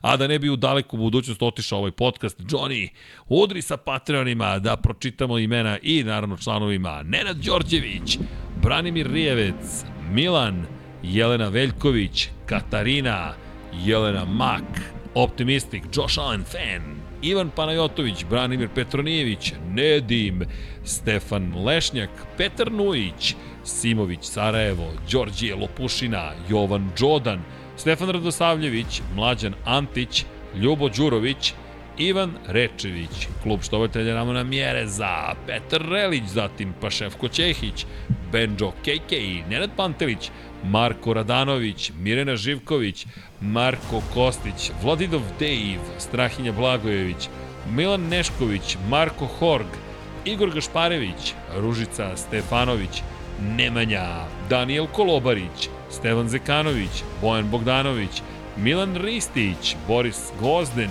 Grgo Živaljić, Vladimir Petković, Ivan Maja Stanković, Nikola Milosavljević, Alen Stojčić, Sead Šantić, Đorđe Andrić, Laslo Boroš, Bogdan Uzelac, Ivan, Ognjen Ungurjanović, Stefan Dulić, Đorđe Đukić, Renata Neš, Vladimir Stojadinov, Mihovil Stamičar, Armin, Mario Jelena Komšić, Danka, Bojan Majstorović, Blufonac, Šmele, Davor, Goša 46, Aleksandar Milosavljević, Kovačević, Omer, Miloš Prodanović, Đorđe Milanović, Denis Špoljarić, Branimir Kovačev, Predrag Simić, Sava Dugi, Anonimus Donatorus, Marina Mihajlović, Mladen Mladenović, Marko Ćurčić, Stefan Vuletić, Dejan Vujović, Dušan Ristić, Branislav Dević, Boris Erceg, Stefan Milošević, Vučinić Miroslav, Jugoslav Krasnić,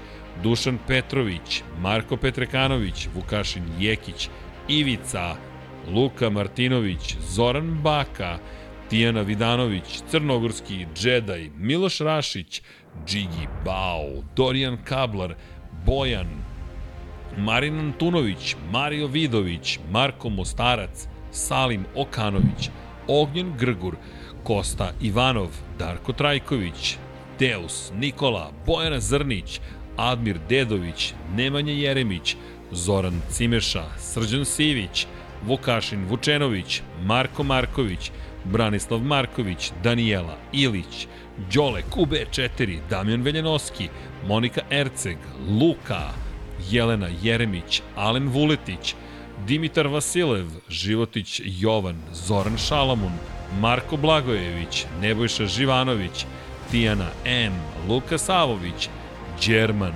Žorž, Nikola Marinković, Lj. Đurović, Stefan Prijović, Milan Milašević, Filip, Peđa Janković, Bogdan Mitrović, Matija Rajić, Miroslav Cvetić, Đole Bronkos, Ivan Čule, Matija Binotto, Antonio Novak, Nenad Simić, Tina i Ilija, Sean Hing, Jasenko Samarđić, Aleksandar Mitrović, Lašlo Bolok, Jeca, N. Stefan, Ivan Cigir, Ferenc Laslofi, Mladen Tešić, Lazar Pejović, Veselin Vukićević, Nikola Beljić, Vladimir Uskoković, Ertan Prelić, Miloš Radosavljević, LFC, Borislav Vukojević, Robert Čolić, Dejan Avić, Andreja Branković, Mirena Kovačević, Stefan Ličina, Dragan Nikolovski, Bahtjar Abdurmanov, Predrag Pižurica, Neđo Mališić, Aleksa Lilić, Vambli Sapa, Armin Durgut,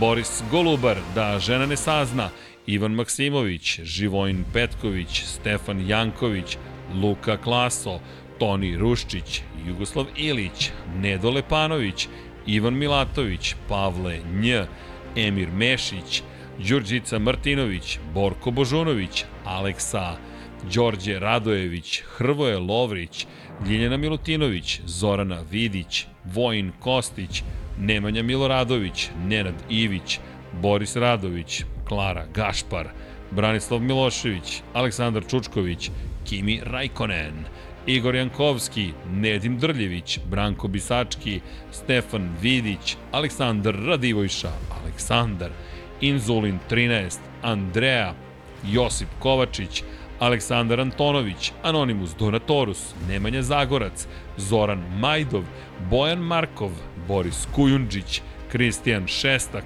Ante Primorac, Stefan Stanković, Andrej Bicok, Andrija Todorović, Milan Kića, Zoltan Mezeji, Žarko Milić, Milan Paunović, Bata Brada, Miloš Banduka, Vladan Miladinović, Borislav Jovanović, Andrej Božo, Luka Manitašević, Nikola Stojanović, Miloš Vuletić, Aleksandar Banovac, Ivan Sović, Ivana, Vanja Radulović, Bojan Mijatović, Andreja Miladinović, Zlatko Vasić, Aca 43 Zla, Safet Isljami, Dejan Avić, Milan Apro, Aleksa Jelić, Aleksandar Bobić, Marko Trkulja, Ivan Simeunović, Stefan Nedeljković, Đole Cheesehead, Gloria Edson, Vladimir Mutić, Dragan Matić, Vlada Ivanović, Marko Kozić, Ivan Rebac, Martin Gašpar, Mihajlo Krgović, Strahinja Brajanoski, Aleksandar Jurić, Aleksa Valter, Jasmina Pešić, Novak Tomić, Aleksandar Anđelić, Dušan Delić, Lukas, Aleksa Vučaj, Nemanja Labović, Nikola Božinović, Saša Ranisavljević, Kristina Ratković, Dimitrije Mišić, Igor Vučković, Anonimus Donatorus, Branislav Kovačević, Dejan Đokić, Miloš Rosandić, Dario J, Matej Sopta, Mladen Krstić, Miloš Todorov, Dejan Janić, Ognjen Marinković, Vladimir Jovanović, Nikola E, Vladimir Filipović, Nikola Grujičić, Vuk Korać, Marko Bogavac, Ivan Toškov, Lazar Hristov, Petar Bijelić, Uroš Ćosić, Luke Williams, Pujo, Milorad Reljić, Zlatko Marić, Nemanja Miloradović, Nikola Grđan, Drago Veković, Bojan Markov, Sadam Mehmedović, Peja MD, Dejan Plackov, Plackov, Marko Jevtić, Zoran Mladenović, Bojan Stanković, Amar Taso, Nikoleta Minić, Din Stero, Aleksandar P, Omer Sarajlić, Milanka Marunić, Galeksić, Stevie G i MM93, Ramzes Rama, Aleksandar Jokić, A. Hill, Eldin Polovina, Predrag Zec, Igor Ninić, Marakos, Mile Supudinov Ristov, Edin Ustavdić, Blagoj Ačevski, Alen Jesenović, Zoran Baka, Bakadu, Mensur Kurtagić, Ivan Vujasinović, Vukašin Vučenović, Slaven 84, Aleksandar Stojković, Marko Lučić, Đera 7, Krorobi 00, Nikola Hrnjaković, Anonimus Donatorus, Domagoj Komaš, Rajkov, Mateja Nenadović, Toni Soni 76, Ada Sokolović, Mrča, Nikola Vulović, Aleksandar Egerić, Penđer, Nikola Božović, Dejan Janić, Bojan Gitarić, Katarina Stepanović, Lunatic Soul, Kromid, Saša Stevanović, Marko Bogavac, Ljiljana Milutinović, Nikola Adamović, Žika Su, Aleksandar Kockar, Konstantin Mlinarević, Almedin Ahmetović, Igor Ilić, Vladimir Vujičić, Ivan Božanić, Mađar 007, Almir Vuk, Aleks Vulović, Vojislav Tadić, Nikola Grujičić, Igor Vranić, Miloš Stanimirović, Nemanja, Pavle Lukić, Jovan Bojanić, Nedžad Mrakić, Miloš Zed LFC, Bruno Jurić, Filip Knežević, Vladimir Subotić, Future Graciano Rossi, Tatjana Lemajić, Nemanja Cimbaljević, Tomić Miloš, Aleksandar Radivojša, Uroš Čuturilo, Branko Rašević, Marina, Vlada Ivanović, Vladan Đurić, Ivan Vincetić, Deni Fejzić, Stefan Škrbić, Ivor M, Srđan Ćirić, Vladimir Bulatović, Ivan Hornjak, Ivan Magdelinić, Laslo Bolok, Jovan Bajić, Resničanin, Jelena Jeremić, Đorđe Janjić, Milan Knežević, Vuk, Andreja David, Andreja David, Marko Stojilković, Josip Buljovčić, Oliver Nikolić, Škundra i to bi bilo sve. Vreme je za jednu laganu zimsku odjevu za hladnelo, deki mogu da ti kažem. Onako, propisno. I vreme mu je. I vreme mu je, snega još nema, ne znamo da li će ga biti, ali bilo bi lepo malo, znaš, da zabeli za novu godinu. Ne pamtim kad smo imali sneg. Deki, de, de, de, deki. Neću da ti pevam pesme, već je kasno, ali zato serenada sledećeg nedelje, to je utorka od 20 časova, nadamo se 15 minuta, ne zamerite da smo malo kasnili. Boži nam se javio, lepe priče, mislim da ćemo, ako nas spoji još sa vlasnikom preduzeća koje se zove, jel te, novi tim Moto Grand Prix-a, pa bit će sjajno. No, ljudi, želimo vam lepu, laku, mirnu noć, uživajte gde god da ste, šta god da radite, čime god da se bavite, volite se, mazite se, pazite se, vozite računa jedni u drugima i naravno, kao i uvek što kažemo, 1, 2, 3, 8, 5, Ćao, Ćao svima!